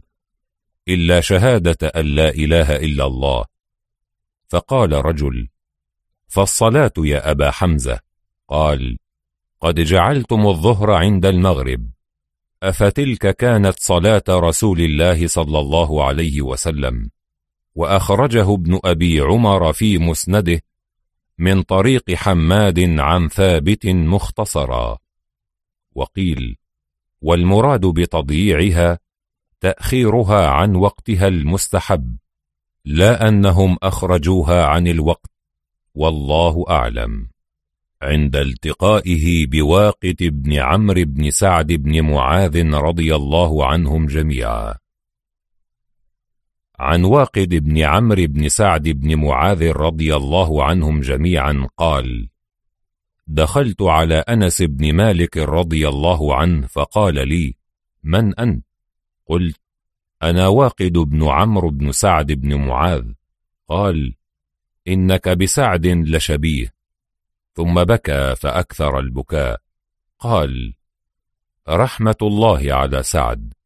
كان من أعظم الناس وأطولهم. ثم قال بعث رسول الله صلى الله عليه وسلم جيشا إلى أكيد ردومة فأرسل إلى رسول الله صلى الله عليه وسلم بجبة ديباج منسوج فيها الذهب فلبسها رسول الله صلى الله عليه وسلم فقام على المنبر أو جلس فلم يتكلم ثم نزل فجعل الناس يلمسون الجبة وينظرون إليها فقال رسول الله صلى الله عليه وسلم أتعجبون منها؟ قالوا ما رأينا ثوبا قط أحسن منه.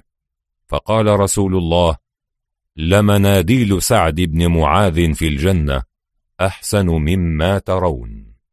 بكاء جابر بن عبد الله رضي الله عنهما عندما رأى أباه مقتولا. عن جابر بن عبد الله رضي الله عنهما قال أصيب أبي يوم أحد. فجعلت أكشف الثوب عن وجهه وأبكي وجعلوا ينهونني ورسول الله لا ينهاني. قال وجعلت فاطمة بنت عمرو تبكيه. فقال رسول الله صلى الله عليه وسلم تبكيه أو لا تبكيه؟ ما زالت الملائكة تظله بأجنحتها حتى رفعتموه. بكاء عمرو بن العاص رضي الله عنه عند احتضاره.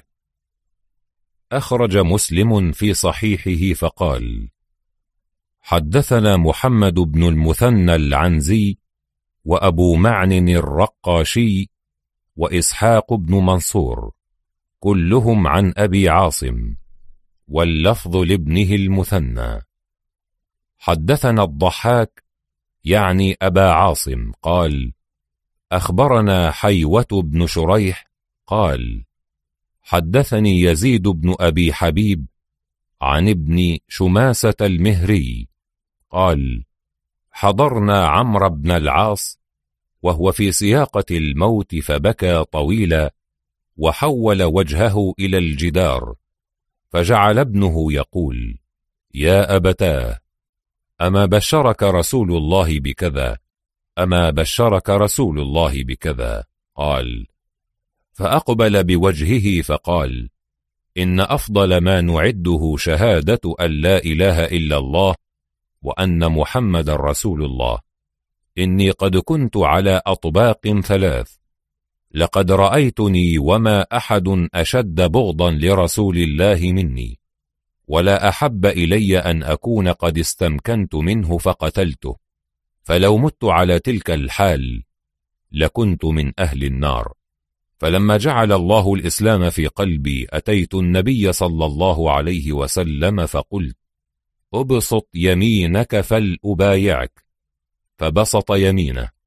قال فقبضت يدي. قال ما لك يا عمرو. قال قلت أردت أن أشترط. قال تشترط بماذا؟ قلت أن يغفر لي. قال أما علمت أن الإسلام يهدم ما كان قبله وأن الهجرة تهدم ما كان قبلها وأن الحج يهدم ما كان قبله.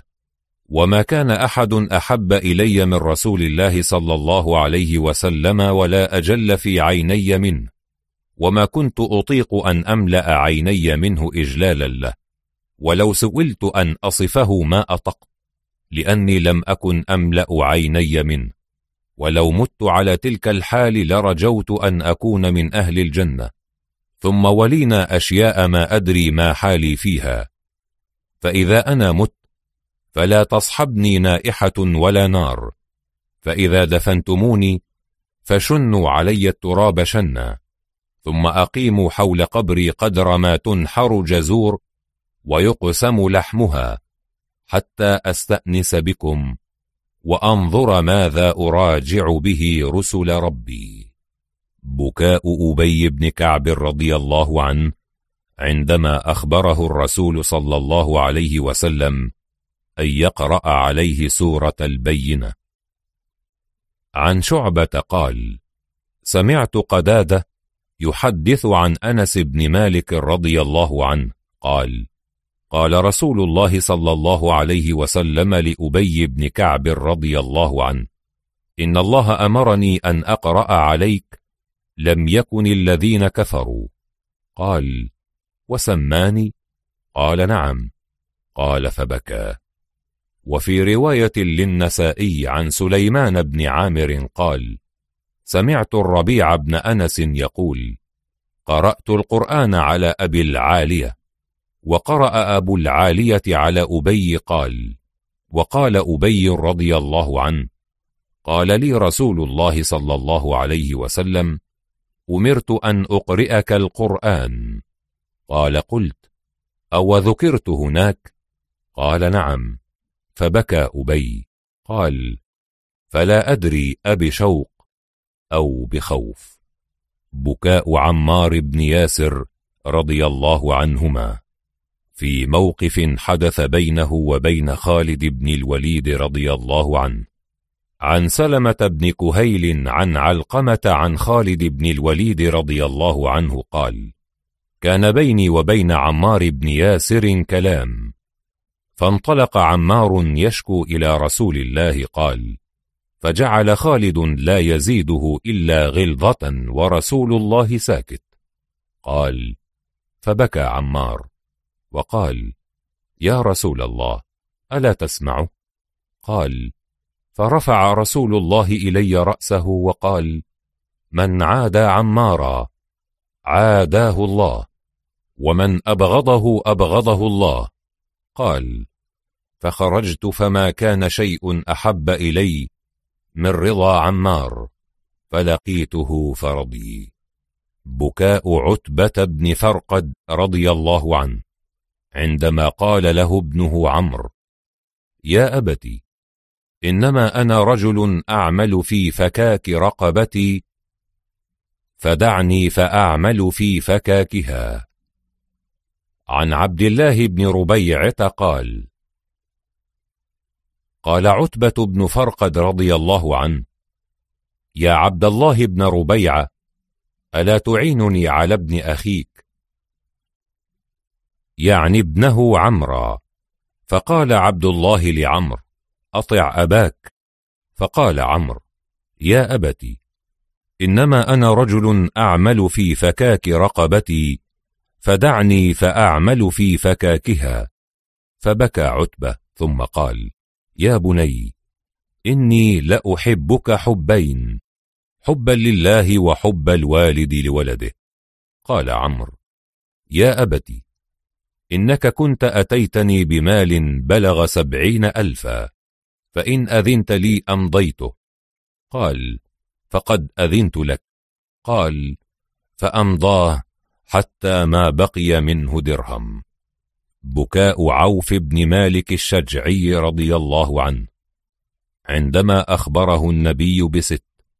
أخرج الإمام أحمد في مسنده فقال حدثنا عبد الله حدثنا أبي حدثنا هشيم قال أنبأنا يعلى بن عطاء عن محمد بن أبي محمد عن عوف بن مالك الأشجعي رضي الله عنه قال أتيت النبي صلى الله عليه وسلم وهو في خدر له فقلت أدخل؟ فقال أدخل. قلت أكل لي؟ قال كلك. فلما جلست قال أمسك ستا تكون قبل الساعة أولهن وفاة نبيكم. قال فبكيت. قال هشيم ولا أدري بأيها بدأ. ثم فتح بيت المقدس وفتنة تدخل بيت كل شعر ومدر وأن يفيض المال فيكم حتى يعطى الرجل مئة دينار فيتسخطها وموتان يكون في الناس كقعاص الغنم. قال وهدنة تكون بينكم وبين بني الأصفر فيغدرون بكم فيسيرون إليكم في ثمانين غاية. وقال يعلى في ستين غاية تحت كل غاية اثنا عشر ألفا. بكاء أبي حذيفة بن عتبة رضي الله عنه مما قال للرسول في غزوة بدر. عن ابن عباس رضي الله عنهما أن رسول الله صلى الله عليه وسلم قال يوم بدر من لقي منكم العباس فليكفف عنه فإنه خرج مستكرها. فقال أبو حذيفة بن عتبة أنقتل آباءنا وإخواننا وعشائرنا وندع العباس؟ والله لأضربنه بالسيف. فبلغت رسول الله صلى الله عليه وسلم. فقال لعمر بن الخطاب يا أبا حفص قال عمر رضي الله عنه إنه لأول يوم كناني فيه بأبي حفص. يضرب وجه عم رسول الله بالسيف. فقال عمر رضي الله عنه دعني فلأضرب عنقه فإنه قد نافق. وكان أبو حذيفة يقول ما أنا بآمن من تلك الكلمة التي قلت ولا أزال خائفا حتى يكفرها الله عني بالشهادة. قال فقتل يوم اليمامة شهيدا. بكاء سلمة بن الأكوع رضي الله عنه. عندما قال الصحابة بطل عمل عامر رضي الله عنه. أخرج الإمام مسلم بسنده عن إياس بن سلمة. حدثني أبي سلمة بن الأكوع رضي الله عنه قال قدمنا الحديبية مع رسول الله صلى الله عليه وسلم ونحن أربع عشرة مئة وعليها خمسون شاة لا ترويها. قال فقعد رسول الله صلى الله عليه وسلم على جبل ركية فإما دعا وإما بسق فيها. قال فجاشت فسقينا واستقينا. قال ثم إن رسول الله صلى الله عليه وسلم دعانا للبيعة في أصل الشجرة. قال فبايعته أول الناس ثم بايع وبايع حتى إذا كان في وسط من الناس قال بايع يا سلمة. قال قلت قد بايعتك يا رسول الله في أول الناس. قال وأيضا. قال ورآني رسول الله عزلا يعني ليس معه سلاح. قال فأعطاني رسول الله حجفة أو درقة ثم بايع. حتى إذا كان في آخر الناس قال ألا تبايعني يا سلمة؟ قال قلت قد بايعتك يا رسول الله في أول الناس وفي أوسط الناس. قال وأيضا قال فبايعته الثالثة. ثم قال لي يا سلمة أين حجفتك أو درقتك التي أعطيتك؟ قال قلت يا رسول الله لقيني عمي عامر عزلا فأعطيته إياها. قال فضحك رسول الله صلى الله عليه وسلم وقال إنك كالذي قال الأول اللهم أبغني حبيبا هو أحب إلي من نفسي. ثم إن المشركين راسلون الصلح حتى مشى بعضنا في بعض. واصطلحنا. قال وكنت تبيعا لطلحة بن عبيد الله أسقي فرسه وأحسه وأخدمه وآكل من طعامه. وتركت أهلي ومالي مهاجرا إلى الله ورسوله. قال فلما اصطلحنا نحن وأهل مكة واختلط بعضنا ببعض أتيت شجرة فكسحت شوكها فاضطجعت في أصلها. قال فأتاني أربعة من المشركين من أهل مكة فجعلوا يقعون في رسول الله صلى الله عليه وسلم فأبغضتهم فتحولت إلى شجرة أخرى وعلقوا سلاحهم واضطجعوا. فبينما هم كذلك إذ نادى مناد من أسفل الوادي يا للمهاجرين! قتل ابن زنيم. قال فاخترطت سيفي ثم شددت على أولئك الأربعة وهم رقود فأخذت سلاحهم فجعلته ضغثا في يدي. قال ثم قلت والذي كرم وجه محمد لا يرفع أحد منكم رأسه إلا ضربت الذي فيه عيناه. قال ثم جئت بهم أسوقهم إلى رسول الله صلى الله عليه وسلم. قال وجاء عمي عامر برجل من العبلات يقال له مكرز يقوده إلى رسول الله صلى الله عليه وسلم. على فرس مجفف في سبعين من المشركين. فنظر إليهم رسول الله فقال دعوهم. يكن لهم بدء الفجور وثناه. فعفى عنهم رسول الله صلى الله عليه وسلم. وأنزل الله وهو الذي كف أيديهم عنكم وأيديكم عنهم ببطن مكة من بعد أن أظفركم عليهم. الآية كلها. قال ثم خرجنا راجعين إلى المدينة فنزلنا منزلا بيننا وبين بني لحيان جبل وهم المشركون. فاستغفر رسول الله لمن رقي هذا الجبل الليلة كأنه طليعة للنبي وأصحابه. قال سلمة فرقيت تلك الليلة مرتين أو ثلاثة ثم قدمنا المدينة. فبعث رسول الله بظهره مع رباح غلام رسول الله وأنا معه. وخرجت معه بفرس طلحة. أنديه مع الظهر. فلما أصبحنا إذا عبد الرحمن الفزاري قد أغار على ظهر رسول الله. فاستاقه أجمع. وقتل راعيه. قال فقلت يا رباح خذ هذا الفرس فأبلغه طلحة بن عبيد الله. وأخبر رسول الله أن المشركين قد أغاروا على سرحه. قال ثم قمت على أكمة فاستقبلت المدينة فناديت ثلاثة يا صباحاه ثم خرجت في آثار القوم أرميهم بالنبل وأرتجز أقول أنا ابن الأكوع واليوم يوم الرضع.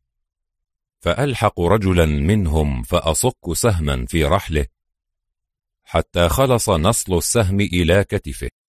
قال قلت خذها وأنا ابن الأكوع واليوم يوم الرضع قال فوالله ما زلت أرميهم وأعقر بهم.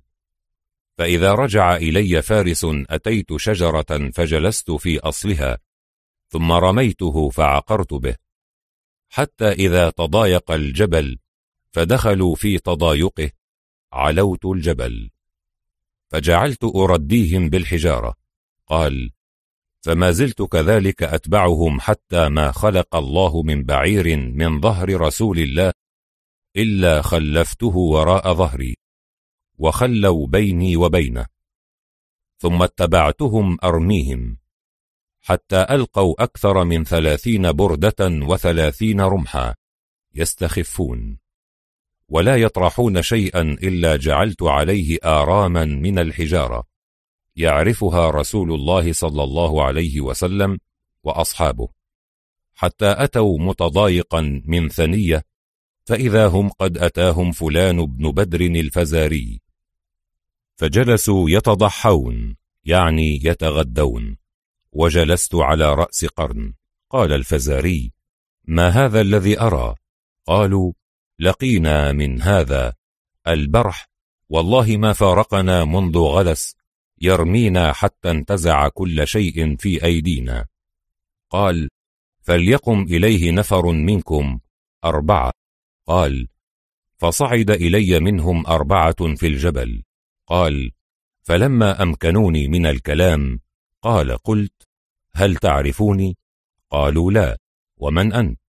قال قلت أنا سلمة بن الأكوع والذي كرم وجه محمد لا أطلب رجلا منكم إلا أدركته ولا يطلبني رجل منكم فيدركني. قال أحدهم أنا أظن. قال فرجعوا. فما برحت مكاني حتى رأيت فوارس رسول الله صلى الله عليه وسلم يتخللون الشجر. قال فإذا أولهم الأخرم الأسدي على إثره أبو قتادة الأنصاري وعلى إثره المقداد بن الأسود الكندي. قال فأخذت بعنان الأخرم. قال فولوا مدبرين. قلت يا أخرم احذرهم لا يقتطعوك حتى يلحق رسول الله صلى الله عليه وسلم وأصحابه. قال يا سلمة إن كنت تؤمن بالله واليوم الآخر وتعلم أن الجنة حق والنار حق فلا تحل بيني وبين الشهادة. قال فخليته. فالتقى هو وعبد الرحمن قال فعقر بعبد الرحمن فرسه وطعنه عبد الرحمن فقتله وتحول على فرسه ولحق أبو قتادة. فارس رسول الله صلى الله عليه وسلم بعبد الرحمن فطعنه فقتله. فوالذي كرم وجه محمد لتبعتهم أعدو على رجلي حتى ما أرى ورائي من أصحاب محمد ولا غبارهم شيئا حتى يعدلوا قبل غروب الشمس إلى شعب فيه ماء يقال له ذا قرد ليشربوا منه وهم عطاش. قال فنظروا إلي أعدو وراءهم. فحليتهم عنه يعني أجليتهم عنه فما ذاقوا منه قطرة. قال ويخرجون فيشتدون في ثنية. قال فأعدوا فألحقوا رجلا منهم فأصكه بسهم في نغض كتفه. قال قلت خذها وأنا ابن الأكوع. واليوم يوم الرضع. قال يا ثكلته أمه أكوعه بكرة. قال قلت نعم يا عدو نفسه أكوعك بكرة. قال وأردوا فرسين على ثنية. قال فجئت بهما أسوقهما إلى رسول الله صلى الله عليه وسلم. قال ولحقني عامر بسطيحة فيها مذقة من لبن وسطيحة فيها ماء. فتوضأت وشربت ثم أتيت رسول الله صلى الله عليه وسلم وهو على الماء الذي حلأتهم عنه.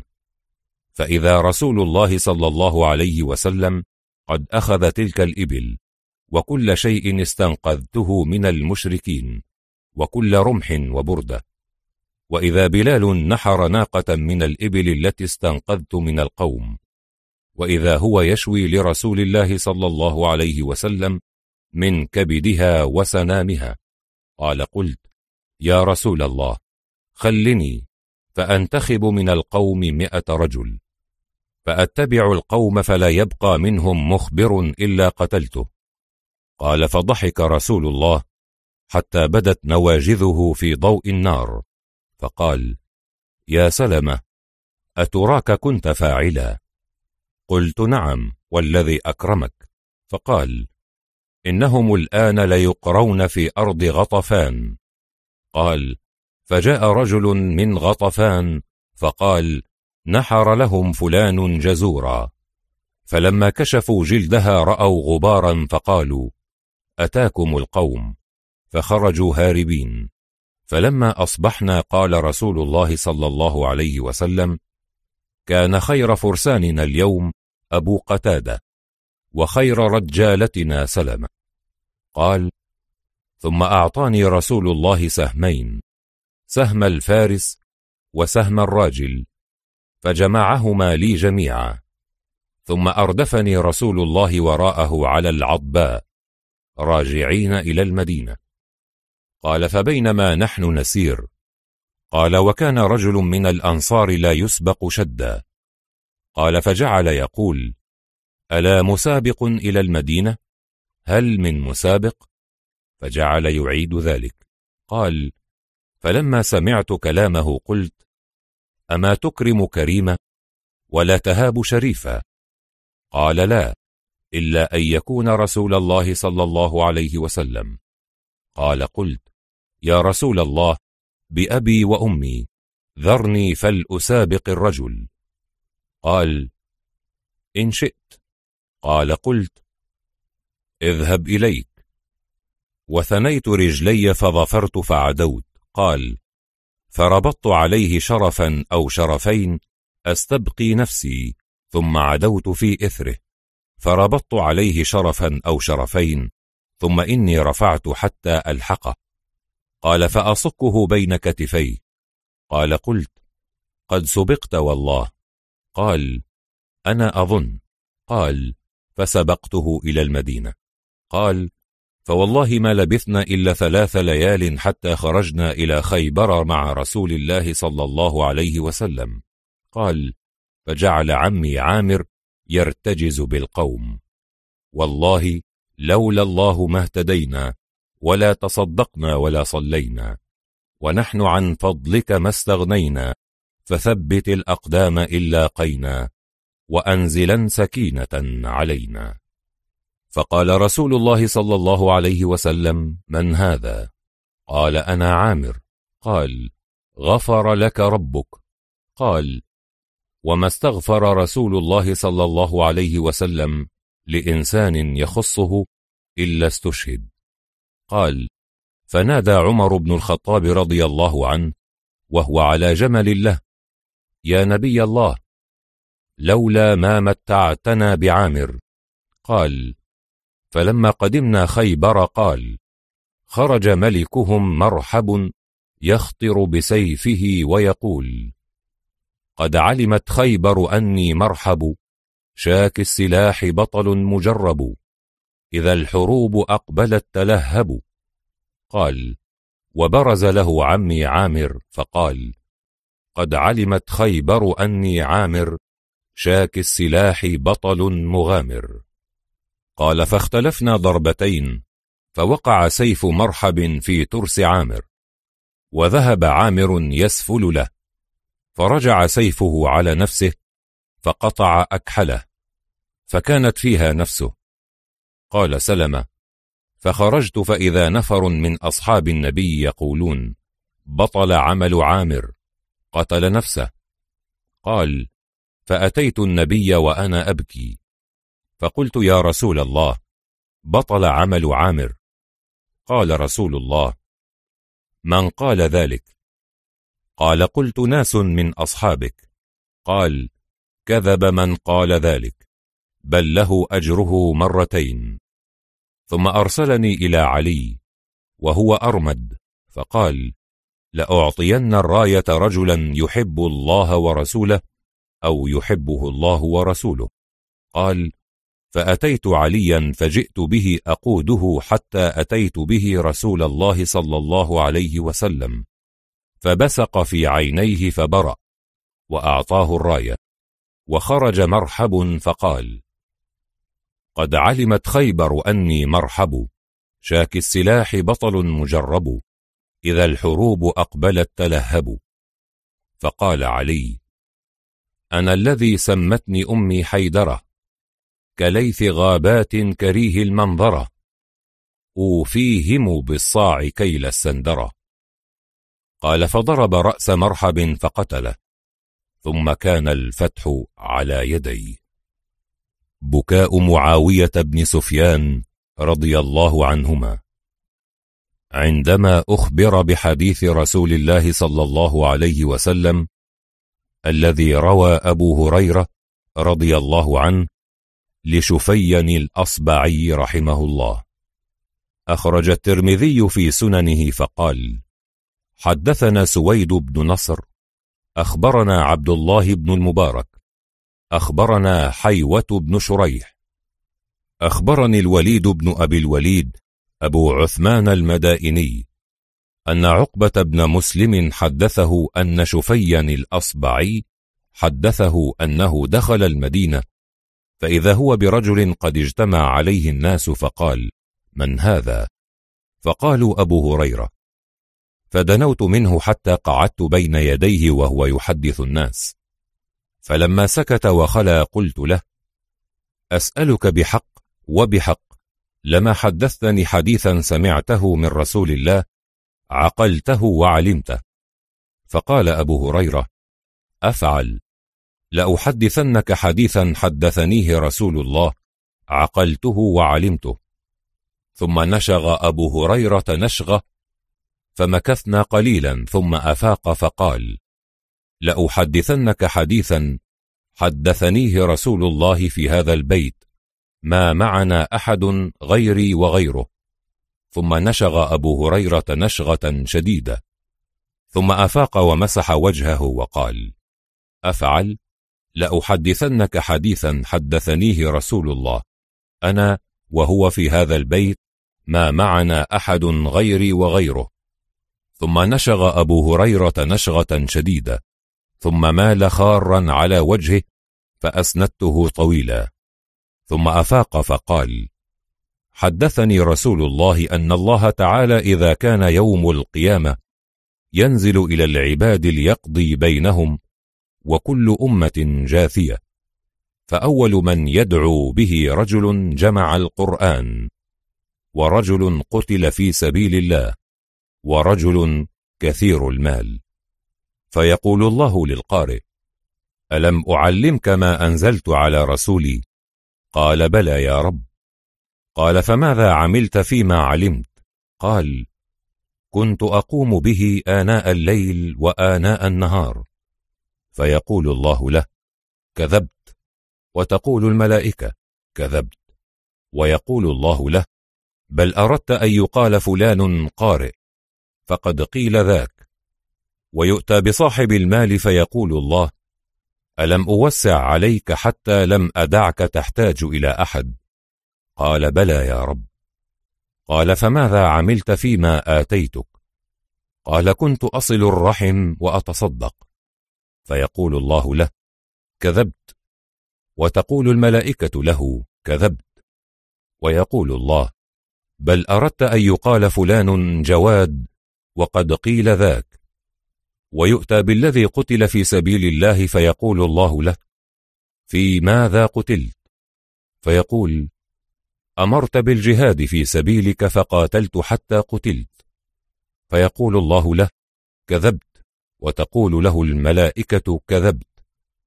ويقول الله بل أردت أن يقال فلان جريء فقد قيل ذاك. ثم ضرب رسول الله على ركبتي فقال يا أبا هريرة أولئك الثلاثة أول خلق الله تسعر بهم النار يوم القيامة. قال الوليد أبو عثمان المدائني فأخبرني عقبة بن مسلم أن شفيا هو الذي دخل على معاوية فأخبره بهذا. قال أبو عثمان وحدثني العلاء بن أبي حكيم أنه كان سيافا لمعاوية. قال فدخل عليه رجل فأخبره بهذا عن أبي هريرة. فقال معاوية قد فعل بهؤلاء هذا فكيف بمن بقي من الناس؟ ثم بكى معاوية بكاء شديدا. حتى ظننا أنه هالك. وقلنا قد جاءنا هذا الرجل بشر. ثم أفاق معاوية ومسح عن وجهه وقال صدق الله ورسوله. من كان يريد الحياة الدنيا وزينتها نوفي إليهم أعمالهم فيها وهم فيها لا يبخسون. أولئك الذين ليس لهم في الآخرة إلا النار وحبط ما صنعوا فيها. وباطل ما كانوا يعملون. قال أبو حاتم تعليقا على هذا الحديث ألفاظ الوعيد في الكتاب والسنن كلها مقرونة بشرط وهو إلا أن يتفضل الله جل وعلا على مرتكب تلك الخصال بالعفو وغفران تلك الخصال دون العقوبة عليها. وكل ما في الكتاب والسنن من ألفاظ الوعد مقرونة بشرط وهو إلا أن يرتكب عاملها ما يستوجب به العقوبة على ذلك الفعل حتى يعاقب إن لم يتفضل عليه بالعفو.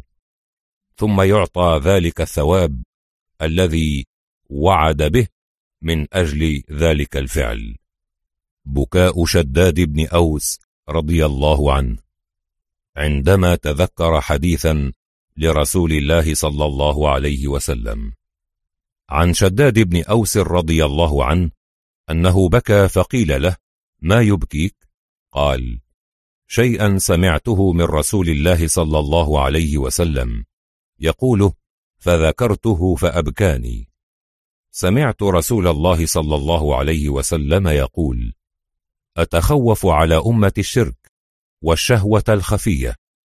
قال قلت يا رسول الله أتشرك أمتك من بعدك قال نعم. أما إنهم لا يعبدون شمسا ولا قمرا ولا حجرا ولا وثنا ولكن يراءون بأعمالهم.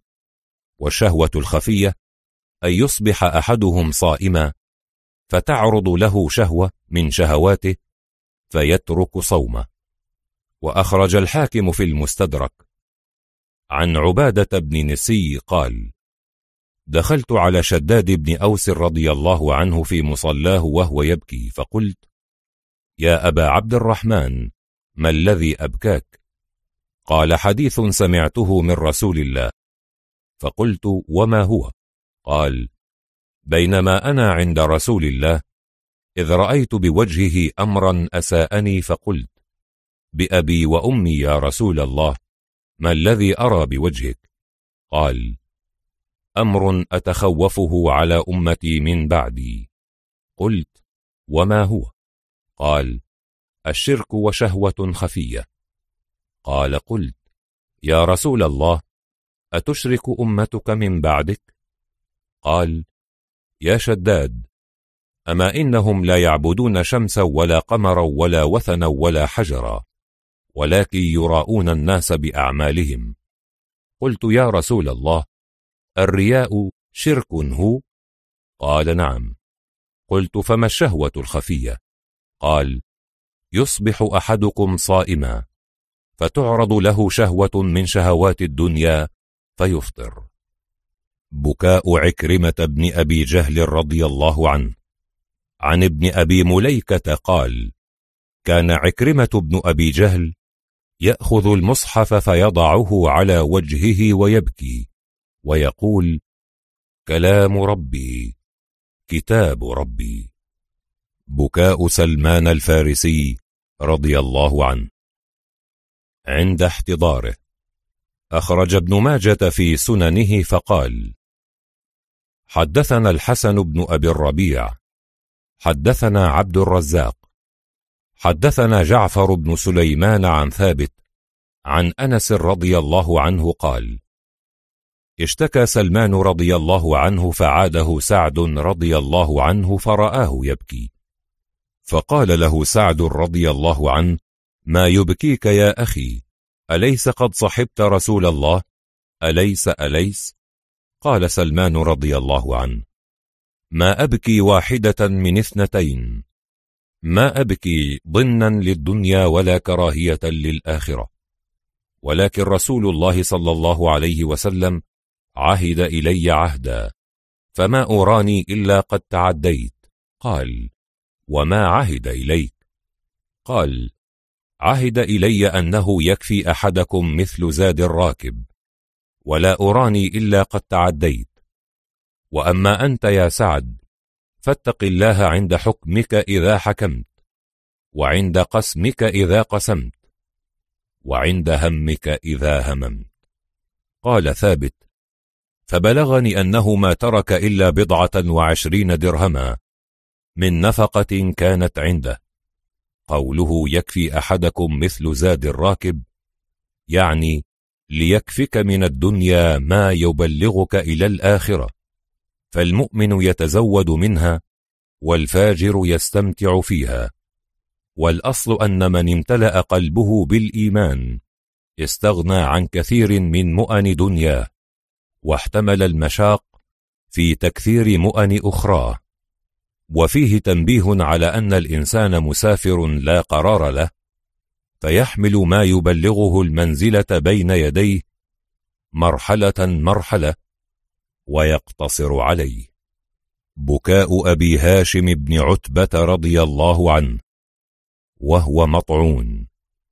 عن أبي وائل عن سمرة بن سهم قال نزلت على أبي هاشم بن عتبة بن ربيعة وهو مطعون فأتاه معاوية يعوده.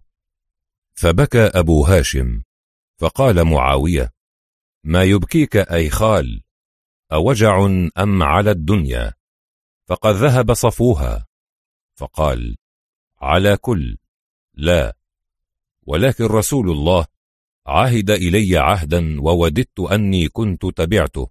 قال إنك لعلك أن تدرك أموالا تقسم بين أقوام وإنما يكفيك من ذلك خادم ومركب في سبيل الله فأدركت وجمعت. قال المنذري رحمه الله في الترغيب والترهيب وذكره رزين فزاد فيه. فلما مات حصر ما خلف فبلغ ثلاثين درهما وحسبت فيه القصعة التي كان يعجن فيها وفيها يأكل. بكاء أبي اليسر كعب بن عمرو رضي الله عنه عند تذكره لدعاء الرسول صلى الله عليه وسلم له. عن أبي اليسر كعب بن عمرو رضي الله عنه قال قال والله إنا لمع رسول الله صلى الله عليه وسلم بخيبر عشية إذ أقبلت غنم لرجل من يهود تريد حصنهم ونحن محاصروهم. إذ قال رسول الله صلى الله عليه وسلم من رجل يطعمنا من هذه الغنم؟ قال أبو اليسر فقلت أنا يا رسول الله. قال فافعل. قال فخرجت أشتد مثل الظليم فلما نظر إلي رسول الله صلى الله عليه وسلم موليا قال اللهم أمتعنا به. قال فأدركت الغنم وقد دخلت أوائلها الحصن فأخذت شاتين من أخراها فاحتضنتهما تحت يدي ثم أقبلت بهما أشتد كأنه ليس معي شيء حتى ألقيتهما عند رسول الله صلى الله عليه وسلم فذبحوهما فأكلوهما. فكان أبو اليسر من آخر أصحاب رسول الله صلى الله عليه وسلم هلاكا. فكان إذا حدث بهذا الحديث بكى ثم يقول أمتعوا بي لعمري كنت آخرهم. بكاء عبد الله بن حذافة رضي الله عنه لتمنيه أن تكون له في كل شعرة في جسده نفس تلقى الله. عن أبي رافع قال وجه عمر بن الخطاب رضي الله عنه جيشا إلى الروم وفيهم رجل يقال له عبد الله بن حذافة رضي الله عنه من أصحاب النبي صلى الله عليه وسلم فأسره الروم. فذهبوا به إلى ملكهم فقالوا له إن هذا من أصحاب محمد. فقال له الطاغية هل لك أن تنصر وأشركك في ملكي وسلطاني؟ فقال له عبد الله لو أعطيتني جميع ما تملك وجميع ما ملكته العرب على أن أرجع عن دين محمد طرفة عين ما فعلت. قال إذا أقتلك. قال أنت وذاك. فأمر به فصلب وقال للرماة ارموه قريبا من يديه قريبا من رجليه. وهو يعرض عليه وهو يأبى. ثم أمر به فأنزل. ثم دعا بقدر فصب فيها ماء حتى احترقت. ثم دعا بأسيرين من المسلمين فأمر بأحدهما فألقي فيها وهو يعرض عليه النصرانية وهو يأبى. ثم أمر به أن يلقى فيها. فلما ذهب به بكى. فقيل له إنه قد بكى. فظن أنه جزع فقال ردوه. فعرض عليه النصرانية فأبى. قال فما أبكاك إذن؟ قال أبكاني أني قلت في نفسي تلقى الساعة في هذه القدر فتذهب. فكنت أشتهي أن يكون بعدد كل شعرة في جسدي نفس تلقى في الله. قال له الطاغية هل لك أن تقبل رأسي وأخلي عنك؟ فقال له عبد الله وعن جميع أسار المسلمين. قال وعن جميع أسار المسلمين. قال عبد الله فقلت في نفسي عدو من أعداء الله أقبل رأسه يخلي عني وعن أسار المسلمين لا أبالي. فدنا منه فقبل رأسه. فدفع إليه الأسارى فقدم بهم على عمر رضي الله عنه فأخبر عمر بخبره. فقال عمر حق على كل مسلم أن يقبل رأس عبد الله بن حذافة وأنا أبدأ.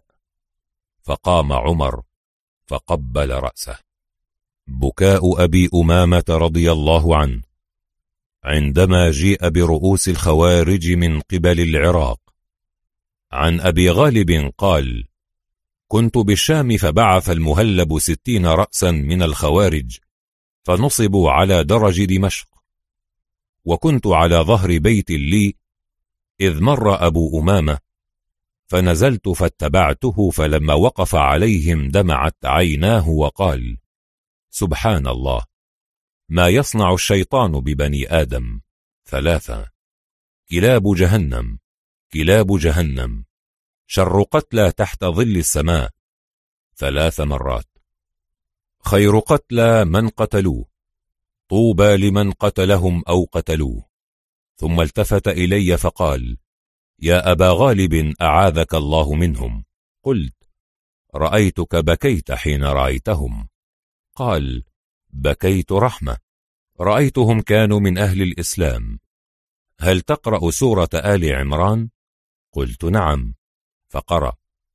هو الذي أنزل عليك الكتاب منه آيات محكمات هن أم الكتاب حتى بلغ وما يعلم تأويله إلا الله.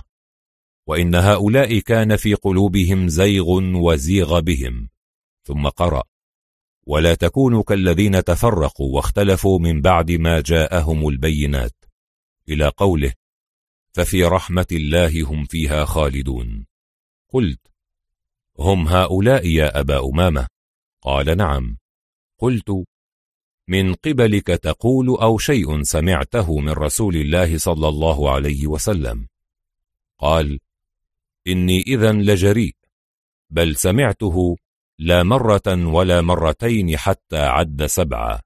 ثم قال إن بني إسرائيل تفرقوا على إحدى وسبعين فرقة وإن هذه الأمة تزيد عليهم فرقة. كلها في النار إلا السواد الأعظم. قلت يا أبا أمامة ألا ترى ما يفعلون؟ وقال عليهم ما حملوا وعليكم ما حملتم. بكاء عبد الله بن زيد رضي الله عنه. عن محمد بن كعب قال دعي عبد الله بن زيد إلى طعام فلما جاء رأى البيت منجدا. فقعد خارجا وبكى. قال فقيل له ما يبكيك؟ قال كان رسول الله إذا شيع جيشا فبلغ عقبة الوداع. قال أستودع الله دينكم وأماناتكم وخواتيم أعمالكم. قال فرأى رجلا ذات يوم قد رفع بردة له بقطعة. قال فاستقبل مطلع الشمس وقال هكذا ومد يديه ومد عفان يديه وقال تطالعت عليكم الدنيا ثلاث مرات أي أقبلت حتى ظننا أن يقع علينا. ثم قال أنتم اليوم خير أم إذا غدت عليكم قصعة وراحت أخرى؟ ويغدو أحدكم في حلة ويروح في أخرى. وتسترون بيوتكم كما تستر الكعبة. فقال عبد الله بن زيد أفلا أبكي وقد بقيت حتى تسترون بيوتكم كما تستر الكعبة؟ بكاء خباب بن الأرت رضي الله عنه عندما أتي بكفنه وتذكره سيد الشهداء حمزة بن عبد المطلب رضي الله عنه وما كفن به. عن أبي إسحاق عن حارثة بن مضرب قال قال دخلت على خباب وقد اكتوى سبعا فقال لولا أني سمعت رسول الله صلى الله عليه وسلم يقول لا يتمنى أحدكم الموت لتمنيته. ولقد رأيتني مع رسول الله صلى الله عليه وسلم ما أملك درهما وإن في جانب بيتي الآن لأربعين ألف درهم. قال ثم أتي بكفنه فلما رآه بكى وقال لكن حمزة لم يوجد له كفن إلا بردة ملحاء. إذا جعلت على رأسه قلصت عن قدميه وإذا جعلت على قدميه قلصت عن رأسه حتى مدت على رأسه وجعل على قدميه الإذخر. بكاء أبي أيوب الأنصاري رضي الله عنه. عن داود بن أبي صالح قال أقبل مروان يوما فوجد رجلا واضعا وجهه على القبر فأخذ برقبته وقال أتدري ما تصنع؟ قال نعم فأقبل عليه فإذا هو أبو أيوب الأنصاري رضي الله عنه فقال جئت رسول الله ولم آت الحجر سمعت رسول الله يقول لا تبكوا على الدين إذا وليه أهله ولكن ابكوا عليه إذا وليه غير أهله. بكاء أسيد بن حضير رضي الله عنه. أخرج الهيثمي في مجمع الزوائد ولفظه. عن عائشة رضي الله عنها قالت كان رسول الله صلى الله عليه وسلم إذا قدم من سفر نزل ذا الحليفة فخرج إليهم الصبيان فيخبرونهم عن أهليهم. فأخبر أسيد بن حضير بموت امرأته فبكى.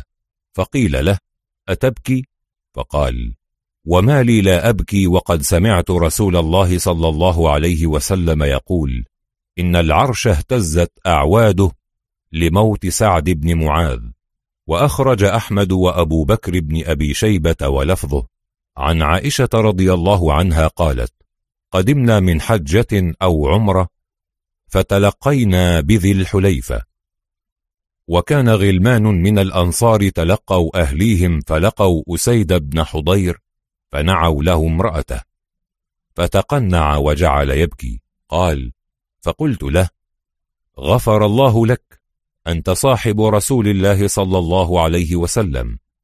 ولك من السابقة والقدم ما لك. تبكي على امرأة؟ فكشف عن رأسه وقال صدقت. لعمري حقي ألا أبكي على أحد بعد سعد بن معاذ. وقد قال له رسول الله صلى الله عليه وسلم ما قال. قالت قلت له. ما قال له رسول الله صلى الله عليه وسلم قال لقد اهتز العرش لوفاة سعد بن معاذ. قالت وهو يسير بيني وبين رسول الله صلى الله عليه وسلم. بكاء أبي سعيد الخدري رضي الله عنه وعن أبي سعيد الخدري رضي الله عنه قال صلى بنا رسول الله يوما صلاة العصر ثم قام خطيبا فلم يدع شيئا يكون إلى قيام الساعة إلا أخبرنا به. حفظه من حفظه ونسيه من نسيه وكان فيما قال إن الدنيا خضرة حلوة وإن الله مستخلفكم فيها فناظر كيف تعملون. ألا فاتقوا الدنيا واتقوا النساء وكان فيما قال. ألا لا يمنعن رجلا هيبة الناس أن يقول بحق إذا علم قال فبكى أبو سعيد وقال وقد والله رأينا أشياء فهبنا وكان فيما قال. ألا إنه ينصب لكل غادر لواء يوم القيامة بقدر غدرته ولا غدرة أعظم من غدرة إمام عامة يركز لواءه عند أسته وكان فيما حفظناه يومئذ. ألا إن بني آدم خلقوا على طبقات ألا وإن منهم البطيء الغضب السريع الفي ومنهم سريع الغضب سريع الفي فتلك بتلك. ألا وإن منهم سريع الغضب بطيء الفي. ألا وخيرهم بطيء الغضب سريع الفي. وشرهم سريع الغضب بطيء الفي. ألا وإن الغضب جمرة في قلب ابن آدم. أما رأيتم إلى حمرة عينيه وانتفاخ أوداجه. فمن أحس بشيء من ذلك فليلصق بالأرض. بكاء بشر بن عقربة رضي الله عنهما على قتل أبيه. عن بشر بن عقربة رضي الله عنه قال لما قتل أبي عقربة يوم أحد أتيت النبي صلى الله عليه وسلم وأنا أبكي فقال يا حبيب ما يبكيك؟ أما ترضى أن أكون أنا أباك وعائشة أمك؟ قلت بلى يا رسول الله بأبي أنت وأمي. فمسح على رأسي فكان أثر يده من رأسي أسود وسائره أبيض وكانت لي رتة فتفل فيها فانحلت وقال لي ما اسمك؟ قلت بحير. قال بل أنت بشير. بكاء شعراء الرسول صلى الله عليه وسلم ثلاثة.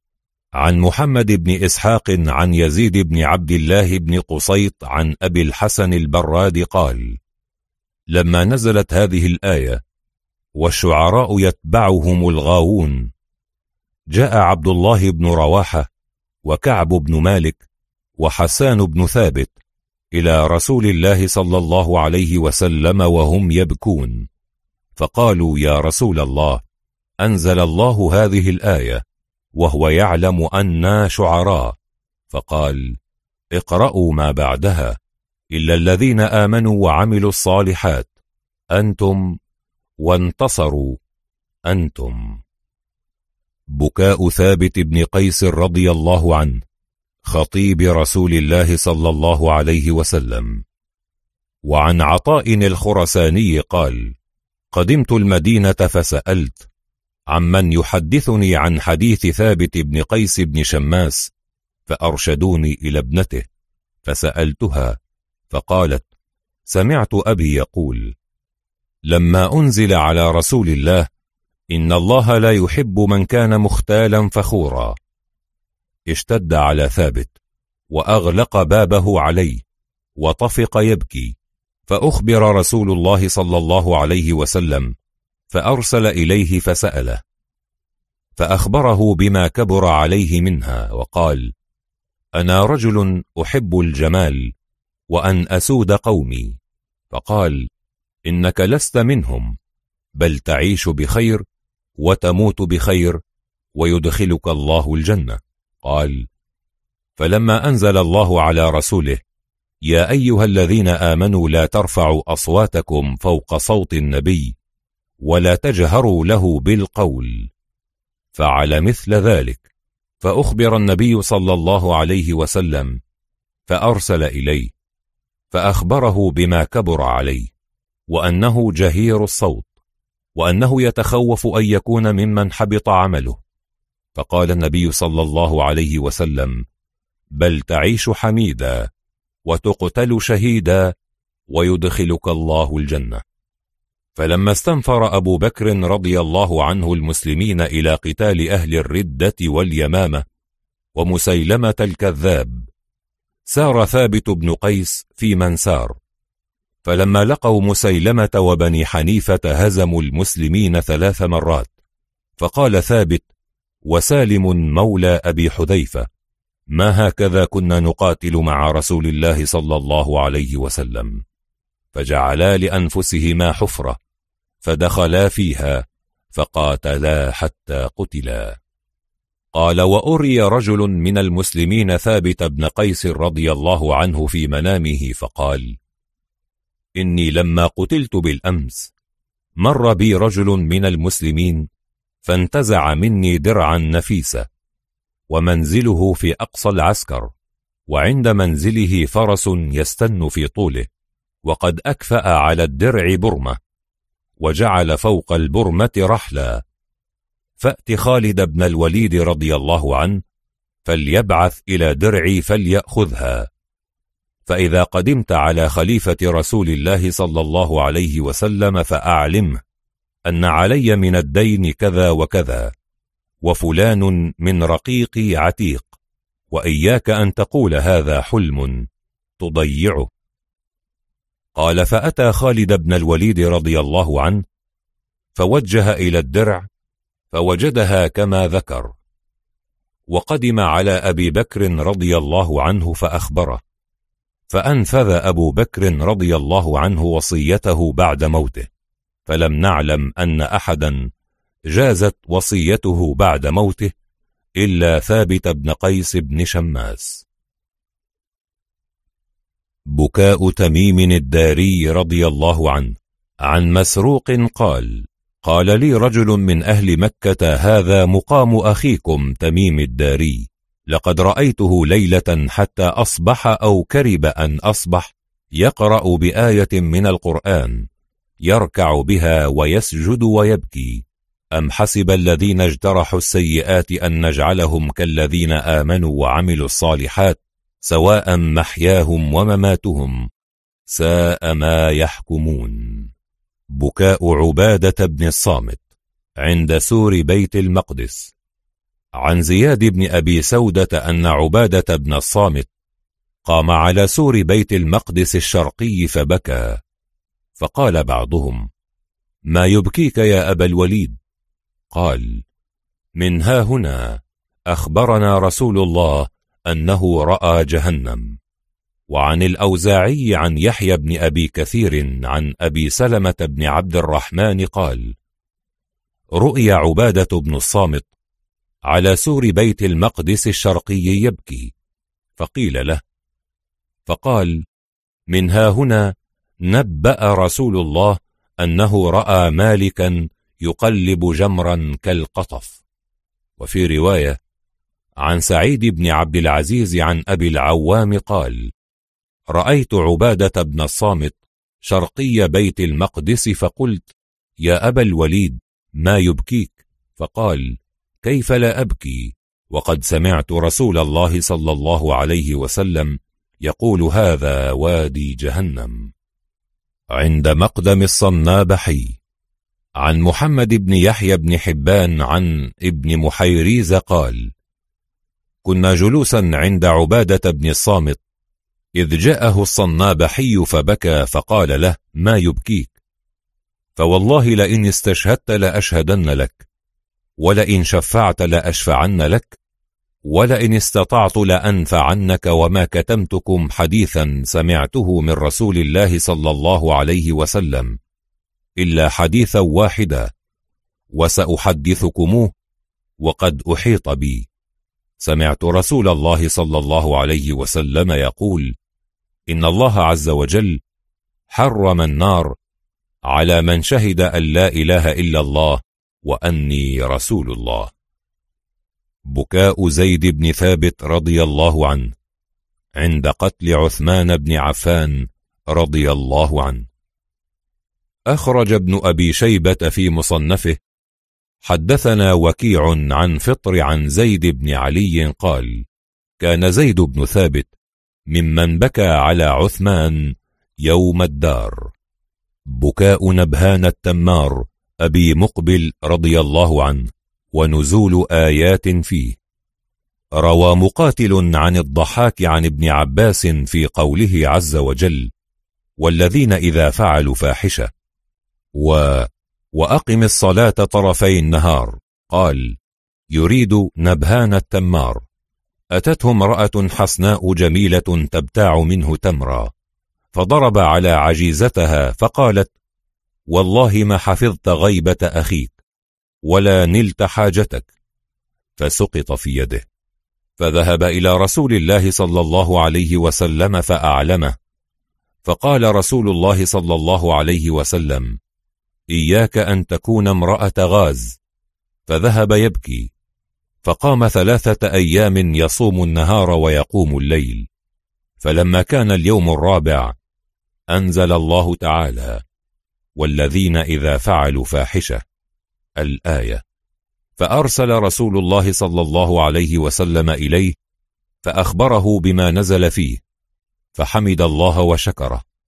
فقال يا رسول الله هذه توبتي قبلها فكيف لي حتى يقبل شكري؟ فأنزل الله تعالى وأقم الصلاة طرفي النهار. الآية. وفي الصحيح عن عبد الله بن مسعود رضي الله عنه قال جاء رجل إلى النبي صلى الله عليه وسلم فقال يا رسول الله إني عالجت امرأة في أقصى المدينة. وإني أصبت منها ما دون أن أمسها فأنا هذا فقض في ما شئت. فقال له عمر لقد سترك الله لو سترت نفسك. قال فلم يرد النبي شيئا. فقام الرجل فانطلق فأتبعه النبي صلى الله عليه وسلم رجلا دعاه وتلا عليه هذه الآية. وأقم الصلاة طرفي النهار وزلفا من الليل. إن الحسنات يذهبن السيئات. ذلك ذكرى للذاكرين. فقال رجل من القوم يا نبي الله هذا له خاصة؟ قال بل للناس كافة. وفي رواية لأحمد فقال يا رسول الله ألي خاصة أم للناس عامة؟ فضرب عمر صدره بيده فقال لا ولا نعمة عين بل للناس عامة. فقال رسول الله صلى الله عليه وسلم صدق عمر. بكاء عبد الله بن رواحة رضي الله عنه عند ذكره للورود. أخرج أبو بكر بن أبي شيبة حدثنا وكيع عن إسماعيل عن قيس أن عبد الله بن رواحة رضي الله عنه بكى فبكت امرأته فقال ما يبكيك؟ قالت رأيتك تبكي فبكيت. فقال إني أنبئت أني وارد ولم أنبأ أني صادر. قال ابن جريج أخبرني أبو الزبير أنه سمع جابر بن عبد الله رضي الله عنهما يقول أخبرتني أم مبشر أنها سمعت النبي صلى الله عليه وسلم يقول عند حفصة لا يدخل النار إن شاء الله من أصحاب الشجرة أحد الذين بايعوا تحتها. قالت بلى يا رسول الله فانتهرها. فقالت حفصة وإن منكم إلا واردها كان على ربك حتما مقضيا. فقال النبي قد قال الله عز وجل ثم ننجي الذين اتقوا ونذر الظالمين فيها جثيا. بكاء جعفر بن أبي طالب رضي الله عنه في موقف حدث في الحبشة. أخرج أبو بكر بن أبي شيبة حدثنا أبو أسامة عن زكريا عن أبي إسحاق عن سعد بن معبد قال حدثتني أسماء ابنة عميس أن جعفرا جاءها إذ هم بالحبشة وهو يبكي فقالت ما شأنك؟ قال رأيت فتى مترفا من الحبشة جسيما مر على امرأة فطرح دقيقا كان معها فنسفته الريح. قالت أكللت إلى يوم يجلس الملك على الكرسي فيأخذ للمظلوم من الظالم. بكاء عبد الله بن سلام رضي الله عنه عندما طلب من غلامه أن يقتص منه. عن الأوزاعي عن يحيى بن أبي كثير أن عبد الله بن سلام رضي الله عنه صك غلاما له صكة فجعل يبكي ويقول اقتص مني ويقول الغلام لا أقتص منك يا سيدي قال ابن سلام كل ذنب يغفره الله إلا صكة الوجه. عند استشهاد عثمان رضي الله عنه. عن يزيد بن هارون قال أخبرنا سلام بن مسكين قال حدثني من رأى عبد الله بن سلام رضي الله عنه يوم قتل عثمان رضي الله عنه يبكي ويقول اليوم هلكت العرب. بكاء زيد بن أرقم رضي الله عنه عندما أنكر عبد الله بن أبي بن سلول رأس المنافقين ما حدث به زيد بن أرقم ونزول آيات من القرآن تصديقا لما قال زيد رضي الله عنه.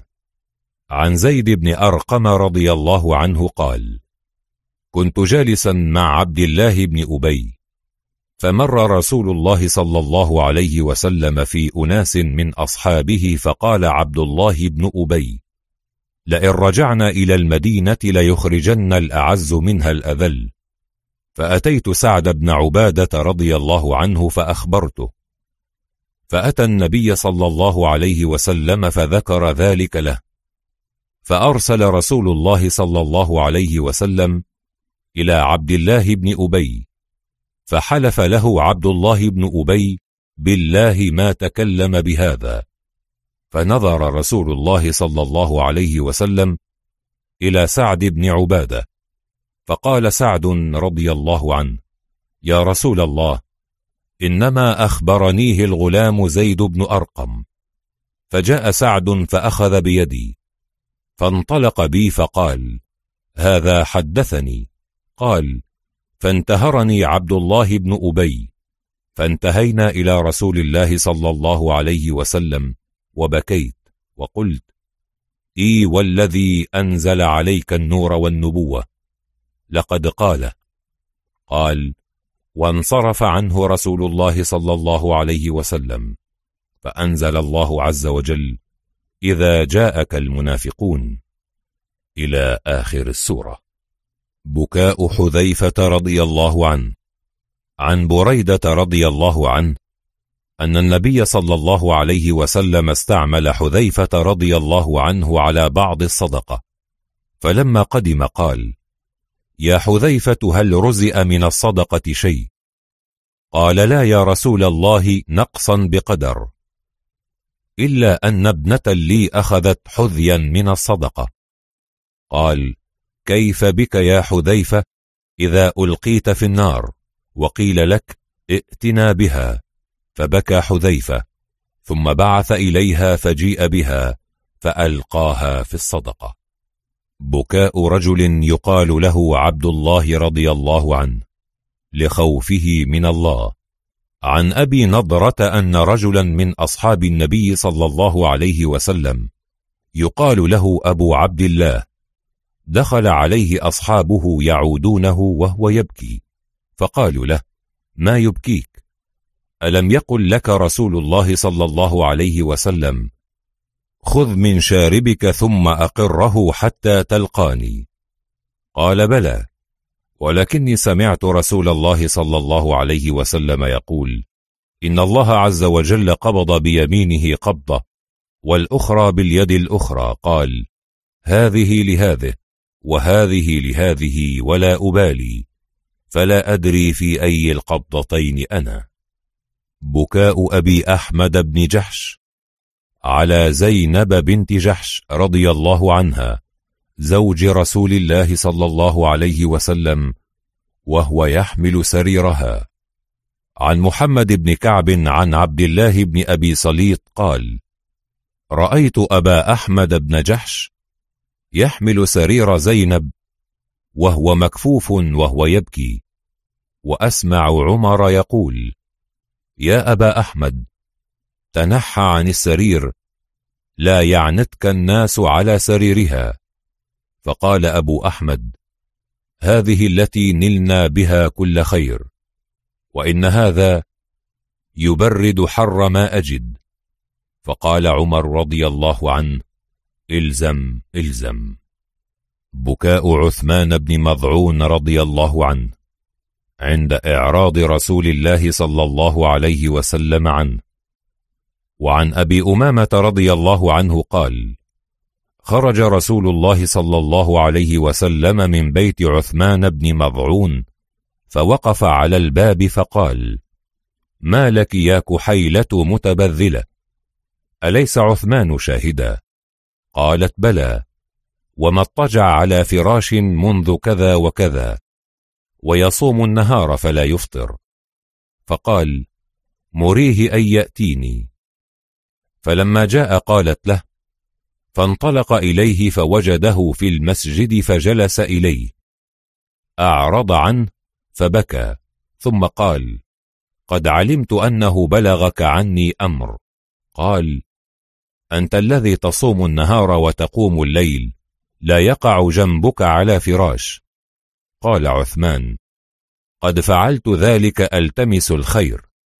فقال النبي صلى الله عليه وسلم لعينك حظ ولجسدك حظ ولزوجك حظ. فصم وأفطر ونم وقم وأت زوجك. فإني أنا أصوم وأفطر وأنام وأصلي وآتي النساء. فمن أخذ بسنتي فقد اهتدى ومن تركها ضل. وإن لكل عمل شرة ولكل شرة فترة. فإذا كانت الفترة إلى الغفلة فهي الهلكة. وإذا كانت الفترة إلى الفريضة فلا يضر صاحبها شيئا. فخذ من العمل ما تطيق فإني إنما بعثت بالحنيفية السمحة فلا تثقل عليك عبادة ربك لا تدري ما طول عمرك. بكاء عمير بن سعد الأنصاري رضي الله عنه. عندما التقى بعمر رضي الله عنه عن محمد بن مزاحم أن عمر بن الخطاب رضي الله عنه كان استعمل بعد موت أبي عبيدة بن الجراح رضي الله عنه على حمص عمير بن سعد الأنصاري رضي الله عنه فأقام بها سنة.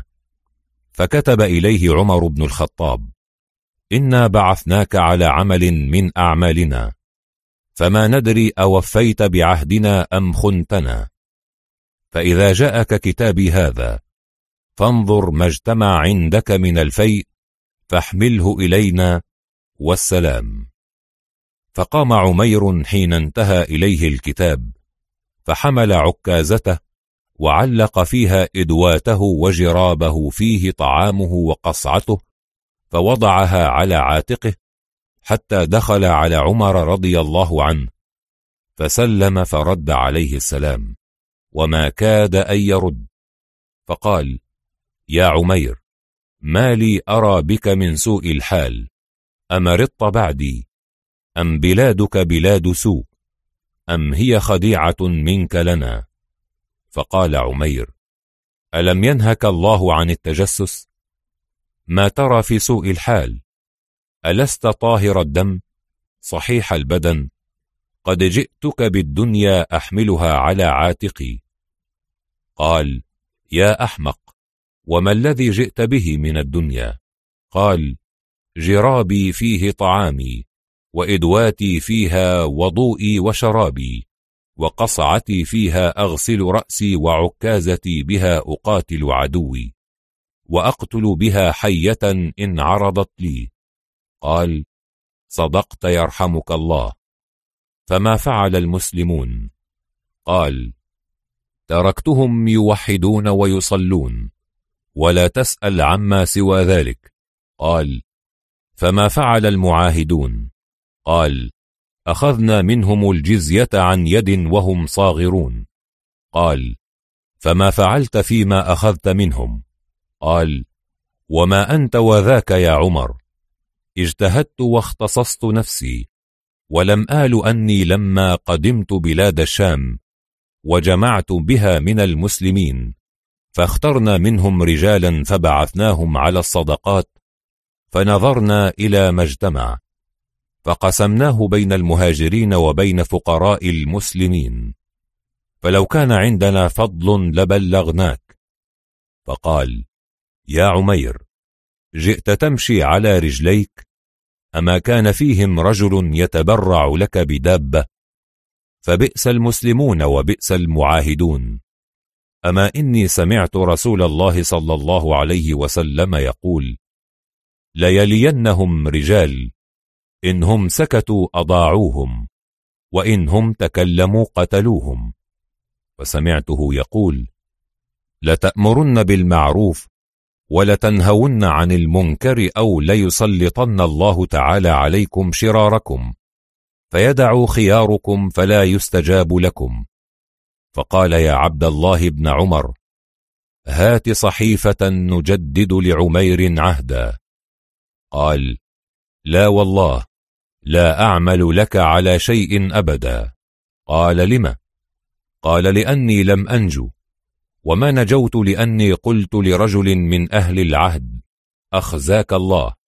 وقد سمعت رسول الله صلى الله عليه وسلم يقول أنا ولي خصم المعاهد واليتيم ومن خاصمته خصمته فما يؤمنني أن يكون محمد خصمي يوم القيامة ومن خاصمه خصمه فقام عمر وعمير إلى قبر رسول الله صلى الله عليه وسلم فقال عمير السلام عليك يا رسول الله السلام عليك يا أبا بكر ماذا لقيت بعدكما؟ اللهم ألحقني بصاحبي لم أغير ولم أبدل. وجعل يبكي عمر وعمير رضي الله عنهما طويلا. فقال يا عمير الحق بأهلك. ثم قدم على عمر مال من الشام. فدعا رجلا من أصحابه يقال له حبيب. فصر مئة دينار فدفعها إليه فقال ائت بها عميرا. وأقم ثلاثة أيام ثم ادفعها إليه وقل استعن بها على حاجتك. وكان منزله من المدينة مسيرة ثلاثة أيام. وانظر ما طعامه وما شربه فقدم حبيب فإذا هو بفناء بابه يتفلى. فسلم عليه فقال إن أمير المؤمنين يقرئك السلام. قال عليك وعليه السلام. قال كيف تركت أمير المؤمنين؟ قال صالحا. قال لعله يجور في الحكم. قال لا. قال فلعله يرتشي. قال لا. قال فلعله يضع الصوت في أهل القبلة. قال لا. إلا أنه ضرب ابنا له فبلغ به حدا فمات فيها. اللهم اغفر لعمر فإني لا أعلم إلا أنه يحبك ويحب رسولك. ويحب أن يقيم الحدود. فأقام عنده ثلاثة أيام يقدم إليه كل ليلة قرصا بإدامه زيت. حتى إذا كان اليوم الثالث قال ارحل عنا فقد أجعت أهلنا. إنما كان عندنا فضل آثرناك به. فقال هذه السرة أرسل بها إليك أمير المؤمنين أن تستعين بها على حاجتك. فقال هاتها.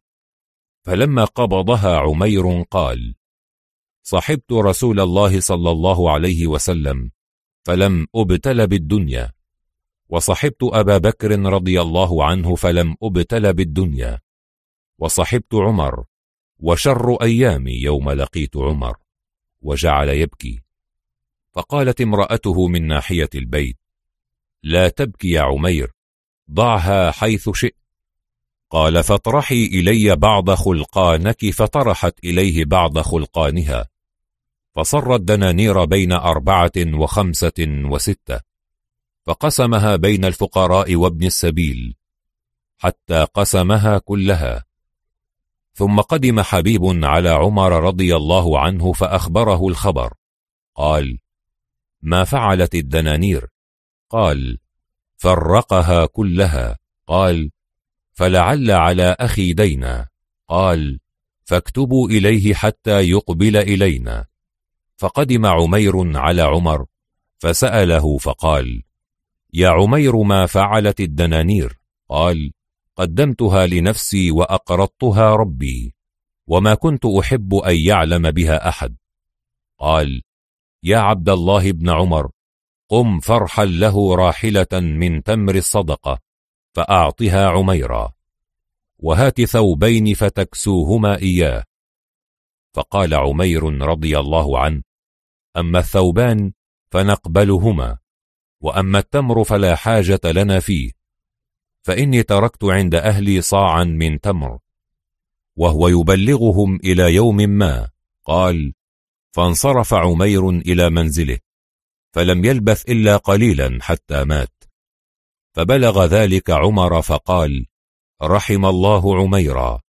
ثم قال لأصحابه تمنوا. فتمنى كل رجل أمنيته. فقال عمر رضي الله عنه ولكني أتمنى أن يكون رجال مثل عمير فأستعين بهم على أمور المسلمين. بكاء عبد الله بن قيس الأنصاري. عن عبد الرحمن بن أبي ليلى أنه سمع ابن عباس يقول قال رسول الله صلى الله عليه وسلم ما على الأرض رجل يموت وفي قلبه من الكبر مثقال حبة من خردل إلا جعله الله في النار. فلما سمع بذلك عبد الله بن قيس الأنصاري بكى فقال النبي صلى الله عليه وسلم يا عبد الله بن قيس لم تبكي؟ قال من كلمتك. فقال النبي صلى الله عليه وسلم أبشر فإنك في الجنة. قال فبعث النبي صلى الله عليه وسلم بعثا فغزا فيهم شهيدا.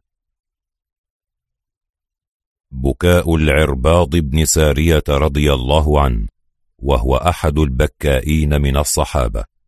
أخرج أبو داود رحمه الله فقال حدثنا أحمد بن حنبل أخبرنا الوليد بن مسلم أخبرنا ثور بن يزيد حدثني خالد بن معدان حدثني عبد الرحمن بن عمرو السلمي وحجر بن حجر قالا أتينا العرباض بن سارية وهو ممن نزل فيه ولا على الذين إذا ما أتوك لتحملهم قلت لا أجد ما أحملكم عليه. فسلمنا وقلنا أتيناك زائرين وعائدين ومقتبسين. فقال العرباض صلى بنا رسول الله صلى الله عليه وسلم ذات يوم ثم أقبل علينا فوعظنا موعظة بليغة ذرفت منها العيون ووجلت منها القلوب. فقال قائل يا رسول الله كأن هذه موعظة مودع. فماذا تعهد إلينا؟ فقال أوصيكم بتقوى الله والسمع والطاعة وإن عبدا حبشيا فإنه من يعش منكم بعدي فسيرى اختلافا كثيرا. فعليكم بسنتي وسنة الخلفاء الراشدين المهديين تمسكوا بها وعضوا عليها بالنواجذ وإياكم ومحدثات الأمور. فإن كل محدثة بدعة وكل بدعة ضلالة. قوله ذرفت أي دمعت ووجلت بكسر الجيم أي خافت كأن هذه موعظة مودع.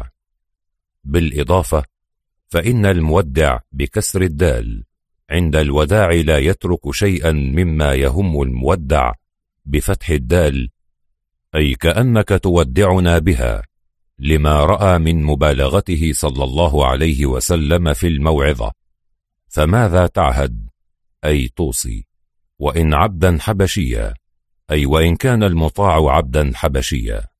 قال الخطابي يريد به طاعة من ولاه الإمام عليكم وإن كان عبدا حبشيا. ولم يرد بذلك أن يكون الإمام عبدا حبشيا. وقد ثبت عنه صلى الله عليه وسلم أنه قال الأئمة من قريش وقد يضرب المثل في الشيء بما لا يكاد يصح في الوجود كقوله صلى الله عليه وسلم من بنى لله مسجدا ولو مثل مفحص قطاء بنى الله له بيتا في الجنة وقدر مفحص القطاء لا يكون مسجدا لشخص آدمي. ونظائر هذا الكلام كثير. وعضوا عليها بالنواجذ. جمع ناجذة بالذال المعجمة. قيل هو الضرس الأخير. وقيل هو مرادف السن. وهو كناية عن شدة ملازمة السنة والتمسك بها. وقال الخطابي وقد يكون معناه أيضا الأمر بالصبر على ما يصيبه من المضض في ذات الله. كما يفعله المتألم بالوجع يصيبه. وإياكم ومحدثات الأمور إلى آخره. قال الحافظ ابن رجب في كتاب جامع العلوم والحكم فيه تحذير للأمة من اتباع الأمور المحدثة المبتدعة. وأكد ذلك بقوله كل بدعة ضلالة والمراد بالبدعة ما أحدث مما لا أصل له في الشريعة يدل عليه. وأما ما كان له أصل من الشرع يدل عليه فليس ببدعة شرعا وإن كان بدعة لغة. فقوله صلى الله عليه وسلم كل بدعة ضلالة من جوامع الكلم لا يخرج عنه شيء وهو أصل عظيم من أصول الدين. وأما ما وقع في كلام السلف من استحسان بعض البدع فإنما ذلك في البدع اللغوية لا الشرعية.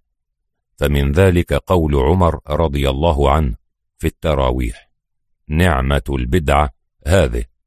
وروي عنه أنه قال إن كانت هذه بدعة فنعمة البدعة ومن ذلك أذان الجمعة الأول زاده عثمان لحاجة الناس إليه وأقره علي واستمر عمل المسلمين عليه. البكاؤون من الصحابة والتي نزلت فيهم الآيات الكريمة من سورة التوبة.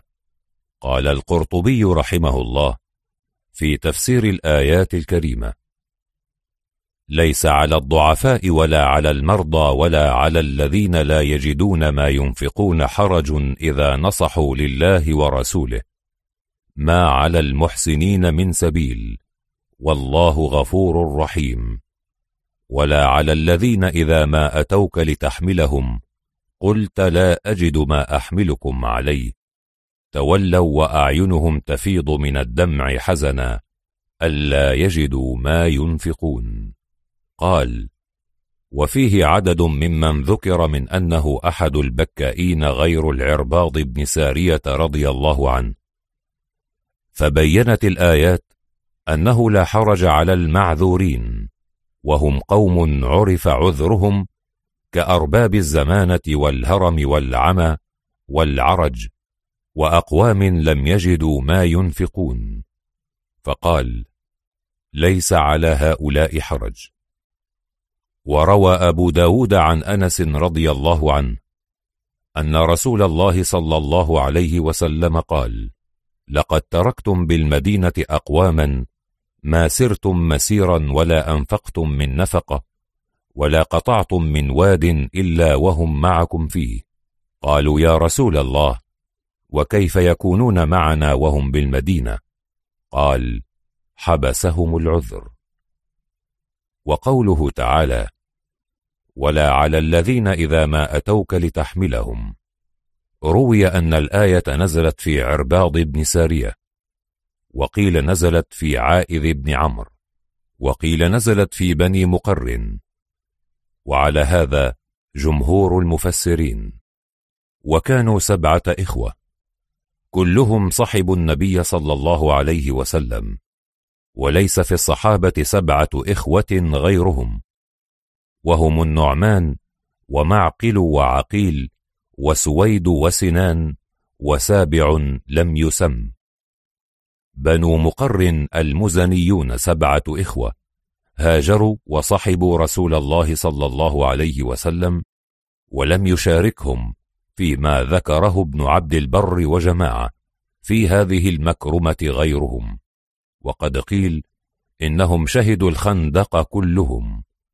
وقيل نزلت في سبعة نفر من بطون شتى وهم البكاؤون أتوا رسول الله صلى الله عليه وسلم في غزوة تبوك ليحملهم فلم يجد ما يحملهم عليه.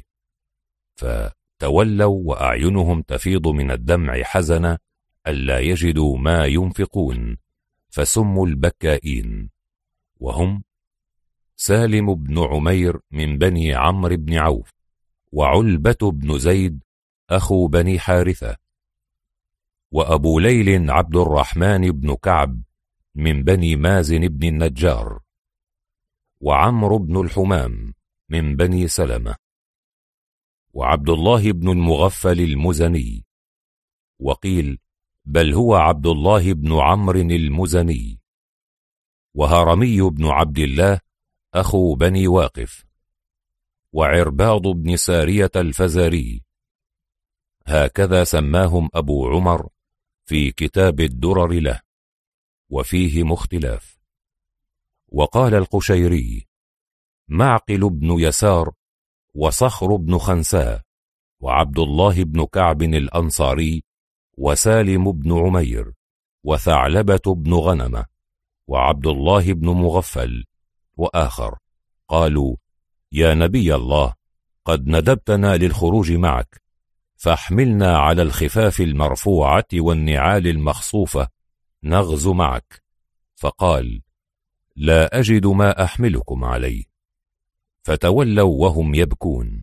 وقال ابن عباس سألوه أن يحملهم على الدواب. وكان الرجل يحتاج إلى بعيرين بعير يركبه وبعير يحمل ماءه وزاده. لبعد الطريق. وقال الحسن نزلت في أبي موسى وأصحابه أتوا النبي صلى الله عليه وسلم ليستحملوه. ووافق ذلك منه غضبا فقال والله لا أحملكم ولا أجد ما أحملكم عليه. فتولوا وهم يبكون. فدعاهم رسول الله صلى الله عليه وسلم وأعطاهم ذودا. فقال أبو موسى ألست حلفت يا رسول الله؟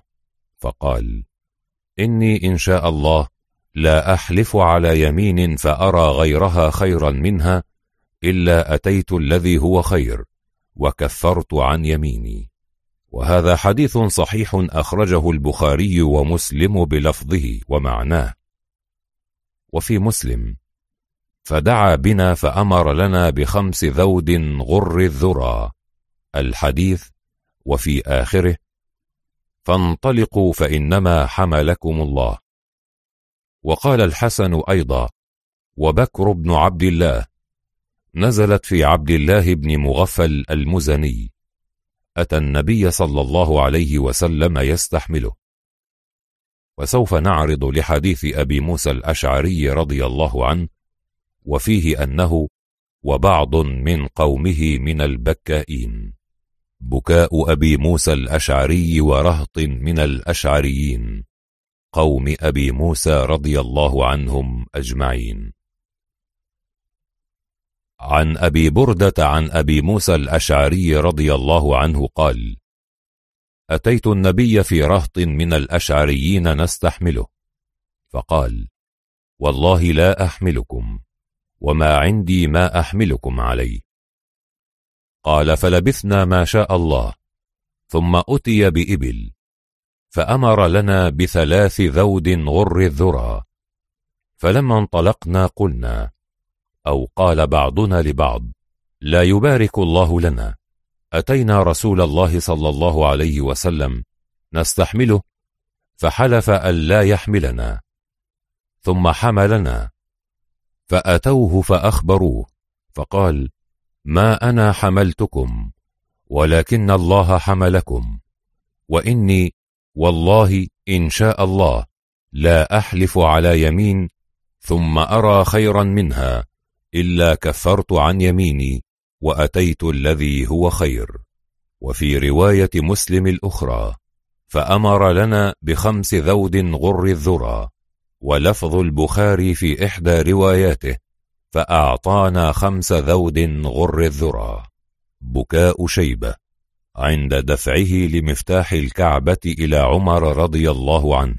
أخرج أبو بكر بن أبي شيبة فقال حدثنا الفضل بن دكين. قال حدثنا يونس بن أبي إسحاق عن أبي الصفر قال لما دخل رسول الله صلى الله عليه وسلم مكة دعا شيبة بن عثمان بالمفتاح مفتاح الكعبة. فتلكأ فقال لعمر قم فاذهب معه فإن جاء بها وإلا فاجلد رأسه. قال فجاء بها. قال فأجلها في حجره وشيبة قائم. قال فبكى شيبة. فقال رسول الله صلى الله عليه وسلم هاك فخذها. فإن الله قد رضي لكم بها في الجاهلية والإسلام. بكاء مغيث على بريرة. عن ابن عباس رضي الله عنهما. أن زوج بريرة كان عبدا يقال له مغيث. كأني أنظر إليه يطوف خلفها يبكي ودموعه تسيل على لحيته. فقال النبي صلى الله عليه وسلم لعباس يا عباس ألا تعجب من حب مغيث بريرة ومن بغض بريرة مغيثا؟ فقال النبي صلى الله عليه وسلم لو راجعته قالت يا رسول الله تأمرني؟ قال إنما أنا أشفع. قالت لا حاجة لي فيه. بكاء فتى من الأنصار خشية من النار ووفاته خشية من النار. عن محمد بن مطرف عن أبي حازم أظنه عن سهل بن سعد أن فتى من الأنصار دخلته خشية من النار فكان يبكي عند ذكر النار حتى حبسه ذلك في البيت فذكر ذلك للنبي صلى الله عليه وسلم فجاءه في البيت فلما دخل عليه اعتنقه الفتى وخر ميتا. فقال النبي صلى الله عليه وسلم جهزوا صاحبكم فإن الفرق فلذ كبده وعن حذيفة رضي الله عنه قال كان شاب على عهد رسول الله يبكي عند ذكر النار حتى حبسه ذلك في البيت. فذكر ذلك للنبي فأتاه النبي صلى الله عليه وسلم. فلما نظر إليه الشاب قام فاعتنقه وخر ميتا.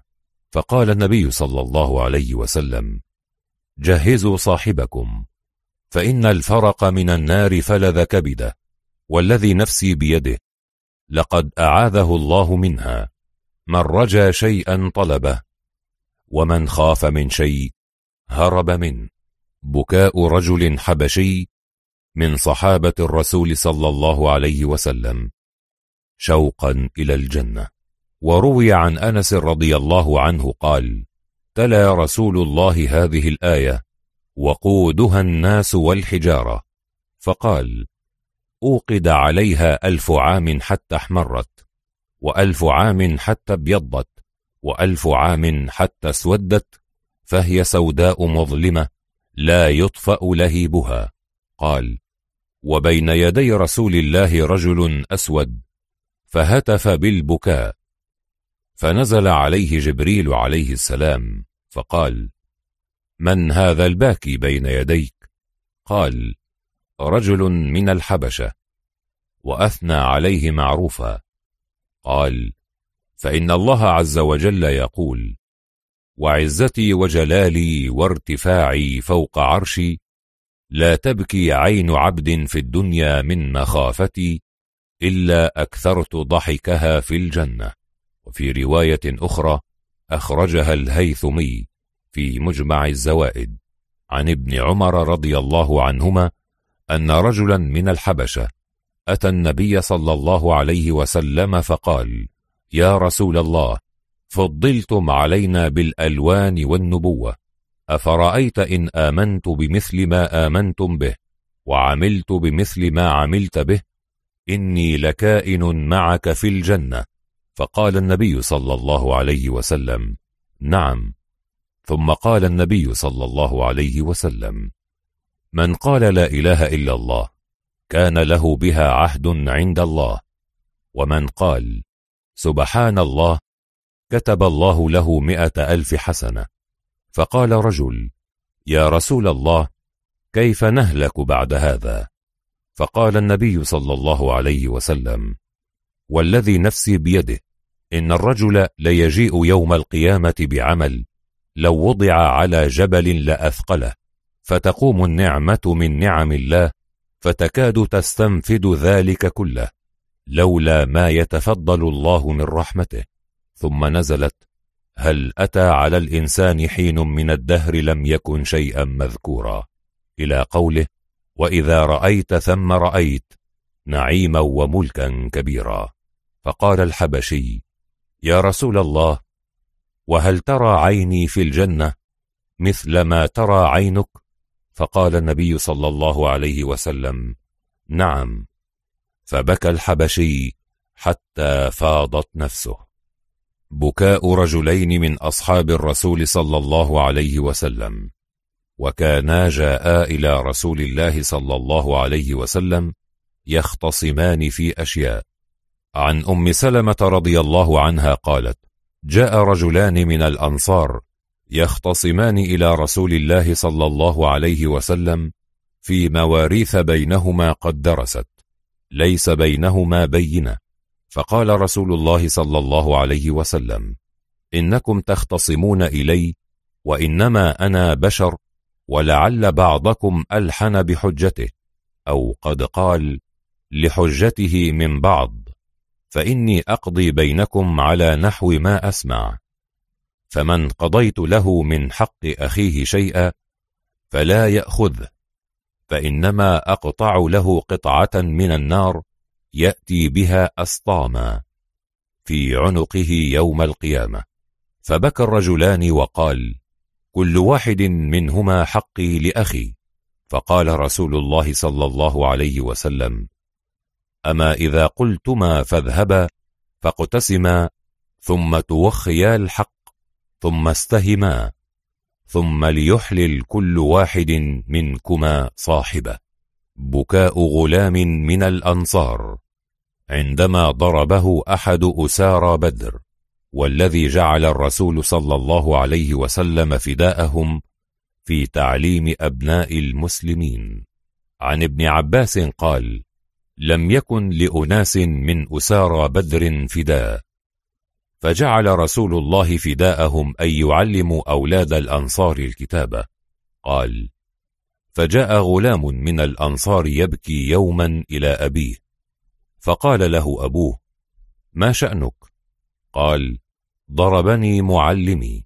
قال الخبيث يطلب بذحل بدر والله لا نأتيه أبدا. بكاء الأنصار رضوان الله عليهم. بعد أن جمعهم الرسول بعد فتح مكة. عن ثابت البناني عن عبد الله بن رباح قال وفدت وفود إلى معاوية في رمضان أنا فيهم وأبو هريرة رضي الله عنه. وكان بعضنا يصنع لبعض الطعام. وكان أبو هريرة رضي الله عنه يكثر أن يدعونا على رحله. فقلت لو صنعت طعاما ثم دعوتهم إلى رحلي فأمرت بطعام فصنع. ثم لقيت أبا هريرة رضي الله عنه من العشي فقلت يا أبا هريرة الدعوة عندي الليلة. فقال سبقتني. قال فدعوتهم إلى رحلي. إذ قال أبو هريرة رضي الله عنه ألا أحاملكم أو أحادثكم؟ إني أحدثكم بحديث من حديثكم يا معشر الأنصار حتى يدرك الطعام. فذكر فتح مكة. فقال أقبل رسول الله صلى الله عليه وسلم فدخل مكة. فبعث الزبير على أحد الجنبتين وبعث خالد بن الوليد على اليسرى وبعث أبا عبيدة على الحسر. فأخذوا الوادي ورسول الله صلى الله عليه وسلم في كتيبته وقد بعثت قريش أوباشا لها وأتباعا لها فقالوا نقدم هؤلاء وإن كان لهم شيء كنا معهم. وإن أصيبوا أعطينا ما سألوا. فنظر رسول الله صلى الله عليه وسلم فرآني فقال يا أبا هريرة اهتف بالأنصار فلا يأتيني إلا أنصاري. فهتف بهم فجاءوا فأحاطوا برسول الله صلى الله عليه وسلم. فقال رسول الله صلى الله عليه وسلم أما ترون إلى أوباش قريش وأتباعهم؟ وضرب بيده اليمنى مما يلي الخنصر وسط اليسرى وقال أحصدوهم حصدا حتى توافوني بالصفا. قال أبو هريرة رضي الله عنه فانطلقنا فما يشاء أحد منا أن يقتل من شاء منهم إلا قتله وما يوجه أحد منهم إلينا شيئا. فقال أبو سفيان يا رسول الله أبيحت خضراء قريش لا قريش بعد اليوم. فقال رسول الله صلى الله عليه وسلم من أغلق بابه فهو آمن ومن دخل دار أبي سفيان فهو آمن. فأغلقوا أبوابهم. وجاء رسول الله صلى الله عليه وسلم حتى استلم الحجر وطاف بالبيت وفي يده قوس وهو آخذ القوس. وكان إلى جنب البيت صنم كانوا يعبدونه فجعل النبي صلى الله عليه وسلم يطعن في جنبه بالقوس ويقول جاء الحق وزهق الباطل. فلما قضى طوافه أتى الصفا فعلى حيث ينظر إلى البيت فجعل يرفع يده وجعل يحمد الله ويذكر ما شاء أن يذكره والأنصار تحته. فقال بعضهم لبعض أما الرجل فقد أدركته رغبة في قريته ورأفة بعشيرته ونزل الوحي على رسول الله صلى الله عليه وسلم.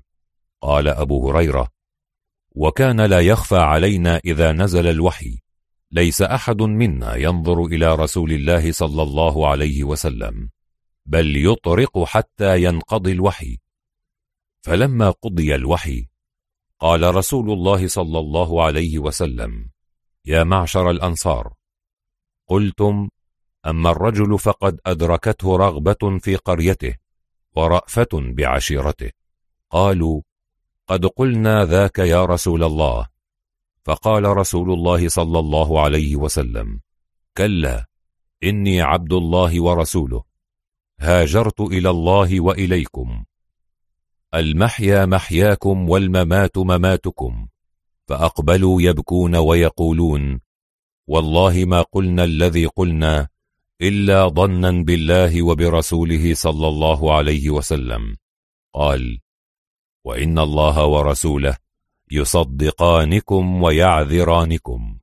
ومن رواية النسائي قال أبو هريرة رضي الله عنه فرأيت الشيوخ يبكون حتى بلت دموع لحاهم.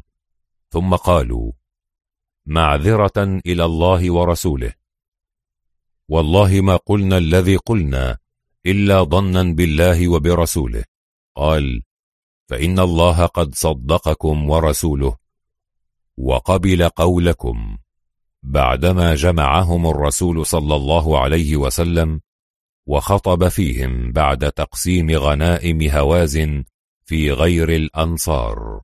عن أبي سعيد الخدري رضي الله عنه قال لما أعطى رسول الله صلى الله عليه وسلم ما أعطى من تلك العطايا في قريش وقبائل العرب ولم يكن في الأنصار منها شيء وجد هذا الحي من الأنصار في أنفسهم حتى كثرت فيهم القالة حتى قال قائلهم لقي رسول الله صلى الله عليه وسلم قومه فدخل عليه سعد بن عبادة فقال يا رسول الله إن هذا الحي قد وجدوا عليك في أنفسهم لما صنعت في هذا الفيء الذي أصبت. قسمت في قومك وأعطيت عطايا عظاما في قبائل العرب ولم يكن في هذا الحي من الأنصار شيء. قال فأين أنت من ذاك يا سعد؟ قال يا رسول الله ما أنا إلا امرؤ من قومي وما أنا؟ قال فاجمع لي قومك في هذه الحظيرة. قال فخرج سعد فجمع الناس في تلك الحظيرة. قال فجاء رجال من المهاجرين فتركهم فدخلوا وجاء آخرون فردهم. فلما اجتمعوا أتاه سعد فقال قد اجتمع لك هذا الحي من الأنصار. قال فأتاهم رسول الله صلى الله عليه وسلم. فحمد الله وأثنى عليه بالذي هو له أهل. ثم قال يا معشر الأنصار ما قالة بلغتني عنكم وجدة وجدتموها في أنفسكم.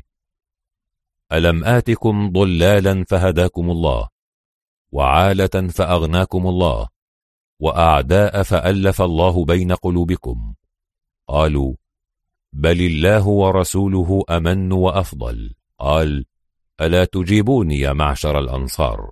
قالوا وبماذا نجيبك يا رسول الله؟ ولله ولرسوله المن والفضل. قال أما والله لو شئتم لقلتم فلصدقتم وصدقتم. أتيتنا مكذبا فصدقناك ومخذولا فنصرناك وطريدا فآويناك وعائلا فأغنيناك. أوجدتم في أنفسكم يا معشر الأنصار في لعاعة من الدنيا؟ تألفت بها قوما ليسلموا ووكلتم إلي إسلامكم. أفلا ترضون يا معشر الأنصار أن يذهب الناس بالشاة والبعير وترجعون برسول الله صلى الله عليه وسلم في رحالكم؟ فوالذي نفس محمد بيده. لولا الهجرة لكنت امرأ من الأنصار ولو سلك الناس شعبا وسلكت الأنصار شعبا. لسلكت شعب الأنصار. اللهم ارحم الأنصار وأبناء الأنصار وأبناء أبناء الأنصار. قال فبكى القوم حتى أخضلوا لحاهم وقالوا رضينا برسول الله قسما وحظا؟ ثم انصرف رسول الله صلى الله عليه وسلم وتفرقنا.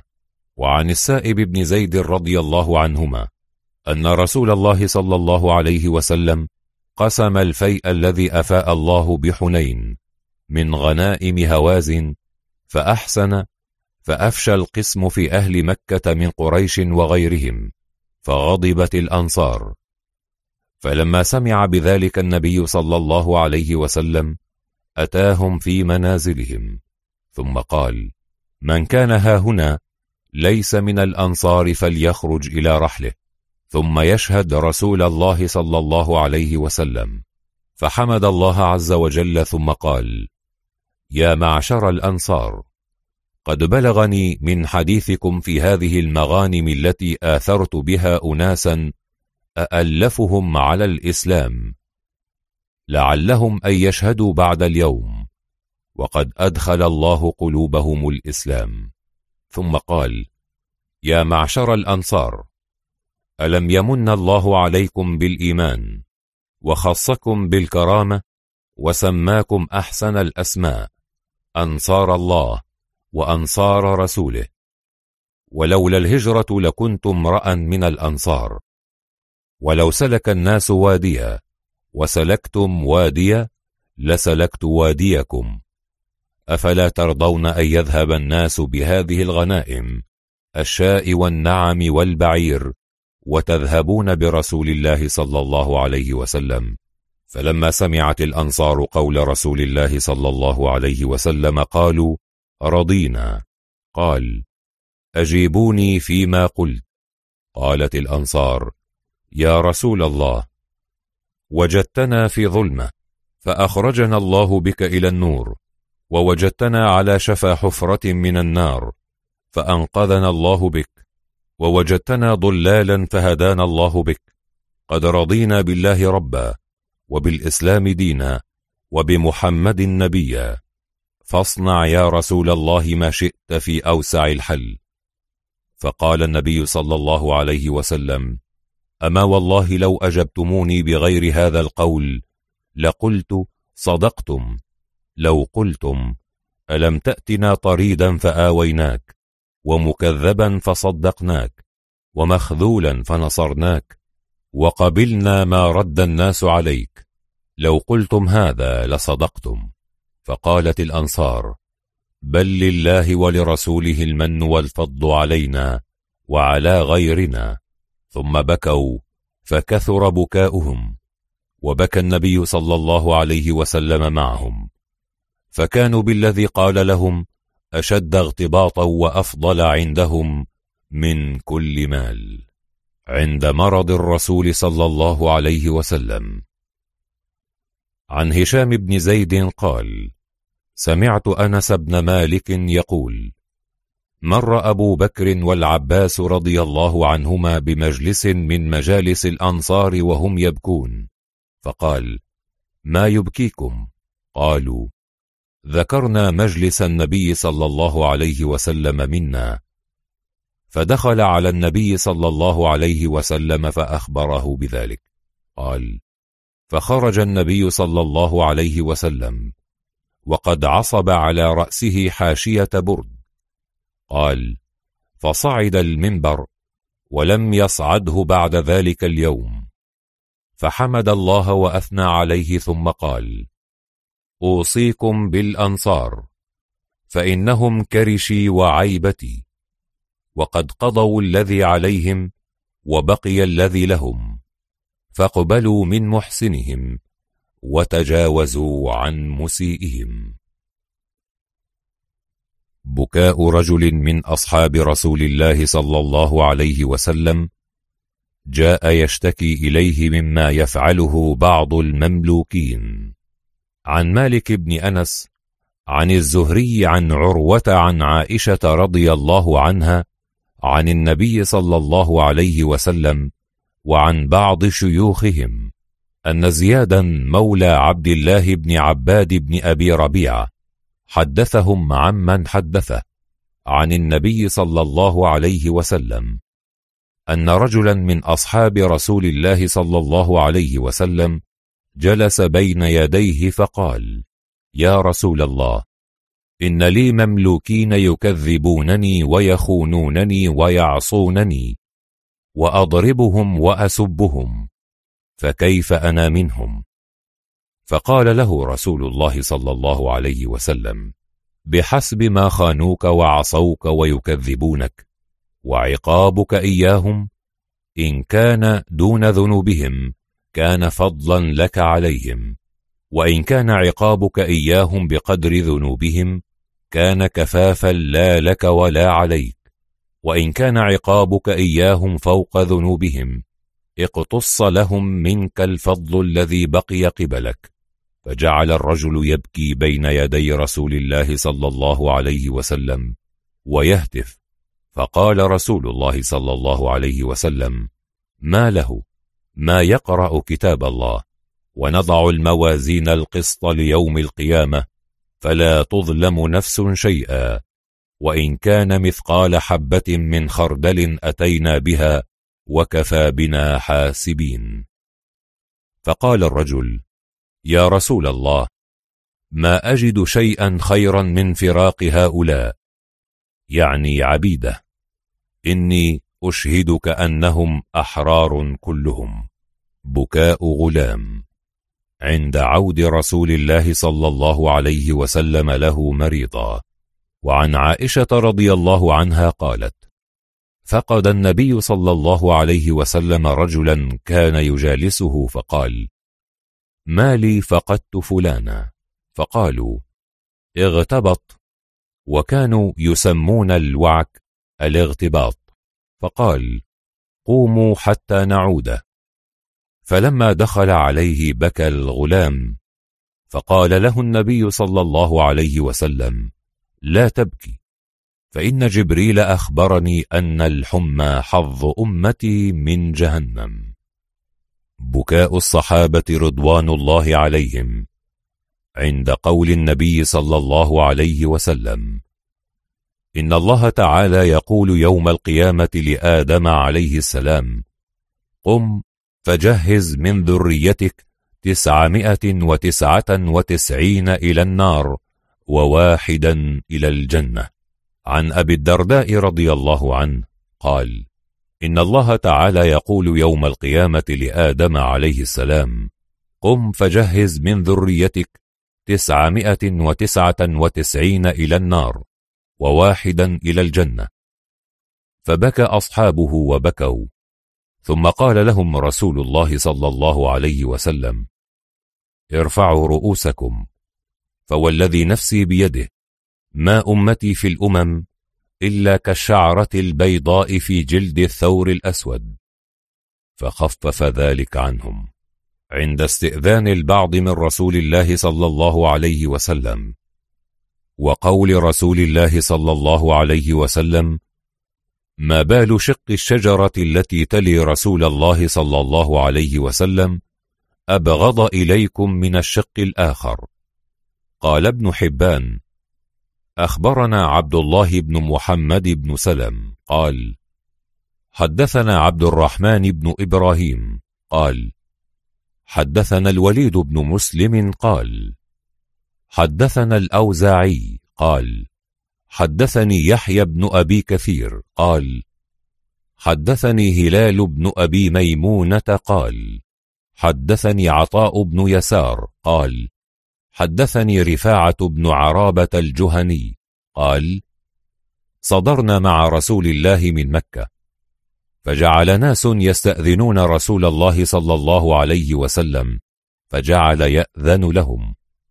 فقال رسول الله صلى الله عليه وسلم ما بال شق الشجرة التي تلي رسول الله أبغض إليكم من الشق الآخر. قال فلم نر من القوم إلا باكيا. قال يقول أبو بكر إن الذي يستأذنك بعد هذا لسفيه في نفسي. فقام رسول الله صلى الله عليه وسلم فحمد الله وأثنى عليه. وكان إذا حلف قال والذي نفسي بيده. أشهد عند الله ما منكم من أحد يؤمن بالله ثم يسدد إلا سلك به في الجنة. ولقد وعدني ربي أن يدخل من أمة الجنة سبعين ألفا بغير حساب ولا عذاب. وإني لأرجو ألا يدخلوها حتى تتبوأوا أنتم.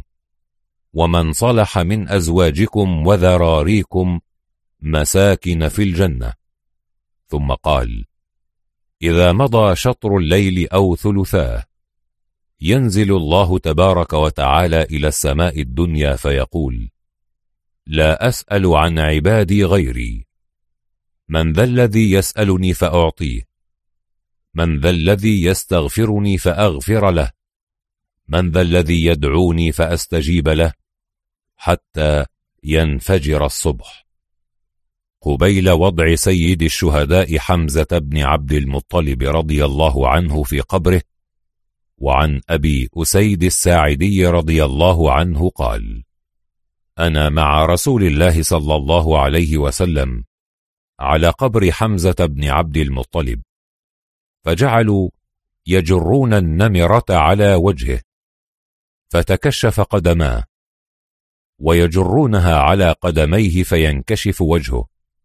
فقال رسول الله صلى الله عليه وسلم اجعلوها على وجهه. واجعلوا على قدميه من هذا الشجر. قال فرفع رسول الله صلى الله عليه وسلم رأسه فإذا أصحابه يبكون فقال رسول الله صلى الله عليه وسلم إنه يأتي على الناس زمان يخرجون إلى الأرياف فيصيبون بها مطعما ومسكنا ومركبا. أو قال مراكب. فيكتبون إلى أهليهم هلم إلينا. فإنكم أرض حجاز جدوبة والمدينة خير لهم لو كانوا يعلمون. لا يصبر على لأوائها وشدتها أحد إلا كنت له شفيعا أو شهيدا يوم القيامة. يريدون أن تذهب أبصارهم بعدما علموا أن من أخذ الله بصره فصبر ليس له جزاء إلا الجنة والنظر إلى وجه الله الكريم يوم القيامة. وروي عن أنس رضي الله عنه عن رسول الله صلى الله عليه وسلم عن جبريل عليه السلام عن ربه تبارك وتعالى قال يا جبريل ما ثواب عبدي إذا أخذت كريمتيه إلا النظر إلى وجهي والجوار في داري. قال أنس رضي الله عنه فلقد رأيت أصحاب النبي يبكون حوله يريدون أن تذهب أبصارهم. عندما رأوا النبي صلى الله عليه وسلم يبكي عندما ذهب ليعود سعد بن عبادة رضي الله عنه. عن عبد الله بن عمر رضي الله عنهما قال اشتكى سعد بن عبادة شكوى له فأتى رسول الله يعوده مع عبد الرحمن بن عوف وسعد بن أبي وقاص وعبد الله بن مسعود فلما دخل عليه وجده في غشية فقال أقد قضى؟ قالوا لا يا رسول الله. فبكى رسول الله صلى الله عليه وسلم. فلما رأى القوم بكاء رسول الله بكوا فقال ألا تسمعون؟ إن الله لا يعذب بدمع العين ولا بحزن القلب ولكن يعذب بهذا وأشار إلى لسانه أو يرحم عند مرورهم بمنازل أصحاب الحجر.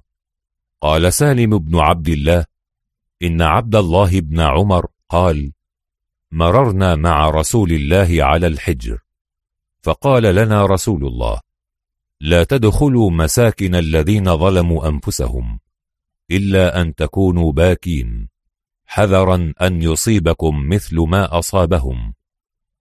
ثم زجر فأسرع حتى خلفها. عند سؤالهم لرسول الله صلى الله عليه وسلم. عن أنس بن مالك رضي الله عنه أن النبي صلى الله عليه وسلم سئل حتى أحفوه بالمسألة. فقال سلوني. فوالله لا تسألوني عن شيء إلا بينته لكم. قال فأرم القوم. وخشوا أن يكون بين يدي أمر عظيم. قال أنس رضي الله عنه فجعلنا نلتفت يمينا وشمالا فلا أرى كل رجل إلا قد دس رأسه في ثوبه يبكي.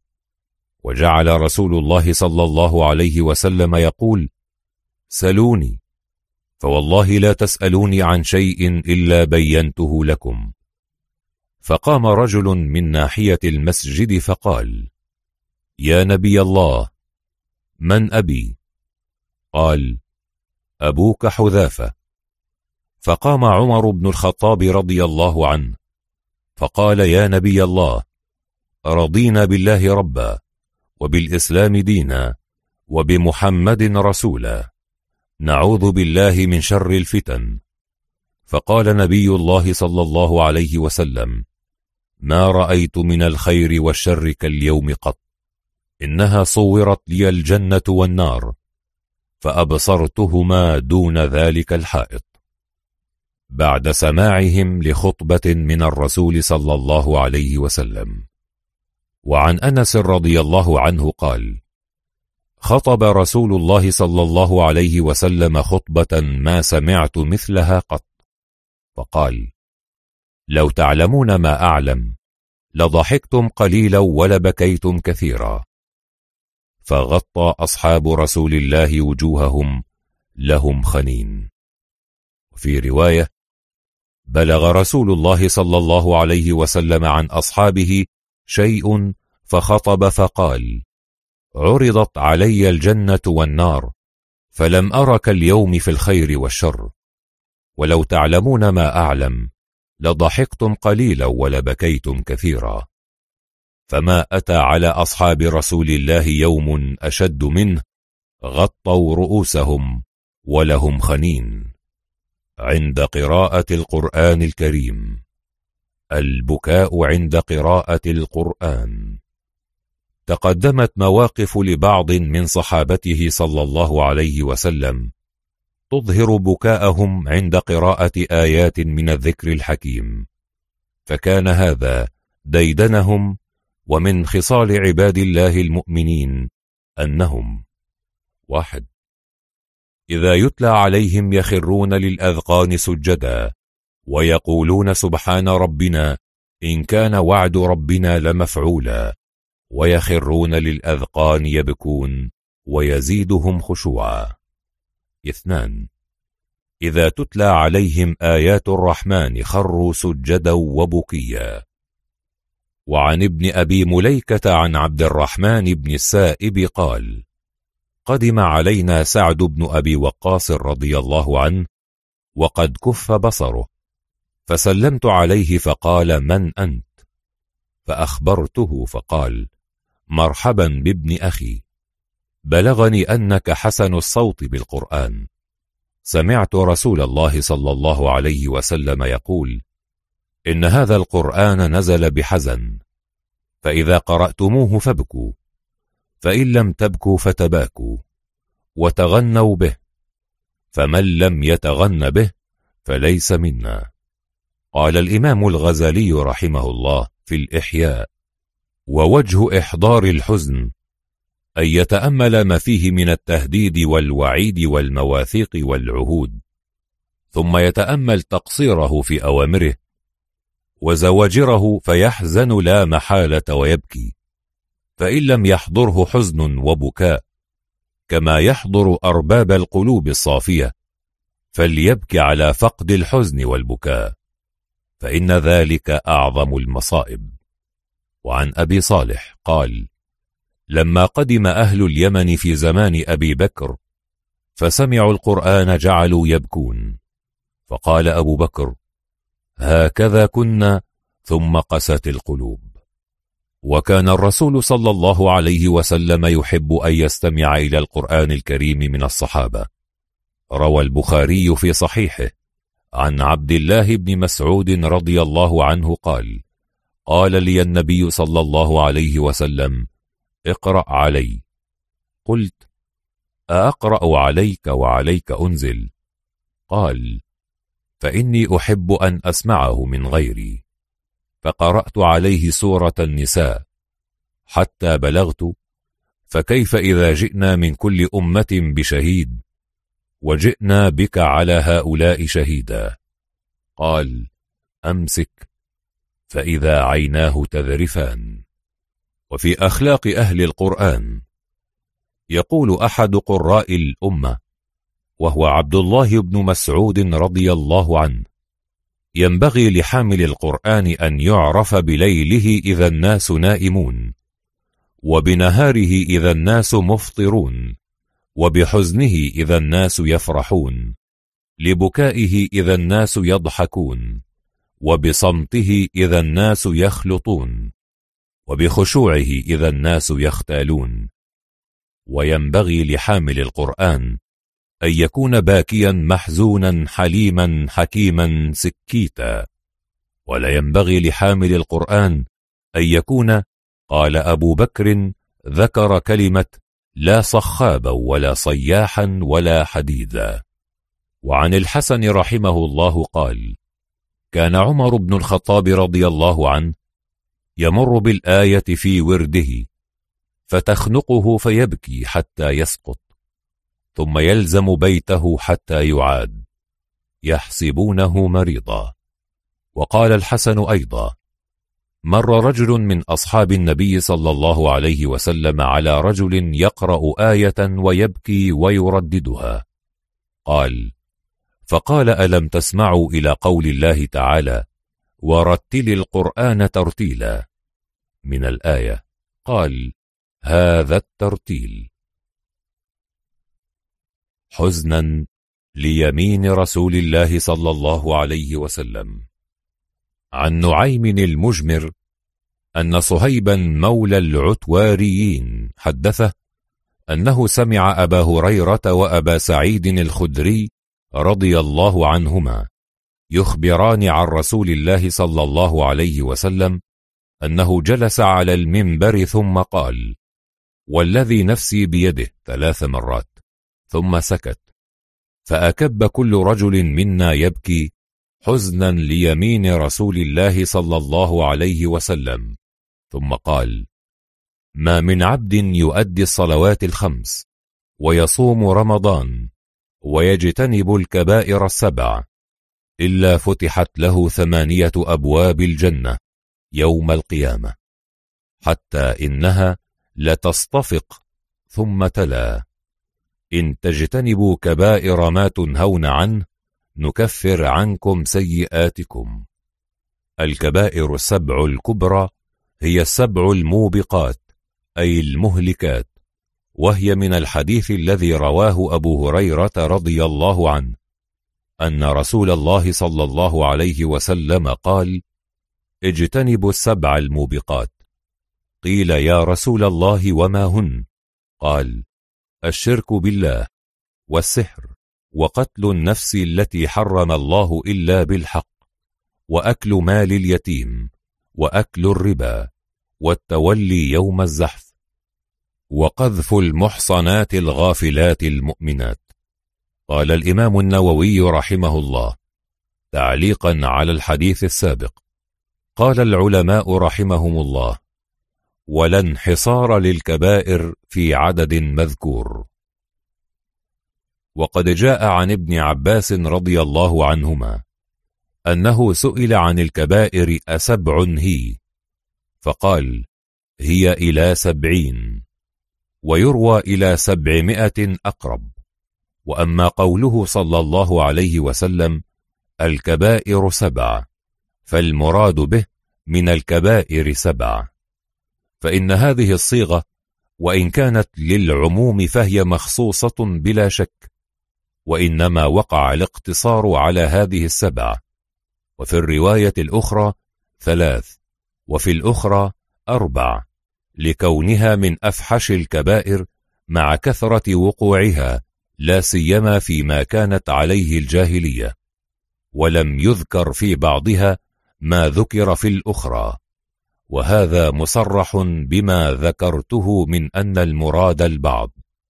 وقد جاء بعد هذا من الكبائر شتم الرجل والديه. وجاء في النميمة وعدم الاستبراء من البول أنهما من الكبائر. وجاء في غير مسلم من الكبائر اليمين الغموس واستحلال بيت الله الحرام. وقد اختلف العلماء في حد الكبيرة وتمييزها من الصغيرة. فجاء عن ابن عباس رضي الله عنهما كل شيء نهى الله عنه فهو كبيرة. وبهذا قال الأستاذ أبو إسحاق الإسفراين الفقيه الشافعي. الإمام في علم الأصول والفقه وغيره. وحكى القاضي عياض رحمه الله هذا المذهب عن المحققين. واحتج القائلون بهذا بأن كل مخالفة فهي بالنسبة إلى جلال الله تعالى كبيرة. وذهب الجماهير من السلف والخلف من جميع الطوائف إلى انقسام المعاصي إلى صغائر وكبائر. وهو مروي أيضا عن ابن عباس رضي الله عنهما. وقد تظاهر على ذلك دلائل من الكتاب والسنة واستعمال سلف الأمة وخلفها. قال الإمام أبو حامد الغزالي في كتابه البسيط في المذهب إنكار الفرق بين الصغيرة والكبيرة لا يليق بالفقه وقد فهما من مدارك الشرع. وهذا الذي قاله أبو حامد قد قاله غيره بمعناه ولا شك في كون المخالفة قبيحة جدا بالنسبة إلى جلال الله تعالى. ولكن بعضها أعظم من بعض وتنقسم باعتبار ذلك إلى ما تكفره الصلوات الخمس أو صوم رمضان أو الحج أو العمرة أو الوضوء أو صوم عرفة أو صوم عاشوراء أو فعل الحسنة أو غير ذلك مما جاءت به الأحاديث الصحيحة. وإلى ما لا يكفره ذلك كما ثبت في الصحيح ما لم يغش كبيرة فسمى الشرع ما تكفره الصلاة ونحوها صغائر وما لا تكفره كبائر. ولا شك في حسن هذا. ولا يخرجها هذا عن كونها قبيحة بالنسبة إلى جلال الله تعالى فإنها صغيرة بالنسبة إلى ما فوقها لكونها أقل قبحا ولكونها متيسرة التكفير والله أعلم. وإذا ثبت انقسام المعاصي إلى صغائر وكبائر فقد اختلفوا في ضبطها اختلافا كثيرا منتشرا جدا. فروي عن ابن عباس رضي الله عنهما أنه قال الكبائر كل ذنب ختمه الله تعالى بنار أو غضب أو لعنة أو عذاب. ونحو هذا عن الحسن البصري وقال آخرون هي ما أوعد الله عليه بنار أو حد في الدنيا. وقال أبو حامد الغزالي في البسيط والضابط الشامل المعنوي في ضبط الكبيرة أن كل معصية يقدم المرء عليها من غير استشعار خوف وحذار ندم كالمتهاون بارتكابها والمتجرئ عليه اعتيادا. فما أشعر بهذا الاستخفاف والتهاون فهو كبيرة وما يحمل على فلتات النفس أو اللسان وفترة مراقبة التقوى. ولا ينفك عن تندم يمتزج به تنغيص التلذذ بالمعصية فهذا لا يمنع العدالة وليس هو بكبيرة. وقال الشيخ الإمام أبو عمرو بن الصلاح رحمه الله في فتاويه الكبيرة كل ذنب كبر وعظم عظما يصح معه أن يطلق عليه اسم الكبير ووصف بكونه عظيما على الإطلاق. قال هذا حد الكبيرة. ثم لها أمارات. منها إيجاب الحد ومنها الإيعاد عليها بالعذاب بالنار ونحوها في الكتاب أو السنة ومنها وصف فاعلها بالفسق نصا ومنها اللعن كلعن الله سبحانه وتعالى من غير منار الأرض. وقال شيخ الإمام أبو محمد بن عبد السلام رحمه الله في كتابه القواعد. إذا أردت معرفة الفرق بين الصغيرة والكبيرة مفسدة الذنب على مفاسد الكبائر المنصوص عليها. فإن نقصت عن أقل مفاسد الكبائر فهي من الصغائر. وإن ساوت أدنى مفاسد الكبائر أو ربت عليه فهي من الكبائر. فمن شتم الرب سبحانه وتعالى أو رسوله صلى الله عليه وسلم أو استهان بالرسل أو كذب واحدا منهم أو ضمخ الكعبة بالعذرة أو ألقى المصحف في القاذورات فهي من أكبر الكبائر ولم يصرح الشرع بأنه كبيرة. وكذلك لو أمسك امرأة محصنة لمن يزني بها أو أمسك مسلما لمن يقتله فلا شك أن مفسدة ذلك أعظم من مفسدة أكل مال اليتيم. مع كونه من الكبائر. وكذلك لو دل الكفار على عورات المسلمين مع علمه أنهم يستأصلون بدلالته ويسبون حرمهم وأطفالهم ويغنمون أموالهم فإن نسبته إلى هذه المفاسد أعظم من توليه يوم الزحف بغير عذر مع كونه من الكبائر. وكذلك لو كذب على إنسان كذبا يعلم أنه يقتل بسببه. أما إذا كذب عليه كذبا يؤخذ منه بسببه تمرة فليس كذبه من الكبائر. قال وقد نص الشرع على أن شهادة الزور وأكل مال اليتيم من الكبائر.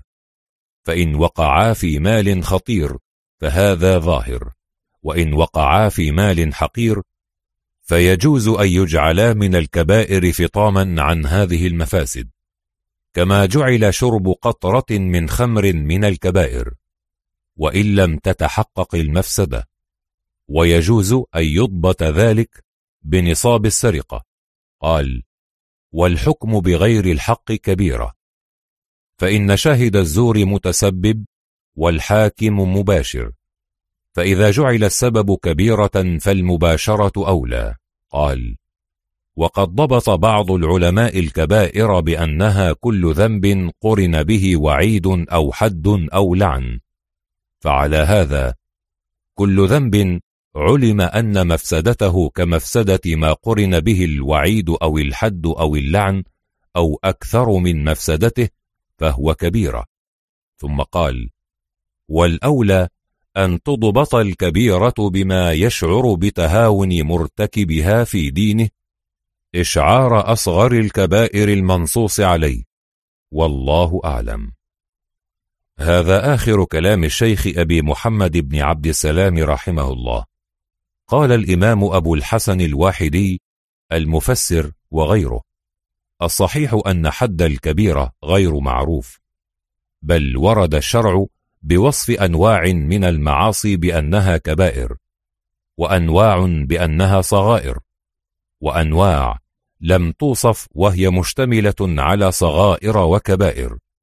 والحكمة في عدم بيانها أن يكون العبد ممتنعا من جميعها مخافة أن يكون من الكبائر. قالوا وهذا شبيه بإخفاء ليلة القدر وساعة يوم الجمعة وساعة إجابة الدعاء من الليل واسم الله الأعظم ونحو ذلك مما أخفي والله أعلم. قال العلماء رحمهم الله. والإصرار على الصغيرة يجعلها كبيرة. وروي عن عمر وابن عباس وغيرهما رضي الله عنهم. لا كبيرة مع استغفار ولا صغيرة مع إصرار. معناه أن الكبيرة تمحى بالاستغفار والصغيرة تصير كبيرة بالإصرار. قال الشيخ أبو محمد بن عبد السلام في حد الإصرار هو أن تتكرر منه الصغيرة تكرارا يشعر بقلة مبالاته بدينه إشعار ارتكاب الكبيرة بذلك. قال وكذلك إذا اجتمعت صغائر مختلفة الأنواع بحيث يشعر مجموعها بما يشعر به أصغر الكبائر. وقال الشيخ أبو عمرو بن الصلاح رحمه الله المصر من تلبس من أضداد التوبة باسم العزم على المعاودة أو باستدامة الفعل بحيث يدخل به ذنبه في حيز ما يطلق عليه الوصف بصيرورته كبيرا عظيما. وليس لزمان ذلك وعدده حصر. والله أعلم. هذا مختصر ما يتعلق بضبط الكبيرة. بكاء أهل الصفة من صحابة رسول الله صلى الله عليه وسلم عند نزول الآيات من سورة النجم. وروي عن أبي هريرة رضي الله عنه قال لما نزلت أفمن هذا الحديث تعجبون وتضحكون ولا تبكون؟ بكى أصحاب الصفة حتى جرت دموعهم على خدودهم. فلما سمع رسول الله صلى الله عليه وسلم حسهم بكى معهم فبكينا ببكائه. فقال رسول الله صلى الله عليه وسلم لا يلج النار من بكى من خشية الله ولا يدخل الجنة مصر على معصية ولو لم تذنبوا لجاء الله بقوم يذنبون فيغفر لهم. عند زيارة رسول الله صلى الله عليه وسلم قبر أمه. عن أبي هريرة رضي الله عنه قال زار النبي صلى الله عليه وسلم قبر أمه. فبكى وأبكى من حوله. فقال استأذنت ربي في أن أستغفر لها فلم يؤذن لي. واستأذنته في أن أزور قبرها فأذن لي. فزوروا القبور. فإنها تذكر الموت. وعن سليمان بن بريدة عن أبيه قال زار النبي صلى الله عليه وسلم قبر أمه في ألف مقنع فلم ير باكيا أكثر من يومئذ.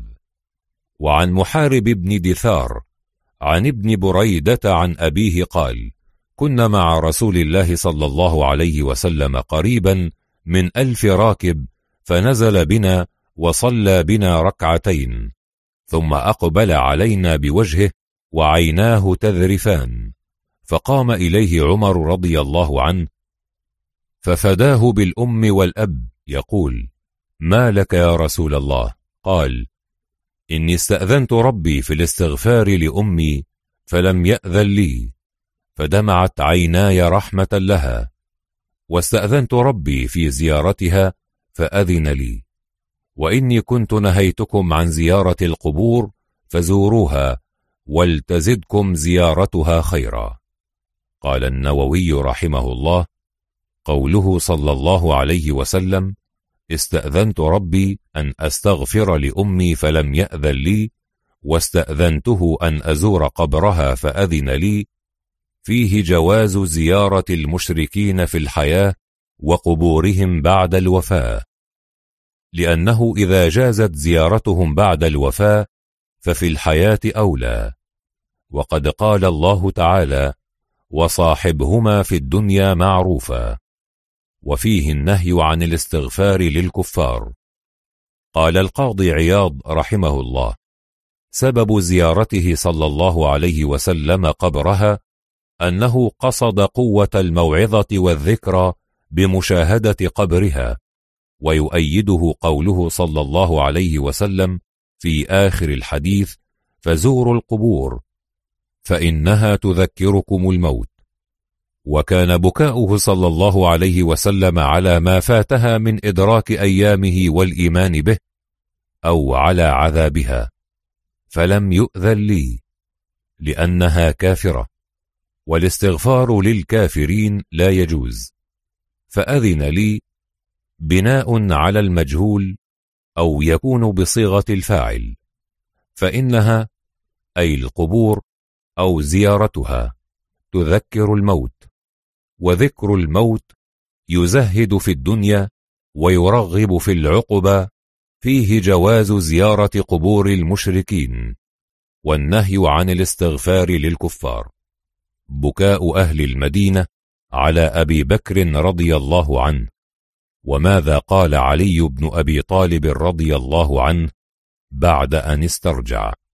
عن أسيد بن صفوان رضي الله عنه صاحب رسول الله صلى الله عليه وسلم قال لما توفي أبو بكر رضي الله عنه سجوه ثوبا وارتجت المدينة بالبكاء ودهش الناس كيوم قبض رسول الله صلى الله عليه وسلم.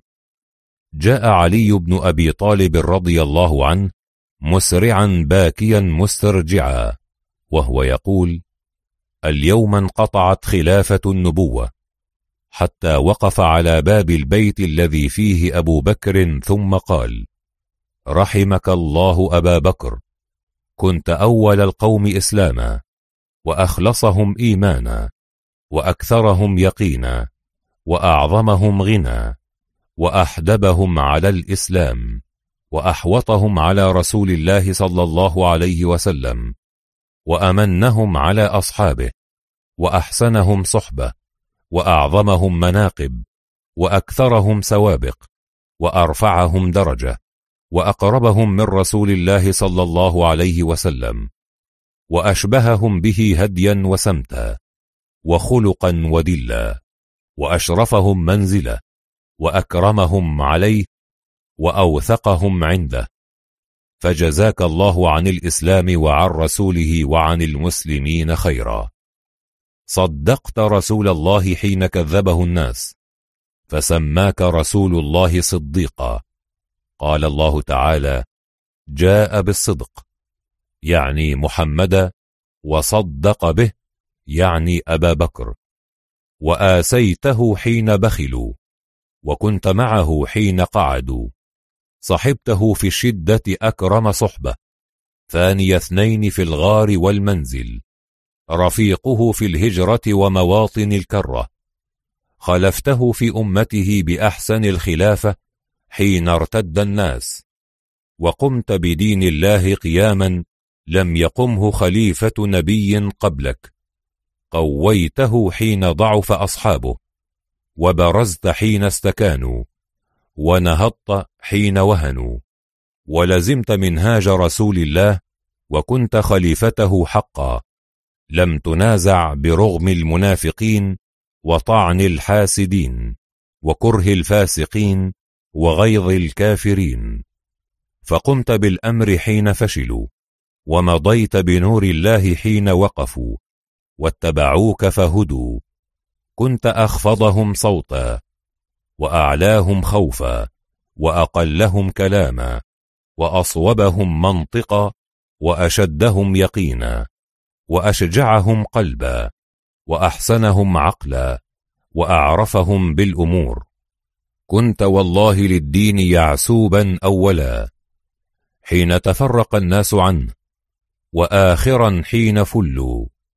كنت للمؤمنين أبا رحيما إذ صاروا عليك عيالا فحملت أثقالا عنها ضعفوا وحفظت ما أضاعوا ورعيت ما أهملوا وشمرت إذ خنعوا وصبرت إذ جزعوا فأدركت أوتار ما طلبوا ونالوا بك ما لم يحتسبوا. كنت على الكافرين عذابا صبا وللمؤمنين غيثا وخصبا. ذهبت بفضائلها وأحرزت سوابقها. لم تفلل حجتك ولم تضعف بصيرتك ولم تجبن نفسك ولم تخن. كنت كالجبل لا تحركه العواصف ولا تزيله الرواجف. كنت كما قال رسول الله أمن الناس في صحبتك وذات يدك. وكما قال رسول الله ضعيفا في بدنك قويا في أمر الله متواضعا في نفسك عظيما عند الله كبيرا في الأرض جليلا عند المؤمنين. ثم لم يكن لأحد فيك مهمز ولا لقائل فيك مغمز ولا لأحد عندك هوادة والذليل عندك قوي عزيز حتى تأخذ له الحق. والقوي العزيز عندك ضعيف حتى تأخذ منه الحق. القريب والبعيد عندك في ذلك سواء.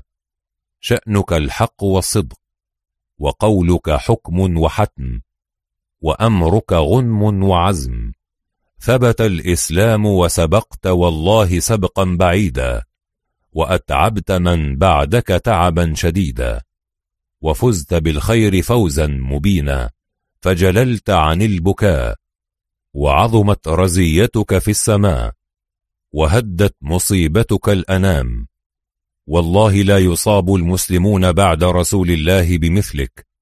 كنت للدين عزا وكهفا وللمسلمين حصنا وأنسا وعلى المنافقين غلظة وغيظا وكظما. فألحقك الله نبيك ولا حرمنا أجرك.